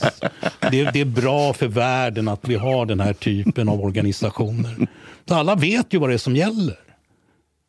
Det, det, det finns ju inget, det är inte så att bin Salman sitter i Saudiarabien och säger hoppas verkligen att, att hela den här organisationen överlever och förblir stabil och blir operativ. Och, så, finns inte. Sisi, han gjorde ju sin grej med brödraskapet i Egypten. Det var liksom inga diskussioner. När han ville bli av med tunnlarna, då fyllde han ju med vatten bara, så var det över. Så att, men, man har någon slags skyldighet att visa på en moralisk position. Och man kan inte bete sig hur som helst. Vi har FN, vi har liksom med folkrättslagar och, och, och man kan inte... Man, man ser mänskligt lidande. Man måste på något sätt eh, eh, titta på det. Sen kan man ju fråga sig varför människor reagerar så snabbt. Varför politiker... Magdalena Andersson. Jag har ju- Host. Men, Eh, jag hörde ingenting och sa ingenting. Men, men, men, men, men liksom, vad är det som gör att, att människor som man kan förvänta sig liksom, att de andas djupt och räknar till tio och sen säger någonting? Vad, är- vad är det som gör att just de är snabba att vräka ut så Twitter och så? Det jag menar att komplexiteten i det här, om vi går till den allmänna opinionen, Mm. om vi återvänder till din plan halva, så ligger ju komplexiteten i det här att alla ljuger. Mm. Alltså när man kommer med sån här moralisk stand och sådär, det är inte så att efter morden i Bryssel eh, någon svensk politiker sitter och tycker men den här typen av ideologi och den här typen av idéer det är jättebra om vi har massor av det i hela Europa och det är jättebra om Hamas får basunera ut det här. Och det, vi behöver den typen, mer av sånt i världen och i Europa. Problemet med det här det är ju också att det skadar, stör och förstör uppfattningen av muslimer, gemene man i Mellanöstern och arabvärlden. De, det, det är liksom bara problem. Men ingen kan säga, ja, men Israel, kör på nu. Liksom. Det går inte, därför man måste ha liksom någon slags... För, för, för, a- apropå det bara. Jag, jag nämnde Magdalena Andersson. Mm. I, I mitt huvud är det ganska obvious. Hon har en stor väljarbas bland folk som vill att hon ska säga så. Men om vi tar Saudiara- om vi tar Saudiarabien. Mm. Som man nu försökt närma sig väldigt länge. Som du menar har fattat att vi kan inte hålla på så här hur Mm. länge som helst. De har närmat sig Israel och så backar de plötsligt. Mm. Och lägger förhandlingarna på is som det heter. V- Vad tror du är deras incitament för att backa? Jag, jag har inte hört de senaste uttalandena av Saudiarabien, men när jag kollade lite grann på, på, på vad man sa offentligt från Saudiarabien när kriget började, då var det liksom ingenting om att, och de- kanske har ändrat sig på, på senare tid, men då var liksom de officiella uttalandena var att Israel måste undvika att civila skadas. Det var allt. Det var inte så att Saudiarabien med en gång sa ni får inte attackera Gaza. De har, har fördömt... Har, har de fördömt? Ja. Och lagt förhandlingarna på is. Ja, jag menar att de la förhandlingarna på is behöver inte betyda att man fördömer, därför det var inte så det började. Det, det, är, det är bara Bahrain och, och uh, United Oman. Arab Emirates that uh, went out and, and uh, like um, fördömt Hamas. Alltså fördömanden är ju viktiga, inte minst i arabvärlden eftersom det som kablas ut av Hamas av förståeliga skäl gör att gatan kokar. Och gatan kokar av en rad olika anledningar. Den, den, den, eh, den kokar av eh, det förtryck man lever under. Den kokar av att man ser Israels övermakt och övergrepp på palestinier. Och om du har en kokande gata som diktator så måste du hitta en lösning på att få det här att, att svalna lite så att det inte blir fullständigt kaos. Och då måste du också säga vissa saker som, Exactly. som, som ligger i linje med gatans förhoppningar. Like right now, for example, if we take Egypt, officially Egypt has peace uh, with Israel. But right now, when you have like tens thousands of people protesting in the streets, if the president, he's a military dictator and everything, but if he would go out and say, well, Hamas is the, are the bad guys, Israel is defending itself, shit, it, it could be a revolution. Om, Eh, om, om du går och frågar en random egypter på gatan idag, de som protesterar nu på gatorna, och, och man säger så här, men eller hur, vi borde hjälpa palestinierna, ta hit några. Vad säger de då? Uh, grejen så här, i, I think actually a lot of people will support this partly, but uh, they will be worried that uh, this will be what's called in, in Arabic tahajir, so like displacement. They will be worried that this is... De tror också på folkutbyte. Yeah, they, they, they, they, they will be worried that Israel is pushing Palestinians out of, of Palestine, uh, and this is how Israel would win. So this is a worry that the people have. De som är ute på gatorna i Egypten och andra delar av eh, arabvärlden, är det för att de primärt bryr sig om palestinier? Är det för att de är emot staten Israel och judar? Du vet svaret på den. Ja. Men det var ju en polis i Egypten som sköt två turister, va? Ja. Vad var det Ja. för turister? Israeliska. Israeliska. Jaha. Mm. Men Well, they, they, mm, it's more that they are against Israel. För att det jag märker nu på sociala medier när jag ser alltså etablerade journalister i Sverige som jobbar på våra största tidningar som lägger ut en presskonferens från sjukhuset. Exakt. Alltså det, Exakt. det, Magda Gad menar du? Ja. Nu ska She vi inte gå in på namn, men... She has gone fully bananas. Alltså det är inte bara det, alltså, någonting i den stilen. Det är bara att idag på morgonen så, ska ju, eh, så var jag pratade SVT huruvida vems bild är sann. För mig är det också helt befängt. Hur kan man ens försöka jämföra Israel med terrorsekten Hamas? Varför? Alltså, jag, för mig är det Alltså, cyniskt. Reuters, när de kablar ut sina grejer som Omnisen skickar vidare. De skriver här, ja, Gaza, ett sjukhus har utsatts för en israelisk attack. Börjar de meningen med. Hävdar en talesperson från Hamas som att det är någon stat eller regering som sitter där med fact-checkers och har kollat upp allting. Bara att du skriver meningen på det sättet. Jag tror I det påverkar hur folk Som en pålitlig det. källa. Ja, men men det är därför jag menar att det, det, det, Hälsodepartement och sådana alltså här det är ord därför jag är är tillbaka helt på sjukt. ruta ett i det här. Att när, när, när, eh, när eh, kriget var över eh, ni- 1948 eh, och eh, flyktinglägren i UNRWA hade etablerats. När man började diskutera olika lösningar. Då sa man från arabvärlden klart och tydligt att vi undrar, vi kommer använda den palestinska flyktingfrågan som en käpp mot vilken vi slår på den sionistiska ockupanten. Tragedin i hela det här, om man, om man liksom vänder på steken, det är att utnyttjandet av palestinier som är påtryckningsmedel från en arabisk värld som ville förinta Israel. Och Israels sätt att hantera den situationen, oavsett om man haft andra alternativ. Om man, om man, efter, efter överenskommelsen i Khartoum efter kriget 1967, hela den arabiska världen, ingen dialog med Israel, inget erkännande av Israel, ingen diskussion med Israel. Man har, det, det, det, det, det finns på arabiska ett begrepp som heter sumud. Vad betyder det? Ståndaktighet. Typ ståndaktighet, du känner till det. Det här med liksom ståndaktigheten, att inte släppa den här principen. Så mod har blivit någonting som framförallt är idag förknippat med Palestinas kamp. Att man ger sig inte, man ger inte upp. Men samtidigt så har ju den arabiska världen i stort sett, idén var ju också den att hela den arabiska världen, ingen skulle göra ett avtal med Israel om inte alla gjorde det. Och alla skulle göra det bara när det också fanns en lösning på det palestinska problemet. Och när man nu har kommit till en situation där man förstår att man har, att man har eh, det gick inget bra. Vi kan inte fortsätta så här. Då har liksom hela den palestinska frågan blivit på något sätt Mellanösterns Svarte Petter. Och man hoppas liksom att ja, men det tynar bort i någon slags sådär. Men det kommer det inte göra. Jag tror att, att en av lösningarna, om man nu ska försöka hitta en realistisk lösning, eh, så tror jag ett, UNRWA måste bort. Den palestinska flyg... Där, därför den har liksom inget syfte.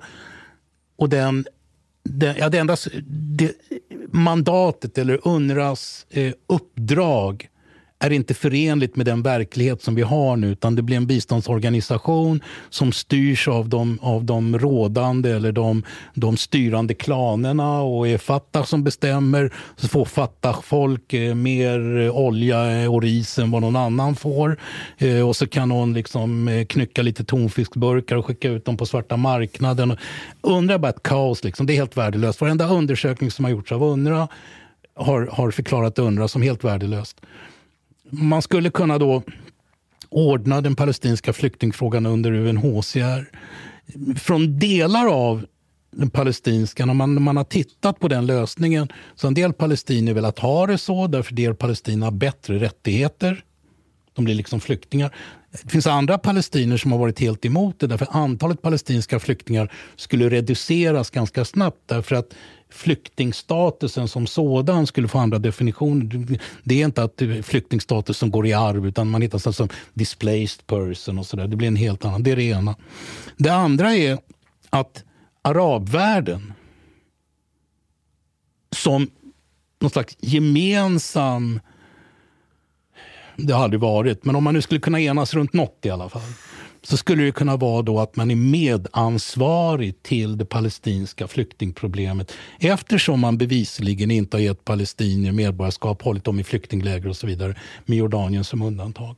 Och då också tillsammans med världssamfundet. Om man gör de två stegen kan man också väldigt enkelt hitta en kompensation. Man säger okej, okay, ni har förlorat hem, ni har förlorat hus. Olika typer av kompensationstankar som då verkligen ska gå till att bygga upp det här på ett positivt och kreativt sätt. Får du ett sånt momentum i Mellanöstern så kommer röster som Hamas och den arabiska gatan förlora väldigt mycket av sin kraft. Yeah, and, and I think also another thing that is necessary to do is there are two small movements or parties that are less or they're almost oh, they're less Israeli um, mindre israeliskt fientlig. Vad heter de? I like two Palestinian parties. Du menar Fatah eller? No, no, no, not Fatah. Anyways, two smaller ones. Uh, in the opinion polls, they are getting around maybe 15% or something like that. I think it's important to, to hold an elections in Palestine while banning Hamas from uh, participating. Men det är inte så demokratiskt. well, does a terror organization really have to be part of the candidacy? Alltså jag eh. vet inte, men det är liksom, man måste vända, försöka vända, vända från arabiskt håll. Det betyder inte att, att Israel inte ska ta sitt ansvar, därför att kriget som skapade flyktingproblemet utkämpades mellan arabiska länder och Israel. Israel var med i det här kriget. Israel har så, så kan man säga, men Israel försvarade sig. All den där retoriken, det liksom, det står mig på halsen. Om man vill tänka kreativt och hitta lösningar så måste man förflytta sig från skuldbeläggarna och vända på det och ta ansvar för vad man faktiskt varit delaktig i. Och den dagen arabvärlden säger ja, men vi har ett ansvar och vi vill ju vara delaktiga i det inte bara liksom som man gjorde då på den tiden när man satt i de här eh, arabförbunden och så satt man och babblade och stöttade Palestina hit och dit. Och det hände inte ett skit. Liksom. Man gjorde ingenting. Man skickade lite, vad vet jag. Men, ja, det, det, har funnits en massa planer och idéer. Men, men den arabiska världen har verkligen inte gjort vad man hade kunnat göra det intressanta med närmandet mellan bin Salman och Israel det var ju också det att bin Salman och Saudiarabien envisades med att man måste förbättra situationen för Palestina på Västbanken. Man måste förbättra situationen på Gazaremsan och så vidare. För organisationer som Hamas så är det ett hot. Och därför, om det skulle bli så, då skulle ju resultatet av det palestinska välbefinnandet bli ett närmande mellan Saudiarabien, Israel och USA och inte på grund av Somod och Hamas ståndaktighet. Så det finns en massa, men, men, men det tror jag på. Skrota UNRWA, Palestina under UNHCR, ett gemensamt eh, uttalande från arabvärlden är att man är delaktiga i det problem som har stått. Massivt ekonomiskt stöd som förändrar liksom situationen där Palestina på olika sätt i fonder eller liknande får en kompensation för det de för det de har förlorat eller det de har, har liksom utsatts för och någon stor Marshallplan där man bygger upp industrier, utvecklar och ser till att folk... Eh, But I, I, don't see any, I don't see any of that can happen though before Palestinians and Arabs recognize Israel. Like how... Like, of course, of course. Yeah. Uh, men, men, men, Saudiarabien har ju redan erkänt Israel. Man kan inte närma sig något som inte finns. Nej, man, man, man, har fred med Egypten, det betyder att Israel är erkänt av Egypten. Man har fred med mm, Jordanien. but that, that's the thing, it's like recognize... The, the, like I was saying, like in contrast with the Emirates, there is a very stor gap in in the attitude of the people and the regime towards towards Israel. The people in Egypt, they don't recognize Israel. They don't. Jag bara funderade på, var, var det Ghana man vill upprätta en Israel... Eller, Uganda. Uganda. Uganda. Kan man inte skicka palestinierna dit så är problemet löst? alltså, man, det, det, min lösning innebär att man inte behöver skicka någon någonstans utan alla kan bo kvar. Men, men, ja. Jag har en fråga. Eh, jag vill genuint förstå. Det här är en fråga till alla egentligen. Mm. Jag, det här är inte sätta dit någon jag vill förstå. Jag har all sympati för palestinier mm. i det området, att de vill ha tillbaka sitt land, de känner sig ockuperade. Jag, jag förstår, jag, jag, kan inte gå i deras skor, men jag förstår liksom deras kamp. Men de palestinier som har växt upp i väst, och är till och med födda här, och de araber och muslimer som stöttar Palestina, som är födda i väst. De som stöttar Palestinas kamp, och då menar jag kampen att ta tillbaka hela området från du vet, the river to the sea, som Mm. de säger. När de har gjort det och har kört bort judarna, Mm. de palestinier, araber, muslimer i väst, vad ser de framför sig när Palestina då tar över hela området Israel? För att det är inte bara, judarna lämnar ju inte bara mark efter sig, man lämnar ju också en civilisation. Mm. Det är liksom ett land ändå med demokrati, med mänskliga rättigheter, bla bla bla, all innovation och sånt där. Tänker man sig då att man bara tar över allt det och kör på, som det har varit nu? Eller vilket annat muslimskt land tänker man sig att det nya Palestina ska efterlikna? Så, alltså vara en modell efter? Det här är en genuin fråga. Det är svårt att svara på, det måste man ju fråga dem. Frågan är ju liksom, hur kommer huggsexan se ut? Om säger Israel lämnas, vad är det som säger att inte Egypten vill ha en del av kakan? Vad är det som säger att anledningen till att det inte har upprättat en palestinsk stat, det är för att den arabiska världen då på Västbanken och Gaza inte ville ha det. Jag Det fanns en tid mellan 48 och 67 då man hade kunnat bygga en palestinsk stat på Västbanken och Gaza. Men man gjorde det inte därför man ville behålla, man ville inte ge Israel en gräns. Och man ville uppehålla den här idén om att hoppas att Israel skulle elimineras. Jag är helt säker på att Egypten vill inte ha någonting med Palestina att göra. Men du menar hypotetiskt om palestinierna Ja, skulle få Precis. förvalta det? De, och nu, Jag vill inte säga någonting om palestinierna i Palestina, utan de i väst som stöttar den här idén. Hur Jag, tänk, jag kan säga exakt vad som Berätta kommer hända. för mig. Eh, Ett, det palestinska folket kommer inte vara de som styr. Det Nej. kommer vara de högsta hönsen med bäst våldskapital som kommer få styra. Och du kommer få exakt det som blev i Seattle när BLM tog över ett kvarter och ville utropa självstyre. För att du kan inte bygga en nation på offerkultsmentalitet. Hela identiteten just nu bygger på att Israel och judarna är det stora hotet. Så om nu Israel och judarna skulle försvinna och så står det där, då har du ingen identitet kvar. Du kan inte bygga nation som bygger på en gemensam fiende. Ingen nation kan byggas på det sättet. I värsta fall får du bara total anarki eller så får du total tyranni som i Nazityskland. Det, där- är det- liksom de två vägarna du har att välja på. Och, Det och det finns går ju tillbaka annat. till det här med Sofiana Bouzid och sa, men skit i flyktingstatusen. Exakt. Jag sa det inte så, men jag sa liksom om ni funderar på att, att, att liksom bygga en annan berättelse, en, sån här, eh, en nationsbyggande identitet utan flyktingstatus. Liksom ett folk i ett land.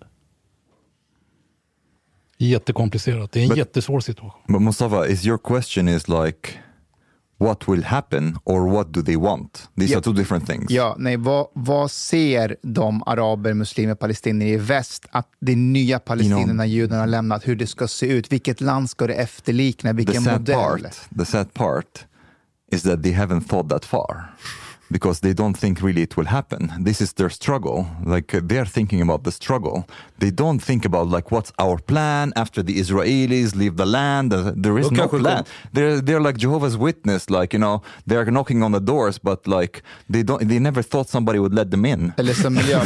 ja. De är lite som Miljöpartiet. De har stora ambitioner, ideal. de kanske hade de... saknat Israel om uh, judarna drog. såklart. Vem ska de nu bråka med? För alltså, jag, jag, jag tänker så här, vad är det som har gjort att alla vi mer eller mindre har hamnat i samma sits i den här frågan?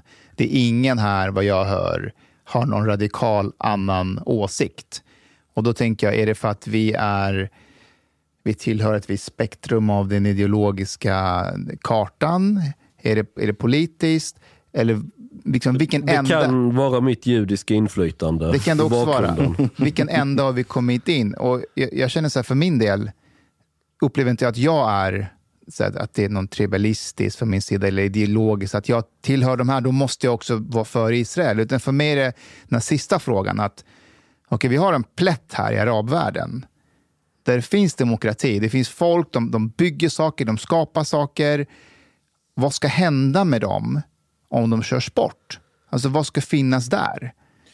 Jag har en fundering på det du säger. Kan det vara så att utifrån hur man är lagd som person så kan man få en annan uppfattning? För jag tror att, låt säga att även man eh, rationellt eh, delar samma idéer som israelerna har. Men om man känslomässigt ser vad som sker och de här palestinska barnen så kan man känna eh, empati med dem och med eh, Palestinas kamp.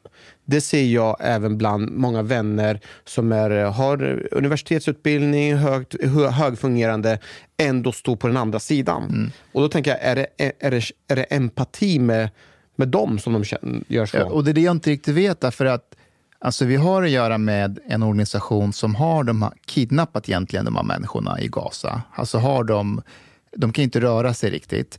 Och du vet, för mig är det här parallellerna till Nazityskland ligger rätt nära. Nazi, nazistiska partiet vann ju med typ 36 procent valet i Tyskland. Och när USA och britterna började bomba dem, det var inte, det var inte någon i västvärlden som bara, men alla, alla, alla tyska barnen då?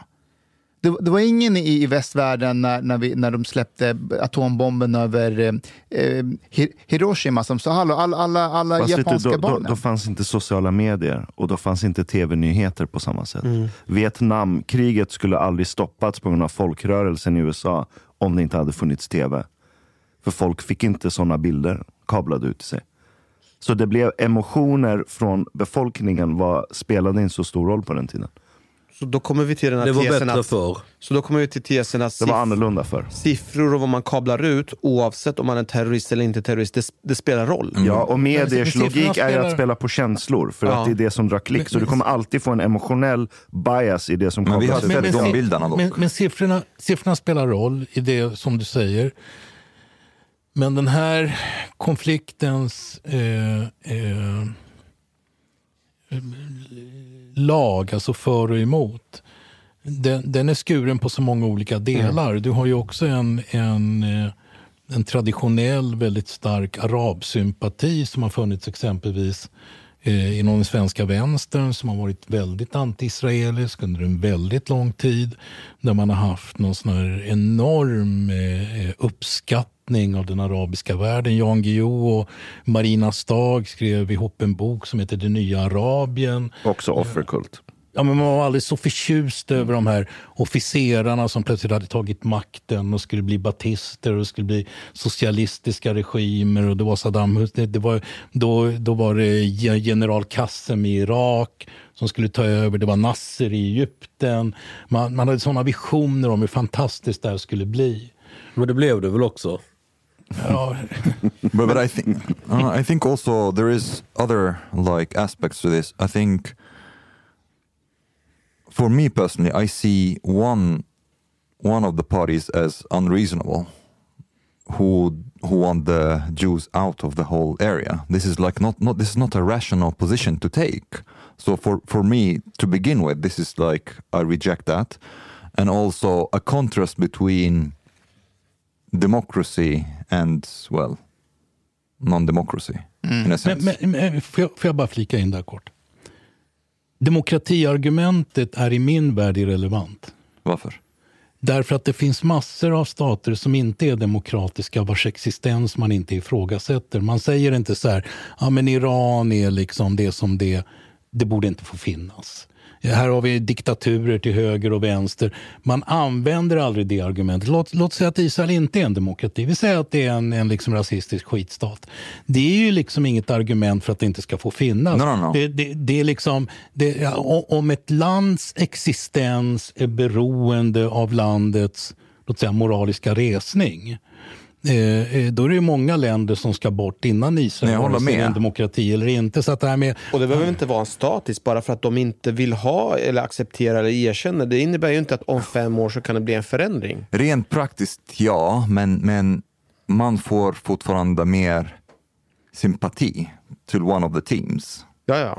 Så Okej. so you feel more like, okay, Men det beror på vad du har för utgångspunkt. Alltså om du, har, om du drivs av, av eh, en föreställning att eh, Israel är en kolonialmakt eh, vars existens är result, liksom en kolonialistisk skapelse som är rasistisk, som är en apartheidstat och så vidare. Har du den utgångspunkten då spelar det ingen roll om man säger Israel är en demokrati, då får man ju redan bestämt sig. Ja, ja. Ja, alltså jag har ju hamnat i de situationerna där någon har sagt här, ja men det och så har sagt ja men Saudiarabien och de där, du, du går ju inte igång på att de inte är det. Det är inte så att du står, står liksom och, och, och är upprörd över att de här eh, diktaturerna som bryter mot mänskliga rättigheter 24 timmar om dygnet, att de existerar. Varför blir det en issue när det gäller Israel?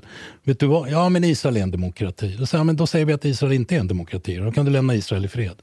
Där- där- Därför den här idén om att man kan förvänta sig mer av och känna större sympati för. Men det gör vi.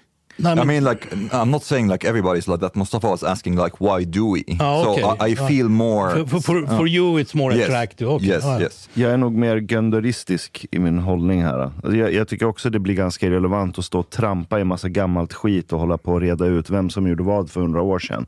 Det, är som, det som är här, det är det vi har att jobba utifrån. Och, och där är min skiljelinje väldigt simpel. Det är att har du en berättelse och bygger en identitet utifrån ett offerskap så kommer jag aldrig ställa mig på den sidan. För det är klart och tydligt i historien vart sådana berättelser alltid leder. Och jag anklagar inte palestinier överlag för att det är deras fel. Men det är de som alltid har våldskapitalet för ett samhälle. Det är deras ansvar. Och inte kabla ut en offerberättelse till befolkningen. Det slutar aldrig väl. Så jag kommer aldrig ställa mig på, på en sån faktions sida. Dels det, och sen blir det ju också såna här konstiga argument när man säger ja, men vi har utsatts för det ena och utsatts för det andra och därför måste vi göra det och det. Eh, eh, man, man, argumentet blir, ja, men det blir som sån här, ja, men jag undrar vad den stackaren har varit med om. Liksom, sådär? Jag ska, Att- ska jag gå och spränga grekiska restauranger liksom för att jag är iranier? Ja, men det är Samma- inte bara det, men det är inte bara det. Då menar man ju samtidigt att judar, eller romer för den delen, inte har blivit tillräckligt utsatta och trakasserade och misshandlade. För mig vetligen har romer aldrig haft några mördarpatruller och de har aldrig haft några radikala extremistorganisationer. Så det finns liksom en nivå av utsatthet som man måste utsättas för, kränkningar och förnedringar. Det är också ett ohållbart argument. Det finns ingenting som säger att det faktum att man under en tid i historien som folk betraktat eller som individ blir illa behandlad måste leda till att man per automatik beter sig på det Men staten Israel är väl grundat på utsattheten efter förintelsen och hela det här att Mm, det var det precis jag sa att det inte är. Den sionist, det stämmer att den sionistiska rörelsens väckelse är ett resultat av antisemitism. Liksom punkten, Dreyfusprocessen och sådär. Men staten Israel, om, om vi ser staten som institution, vä- vä- vä- vä- vänta nu, så fanns alla institutioner och myndigheter i Israel innan förintelsen ens hade börjat. Du hade som jag sa fackföreningar. Det enda som saknades det var en rubrik som sa stat. Jag kan där, jag tänker att, eh, jag, jag tror det var Göran Rosenberg som sa vid något tillfälle att problemet är att hela den här processen, nötningen, efter förintelsen gick för fort. Fostret slets ut innan det var färdigt. Alltså om det här, om det här, den här nötningen mellan den pågående judiska statsbildningen på ena sidan och, och, och eh, den arabiska världen på andra sidan. Om den processen hade, hade fått hålla på lite längre, kanske, så hade förmodligen resultatet också sett annorlunda ut. Beslutet att nu gör vi det här och nu med delningsplanen, den följer samman med, med, med att mandatet skulle lämna Palestina och att det var efter förintelsen. Men det var inte förintelsen som skapade Israel, det var den sionistiska rörelsen. Men, men, ja, men för, dagens Israel, är inte det en fortsättning på Herzls idéer? Jo, men Herzls idéer var ju, de, de kom ju innan Hitler ens var född. Han var inte ens en tanke. Alltså, staten Israel står ju och faller inte på att utrota ett visst folk. Det, det är nationsbygge som är det långsiktiga målet. Och tittar du på alla... Det började ju långt innan. man, man Fast- köpte mark, man, man, Ja. man, man byggde... Fast har inte Chang en poäng ändå att det har att göra med att man har ju sett den här antisemitismen och att eh, judarna har förföljts och att då att man... Alltså att det, men det kanske accelererade upp det som Fa- fa- gjorde Fast det, ja, men, men det var inte... Om man går tillbaka till det här med offerrollen, hur man förvaltar offerrollen. Den sionistiska rörelsen inleddes genom... Eller den fanns där som en tanke, men den kom igång av Herzl efter Dreyfusprocessen.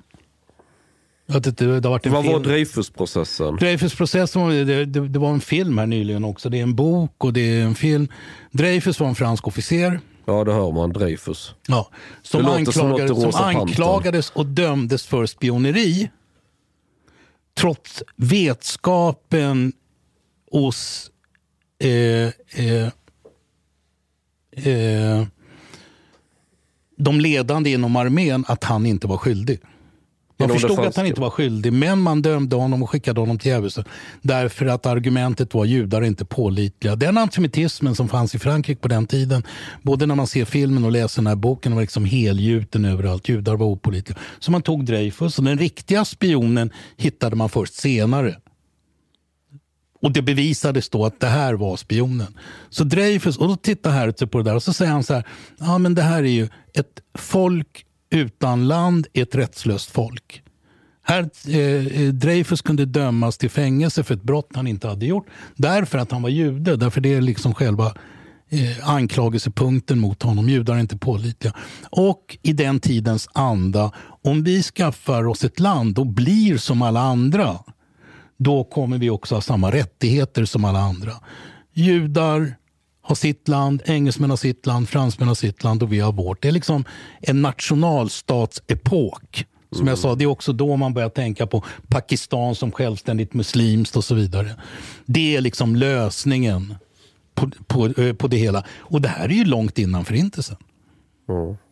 Och tror ni det är en slump att varenda ideologi idag som har offermentalitet som sin kärna har väldigt starka antisemitiska dragningar? Islamism, vänsterrörelser, you name it. Det, är all, det kommer alltid någon på mötet och säger fast de Feminist. där judarna, de äger det och de gör si och så, Rockefeller och hit och dit. Vad sa du? Feministerna. Det bygger ju på en offer. Ja. Men De är inte antisemiter? uh, I will play the devil's advocate. You, you will meet Omar from 15 years ago. Shoot. I would say that how would you feel if like Russia comes and invades Sweden, for example?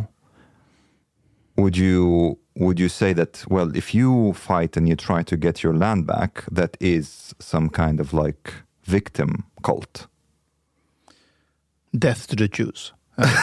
Jag avslutar det. Okej.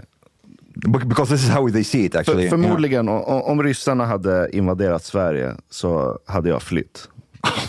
Men, Nej, men för, för att jag, jag är inte duglig för militären, jag har inte gjort lumpen. Vad, vad ska jag göra? Vad jag fan, du kan vara strategisk. Ja, ja. Men om jag blir tillkallad till lumpen, så, eller militär, hade jag gjort det. Men om det är välja mellan att sitta och vänta på att dö eller försöka rädda mitt och min familjs liv så hade jag gjort det. Okay, if the Och sen när Swedes jag- would fight. Ja, och sen när jag hade flytt, då hade jag varit skitlack på ryssarna, på ryska staten eh, och traumatiserad och allt det här.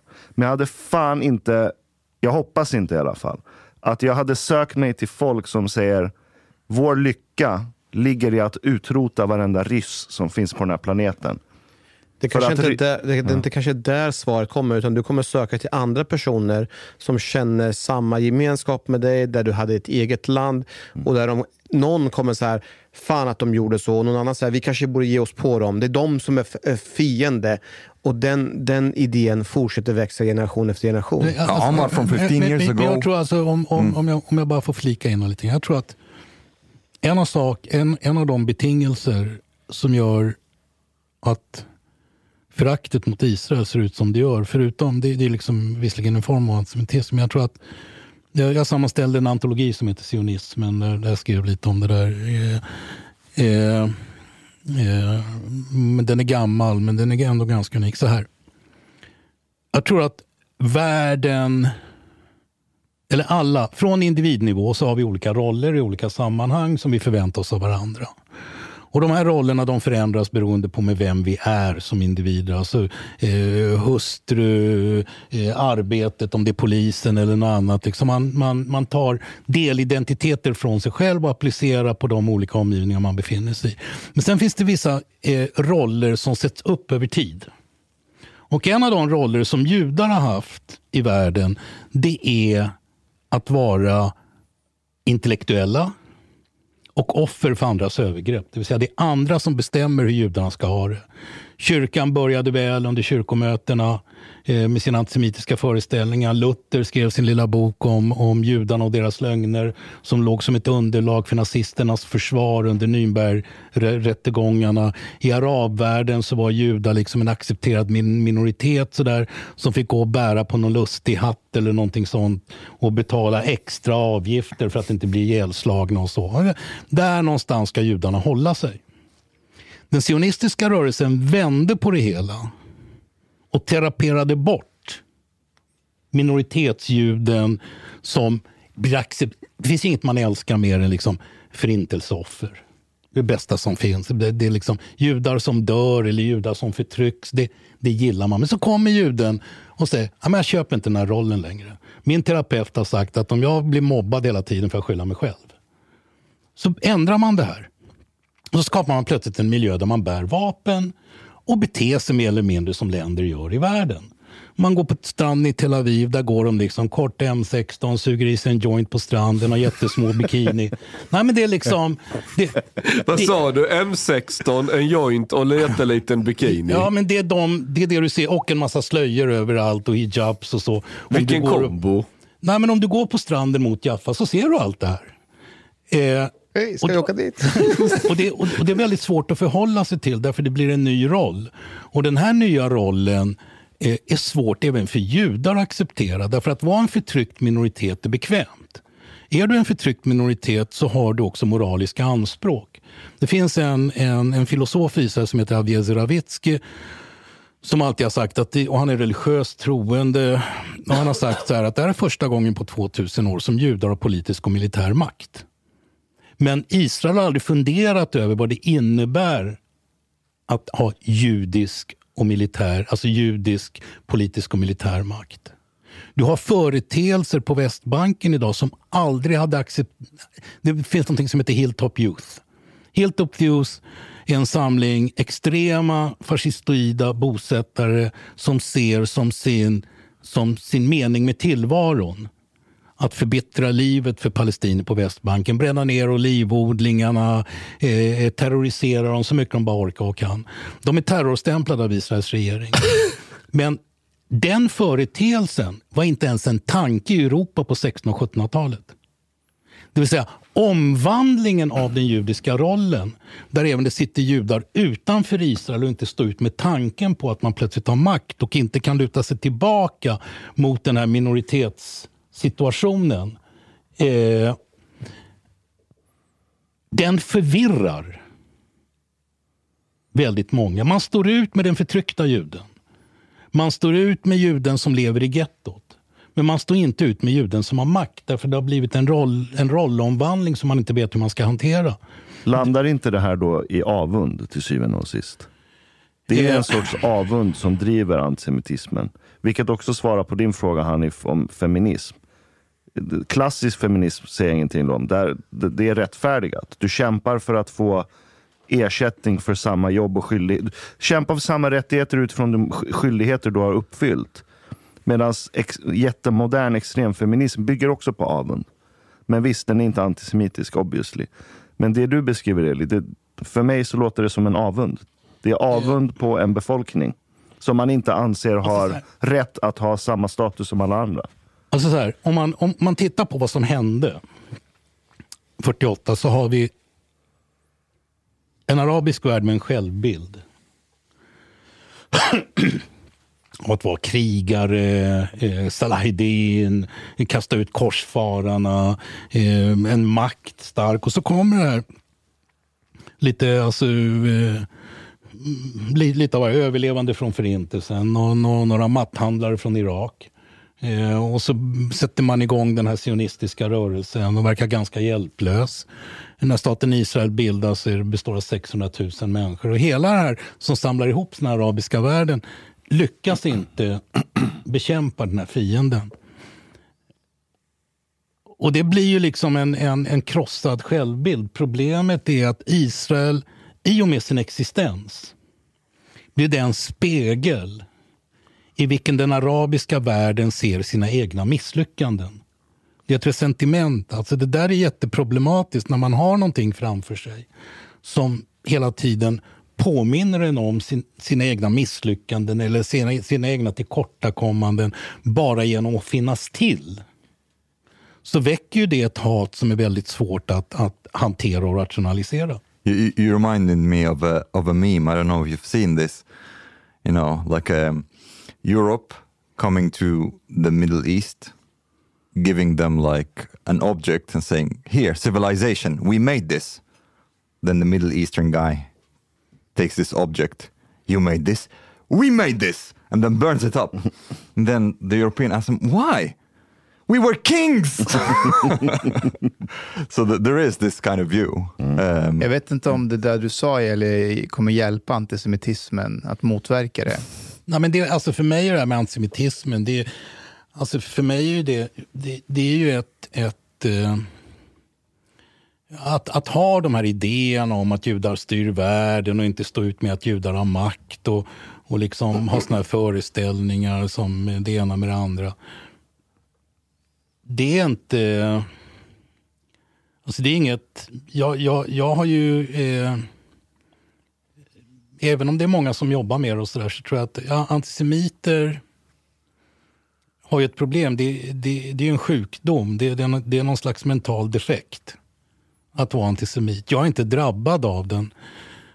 Så att de som har den här sjukdomen och den här defekten, de måste ju hitta ett sätt att kurera det på. Och där är ju naturligtvis information och så, men det, det, det är komplicerat. Därför så här, om du tittar på de som är ideologiska antisemiter, vare sig nazister eller islamister eller det något annat, som liksom har det som en grundbult. Många av de här kaos och ordningsgrupperna, de har också antisemitismen som en grundbult, därför att judar står för kaos.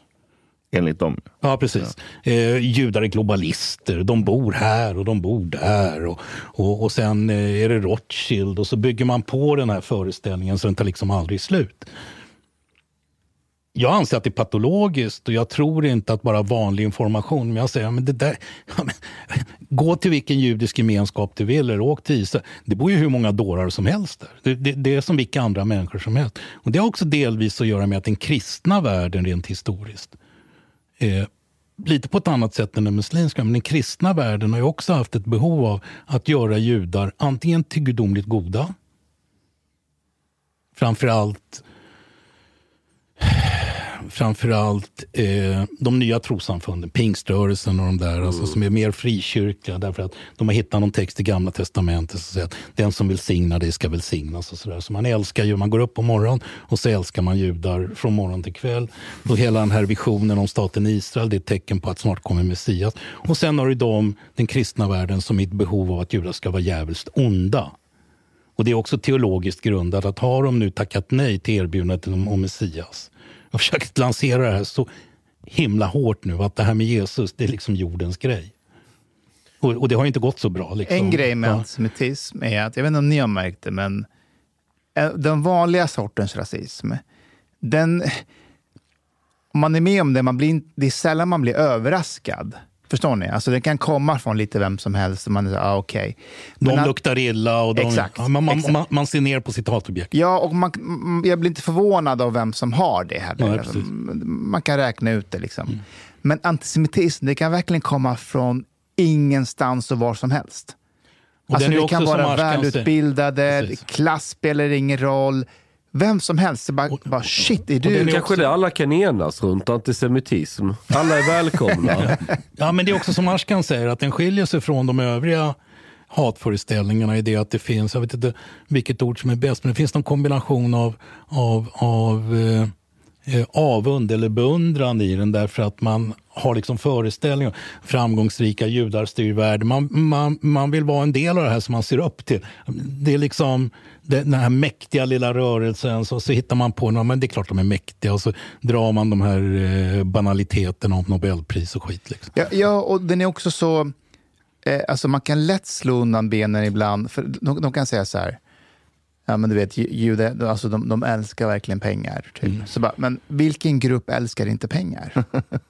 Eh, människor. Exakt. Eller, eller så här, Saints. Nej, De jobbar gratis. Mm. Ja. Eller så här, eh, judar... De, ekologiska eh, jordbruk och sådär, de, de, de gör ja, exakt. Ja, precis, får bättre värden. Eller jag har fått höra så här, men, eh, jag, jag är läkare på sjukhus och jag märker att mina judiska kollegor de tar alltid mer hand om judiska patienterna. De får Mm. alltid mer vård, alltid mer uppmärksamhet. Och det är så här, Ja, men fan, det gör väl alla andra minoriteter också? Alltså om afghaner, om en läkare kommer en afghan, då blir de ju också plötsligt, åh, är det afghan man hjälper till? Och, Fast vänta, hur menar de då att de får bättre vård? Är det så här, de, de tar bort lite mer av cancern för att det är en judisk patient? Det är ju inte det det handlar They om. get a smile! Ja, exakt. De får ett leende, kanske utbyter några ord. Exakt. Och det är är som de att, inte på om jag, det, det är kostnadsmässigt, att man kan få dyrare vård? Är det inte det de menar? För Dyrare det ser man ju på att det De- finns ju forskning på att visa att vissa personer får ju mer vård, dyrare vård. Jag säger inte att judar ger mer, men... men det finns ju, det finns ju Alltså, jag, klassaspekt jag, det. jag, jag är besvärad av den här typen av avslöjanden. det, det hade jag hoppats att vi skulle slippa. Vi kunde Nej, hålla men det lite. finns klassaspekt att, att de som är mer integrerade, de som kan mer, begär mer och vissa andra erbjuder Men vi mer. Alltså, pratar om judar ju, här. det, Jo, men då menar jag på att det finns ju, alltså, de andra sidan, kritiken menar på att de, du ger mer vård, du ger dyrare vård till de här judarna. Jag, jag vet inte vad det ligger i, men jag menar om det är sant att, att om det kommer en person med judisk identitet till, till vården det är sant! och, och läkaren är av judisk härkomst och, och den ger den mer uppmärksamhet. Och så- Varför skulle inte en iranier också göra så? Kanske inte iranier, det var dåligt Iranier exempel. hatar ju sig själva. Ja, exakt. De skulle börja bråka med varandra. Men alla andra minoriteter de hade låtit cancern vara kvar. så, fuck you Reza. Eller du har den där andningsmaskinen där borta. Det är någon bara, slit ut den där. Så han får andas istället. But, uh, I Nu, nu med hjälp av Hanif får en massa, eh, massa eh, följare nu som kommer lyssna på det från N- Ja, ja. NMR. I, I want to go back to something Ashkan said about journalists and how quick they were with like confirming this um, this narrative of, of Hamas. Has it something to do with how WHO and the UN have also been very quick to take the Palestinian narrative? So this is, I think they, they might have gone out first, WHO and UN, and, and um, fördömt det hela. Ja, Men de, de, de fördömde händelsen, de, men de sa aldrig vem det skulle kunna vara, korrekt? Uh, I'm not so actually sure. Eller jag I kanske think, missat I det. think they made it appear to be as if Israel has done it. And but but didn't you notice that they have been taking like a not very Israeli friendly stance? Varför tror du att det är så? Vilka? Uh, WHO and UN. Varför tror du, Omar, att det är så? Jag har en teori. Jag har en teori. Har du märkt det? Jag, har, alltså jag tycker bara på SVT hur de basunerar ut att, att en diskussion, både igår och idag, en diskussion om vilken sida har rätt. Är det Israel, är det eh, Hamas? Bara det i sig tycker jag är absurt. Alltså det, det går inte att jämföra dem. Men jag har en teori om att om inte vissa typer av medier är med och försöker kabla ut den palestinska eller Hamas-versionen, då kommer allmänheten frågasätta deras trovärdighet. Och därför så måste man få in den narrativet, vare sig man vet att vad fan, det finns ju bortom all rimligt tvivel. De ser ju Missilerna har filmats, det finns ju ljudupptagning och allting, men ändå så försöker de balansera upp det för att ha en Alltså, trovärdighet. jag, jag blev väldigt störd av en presskonferens som Magda Gad delade. Alltså, jag behövde se tre sekunder så bara, men det här är ju inte sant, det här är ju sensatt. Men har ni sett den? Det är, en, det, det är på, det Den på är sjuk- sjuk. Det är på sjukhuset, eller på parkeringsplatsen. Så den börjar med att det är en presskonferens, det är en läkare, någon sjuksköterska, eh, så, zooma in på dem. Det är podiet och det är liksom från midjan uppåt på dem. Sen zoomar den långsamt ut. And its body is all over the ut, place. Och så ser man hela liksom, kroppar överallt. And like Och- a couple of guys holding dead children. Ja, det är en, en snubbe som sitter under podiet och håller i ett bebis. Mm. Och, och du vet, det bara zoomar Man bara, men det är inte så här presskonferenser går till. Jo, i Hamas. ja, men hon la ut den och skrev det här är den sjukaste presskonferensen jag sett och någonting om att... Ja, men det var det nu om, om, jo, det var det nu. Och om Gud finns, eh, så vad skulle han säga? Och, och det, kom igen, du behöver inte vara... Alltså, hur fan kan man lägga ut något sånt? Och den ligger kvar på, på Twitter. Men är inte det för att de, vill, de, här, de vet medvetet, de spelar på empati och känslor. Även fast man vet att det är terrorister, Jag- även om man vet att det fabriceras, så, så funkar tror det. inte, jag tror inte att Magda Gad jag tror att hon tror att det här är på riktigt. Jag tror inte Ja, att hon... tror det eh. Alltså det, det, det, det är tyvärr... Jag vet inte vad som är värst, om hon inte trodde eller att Men när hon du säger att det är tror. på riktigt, vad menar du på att det är bara skådespeleri från alla? Presskonferensen, ja. Det är iscensatt av Hamas. Alltså, han är, Att det är iscensatt en sak, men när du säger att det är skådespeleri, är det, att det, inte- är det fejkläkare? Nej, nej, att, att det är 500 som har dött Jo, på ett sjukhus det- är ja. ingen i fråga. Det är inte det som är grejen. Nej, det är verkligen 500 som har dött. Nej, Nu det har är det siffran inte. gått ner. Va? Det är ja. Ja. Vadå? Usually they go up. they started high. Alltså, lyssna. Bara, It's only two now. samma kväll som det bombades, samma kväll kom Hamas ut med en utredning om Ja, att det var vet. 500 som hade Ja. Mm. dött. Alltså bara det borde få varningsklockorna att ringa. Ja. Men den här presskonferensen, alltså du, du, behöver, inte, du behöver inte vara en raketforskare. Okay, någon Men det, men det är ju inte alltså när du säger så här, De är det borde, få varnings, alltså det borde få varningsklockorna att ringa. Ja, kanske. Men det som jag sa någon gång tidigare här att eh, eh, den, den här, om, om, eh, om libanesisk polis eh, mördar eh, nå- några, du, hade också eh, Syriens attack på Hama exempelvis 1982 när Syrien bestämdes för att man skulle göra slut på Muslimska brödraskapet i Syrien en gång för alla och överlåta välfärden till sufierna istället. Då bombade man sönder Hama och så mördade man 18 000 människor. Då, jag hörde ingen som blev upprörd över det. Det finns i det här så mycket laddningar som av olika anledningar eh, är kopplade till väldigt, väldigt starka känslor som förklarar behovet av att så fort som möjligt när en sån här händelse sker som, alltså oavsett vad det är, att rationalisera in det i en position som gör att man kan bevara den bild man har. I en del fall vill man att det ska vara på ett visst sätt, så då händer någonting, det dör människor och så lägger man in det hur man vill att det ska vara. Och, har det, och, och det här sker på båda sidorna. Det sker på den israeliska sidan och på den palestinska sidan. Eh, alltså för de hejaklackarna som är runt. Liksom. Och när det här väl har satt sig, jag fick som jag ville undermedvetet, bilden är bevarad. Israel är en skurkstat, alla palestinier, alltså fram och tillbaka så. Så kan du inte flytta på den längre med rationella argument. Det är helt omöjligt, därför det har blivit existentiellt. Det här är en överlevnadsfråga. Att ha den här positionen och leva med den här ideologin om vem som har rätt och fel. Det är ex- existentiellt. Du måste liksom reproducera den här hela tiden med varje ny bit av information som du får.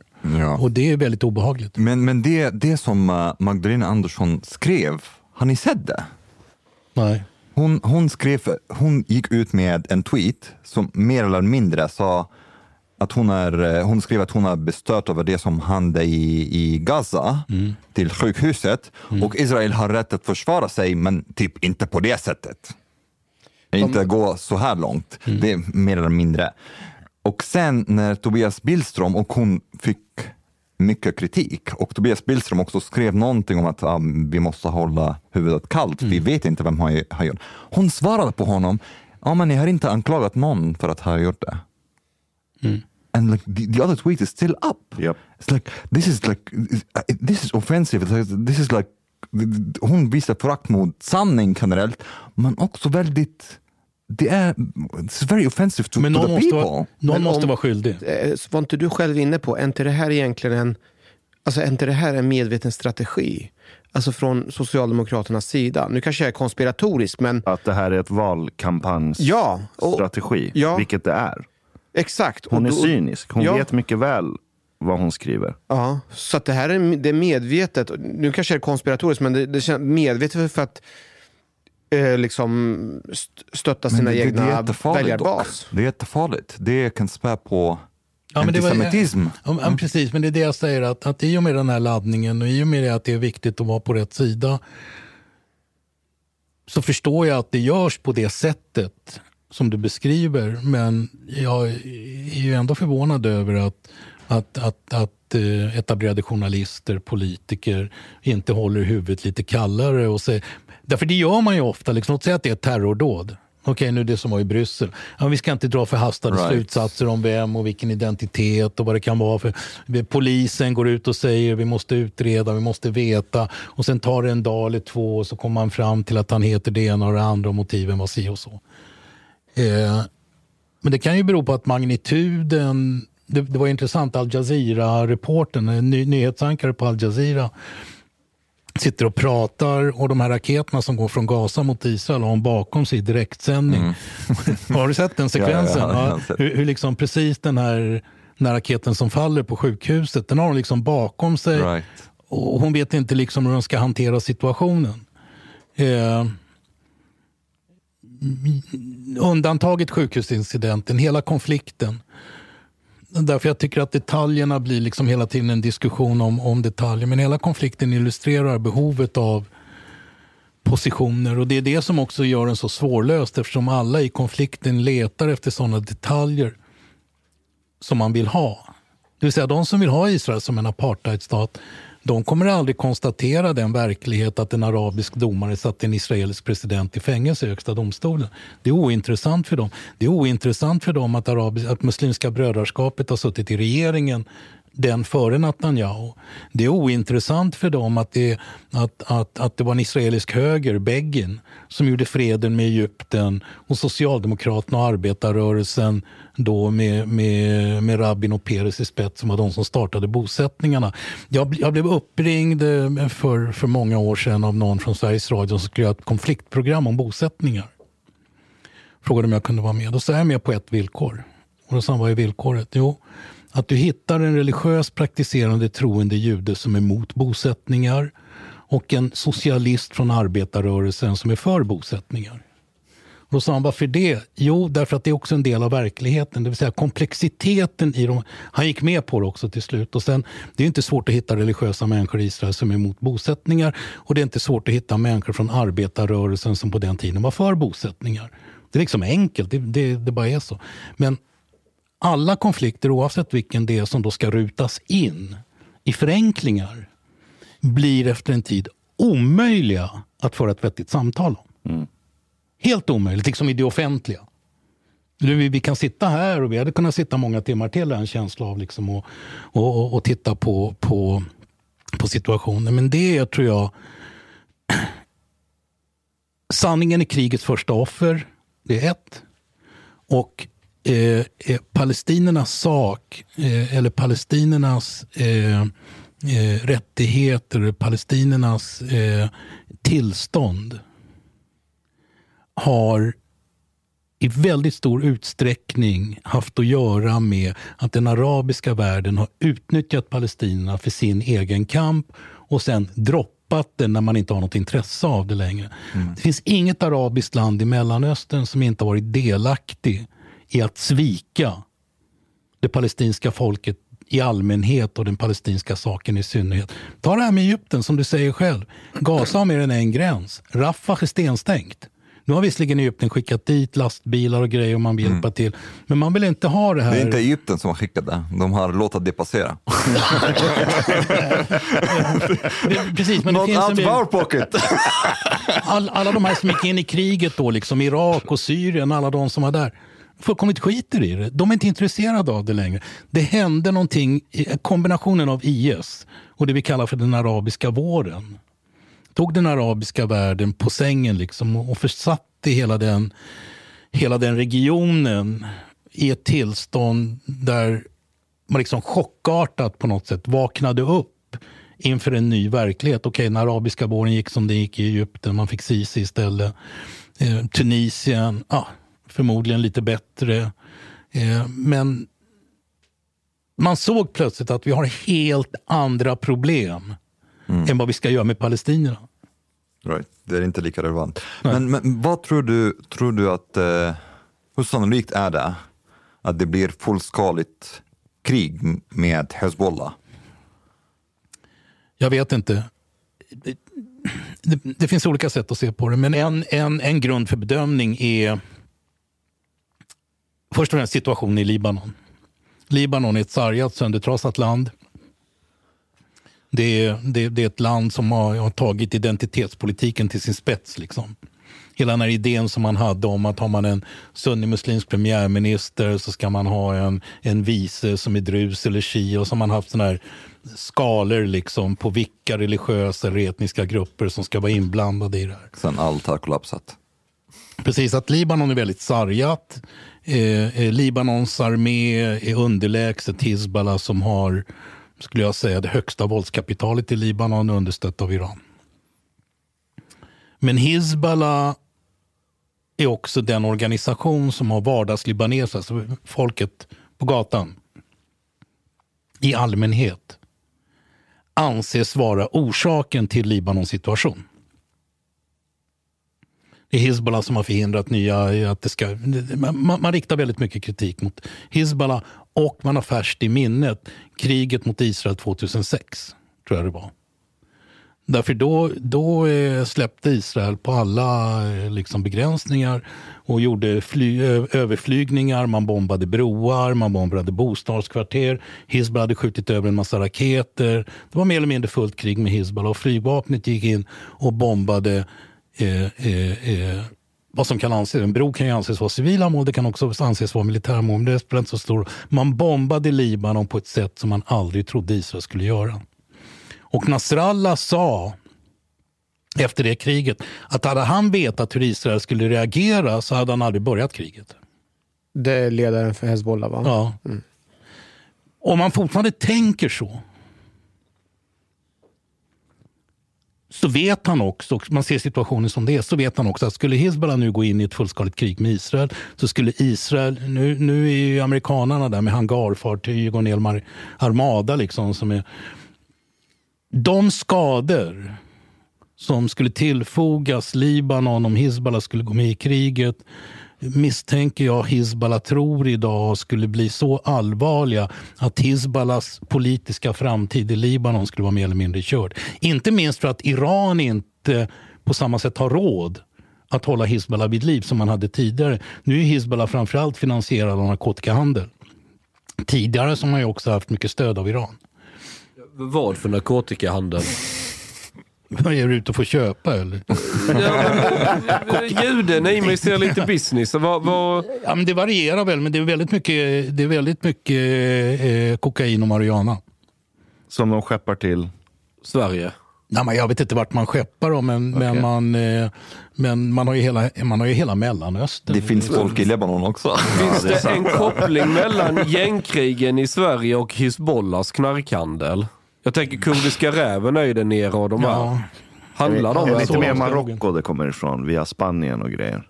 Det är ja men det, det är standard, ja, det. det. här är standard marockan, men det är ja. ingen som vill röka det. Du vill ha svart afghan, du vet den där mjuka och lukta ordentligt. Den, eh. som sagt, jag tror i alla fall att, att, att, att, att, att Hizbollah kommer vara försiktiga. Jag tror. Så det är en bluff mest, att de ja. sa att det är en bluff att eh, de sa att om, om Israel går in i Gaza så kommer de attackera, eller? Jag är väldigt... Alltså det är 50 Allt kan hända i Mellanöstern. Ja, men det vet du. Alltså Mellanöstern, mm. du kan få överraskningar. Men jag tror att det är att man irriterar Israel lite där, med, med luften är fri, man skickar några raketer, skickar någon liten terrorcell över gränsen, håller Israel upptaget med det här. Liksom. Att det skulle gå över i en fullskalig attack på Israel, både med raketer och Hizbollah-celler som går över gränsen vilket skulle leda till att Israel återigen bombar Beirut. Eh, jag börjar bli orolig för Iran. För att deras ekonomi tankar hela tiden. Mm. De har haft interna konflikter med alla demonstrationer mm. som har uppstått. Och Mullorna har ju suttit i makten jävligt länge nu. Mm. Och försökt bygga det här Shia-imperiet som mm. de drömmer om. Och just nu så har du konflikten mellan Ryssland och Ukraina som håller väst upptagna. Mm. Samtidigt som USA slog ut eh, revolutionära gardets eh, general för några år sedan. Mm. Och jag tänker om, om, du är Iran just nu och du har befolkningen emot dig, ekonomin går åt helvete. Mm. När ska de göra sin move? För att starta igång den här drömmen om Fuchia imperiet När kommer de till punkten där de tänker fuck it, vi har inget att förlora nu? och så går de full bananas. Ja, men vi, vi, vi säger att de skulle gå full bananas. Vad är full bananas i praktiken? Full bananas i praktiken vore att använda sin armé till att göra någonting. Ja, men frågan är vad? Alltså, om du säger så här att ja, men då kan de, det finns ju eh, indikationer på att de kanske har kärnvapen. Att man liksom eh, skickar en, eh, en atombomb. Det tror jag inte de har. Nej. Men armén, vart skulle den ta vägen? Hur välfungerande är den i ett land som är ekonomiskt undermåligt? De kan ju slå, ja, men det skulle du kunna säga till Ryssland också. Men de kan bomba Israel dock. Och de kan slå ut eh, oljetransporter från Saudi till resten av väst. Det kan de också slå ut ganska Ja. snabbt om de vill. Jag säger Ja. inte att det de kommer göra kommer vara rationellt och genomtänkt. Nej, nej, nej. nej men jag tror att du har rätt i det. Att, eh, problemet är väl bara det, och det är det jag tror är liksom... Om man tittar på hur Netanyahu ser ut just nu så mår han inget bra. Han har ju varit den försiktiga generalen i betydelsen att varje gång som han har varit under hela sin tid så har de här överflygningarna, de så kallade hämndaktionerna mot Gaza, de har alltid varit väldigt begränsade. Man har flygit in och så har man bombat lite mål som man kallar det för. Och så har man gått hem igen och så har man väntat lite grann. Så går det raketbeskjutningar från Gaza. Därför att Netanyahu, jag tror inte han är den politikern som vill ha en situation som han inte längre känner att han, att han har koll på. Jag tror att, att eh, den israeliska armén i allmänhet, israeliska politiker i synnerhet, har satt en målsättning som är, som är väldigt ambitiös, som är ens genomförbar. Eh, och för att visa att man är inte mottaglig för de här tidiga argumenten. Vi måste snacka om gisslan, inte snacka om gisslan. Att man har släppt helt. Att man är liksom tokig nu, så det är bäst att akta sig. Också har skapat... Ja, men det fanns någon som sa så här, men Israels arméns målsättning är nu att få folk att tro att Herren i hus har blivit tokig. Men jag tror att israeliska politiker, militär, man följer israeliska nyheter, eh, så är hela tiden spekulationen också att det här är väldigt, väldigt farligt. Men, Man men, leker med elden. Liksom. men eh, på tal om gisslan, ha, har de någon plan att få dem tillbaka? Alltså, tittar man på israeliska nyheter så är trycket från Israel väldigt stort. Det är ju 170-180 gisslan, allting från bebisar till 85 år. Vi hörde även 199 eller någonting. Ja, möjligt. Eh, De, de kommer ju med olika uppgifter. så. De är säkert utspridda i hela Gaza. Jag tror att, att eh, för Hamas del så har gisslan blivit en belastning.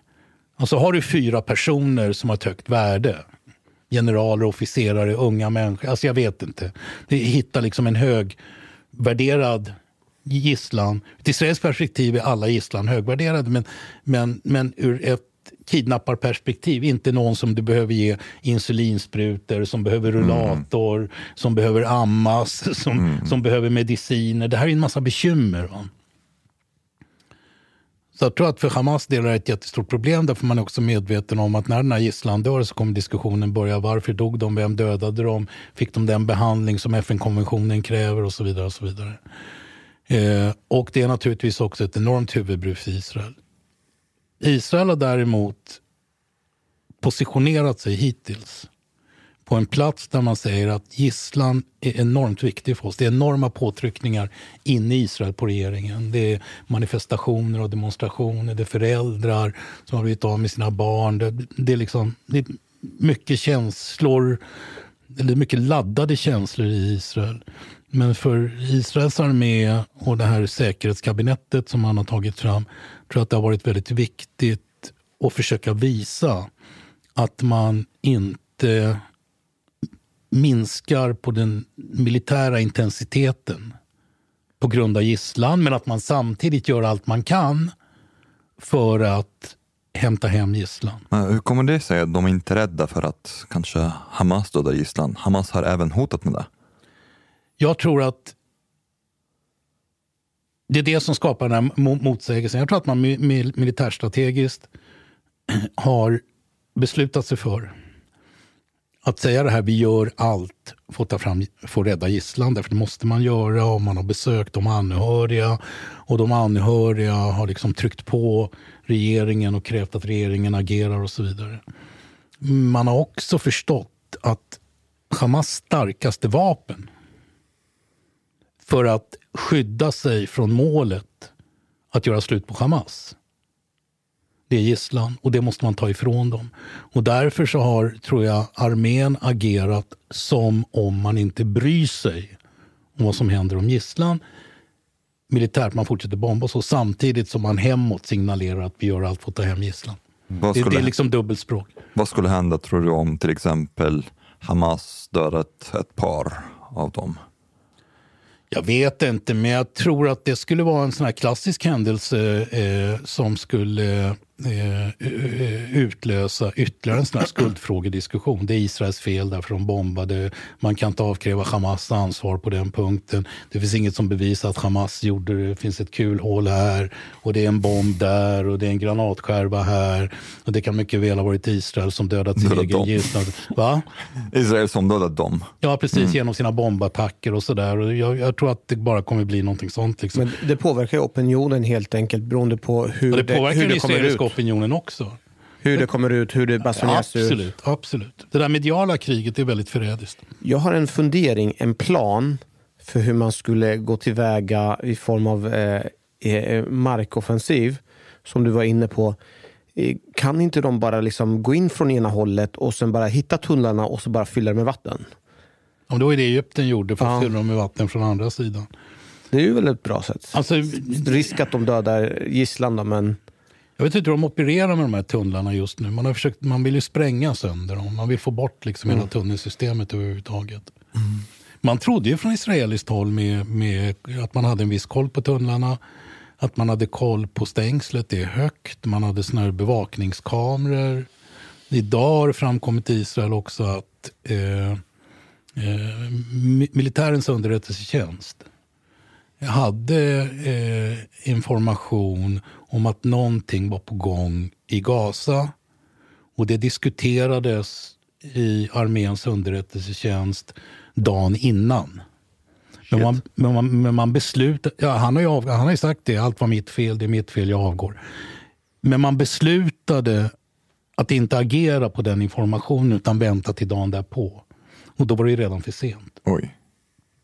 Men det är det underrättelsetjänst är. Alltså underrättelsetjänst är ju liksom att det, att det, det, det är inte att det dyker upp en information. Det är liksom ett brus av information som kommer hela tiden med allt möjligt. De var duktiga Hamas också. De har ju släppt information till Islamiska Jihad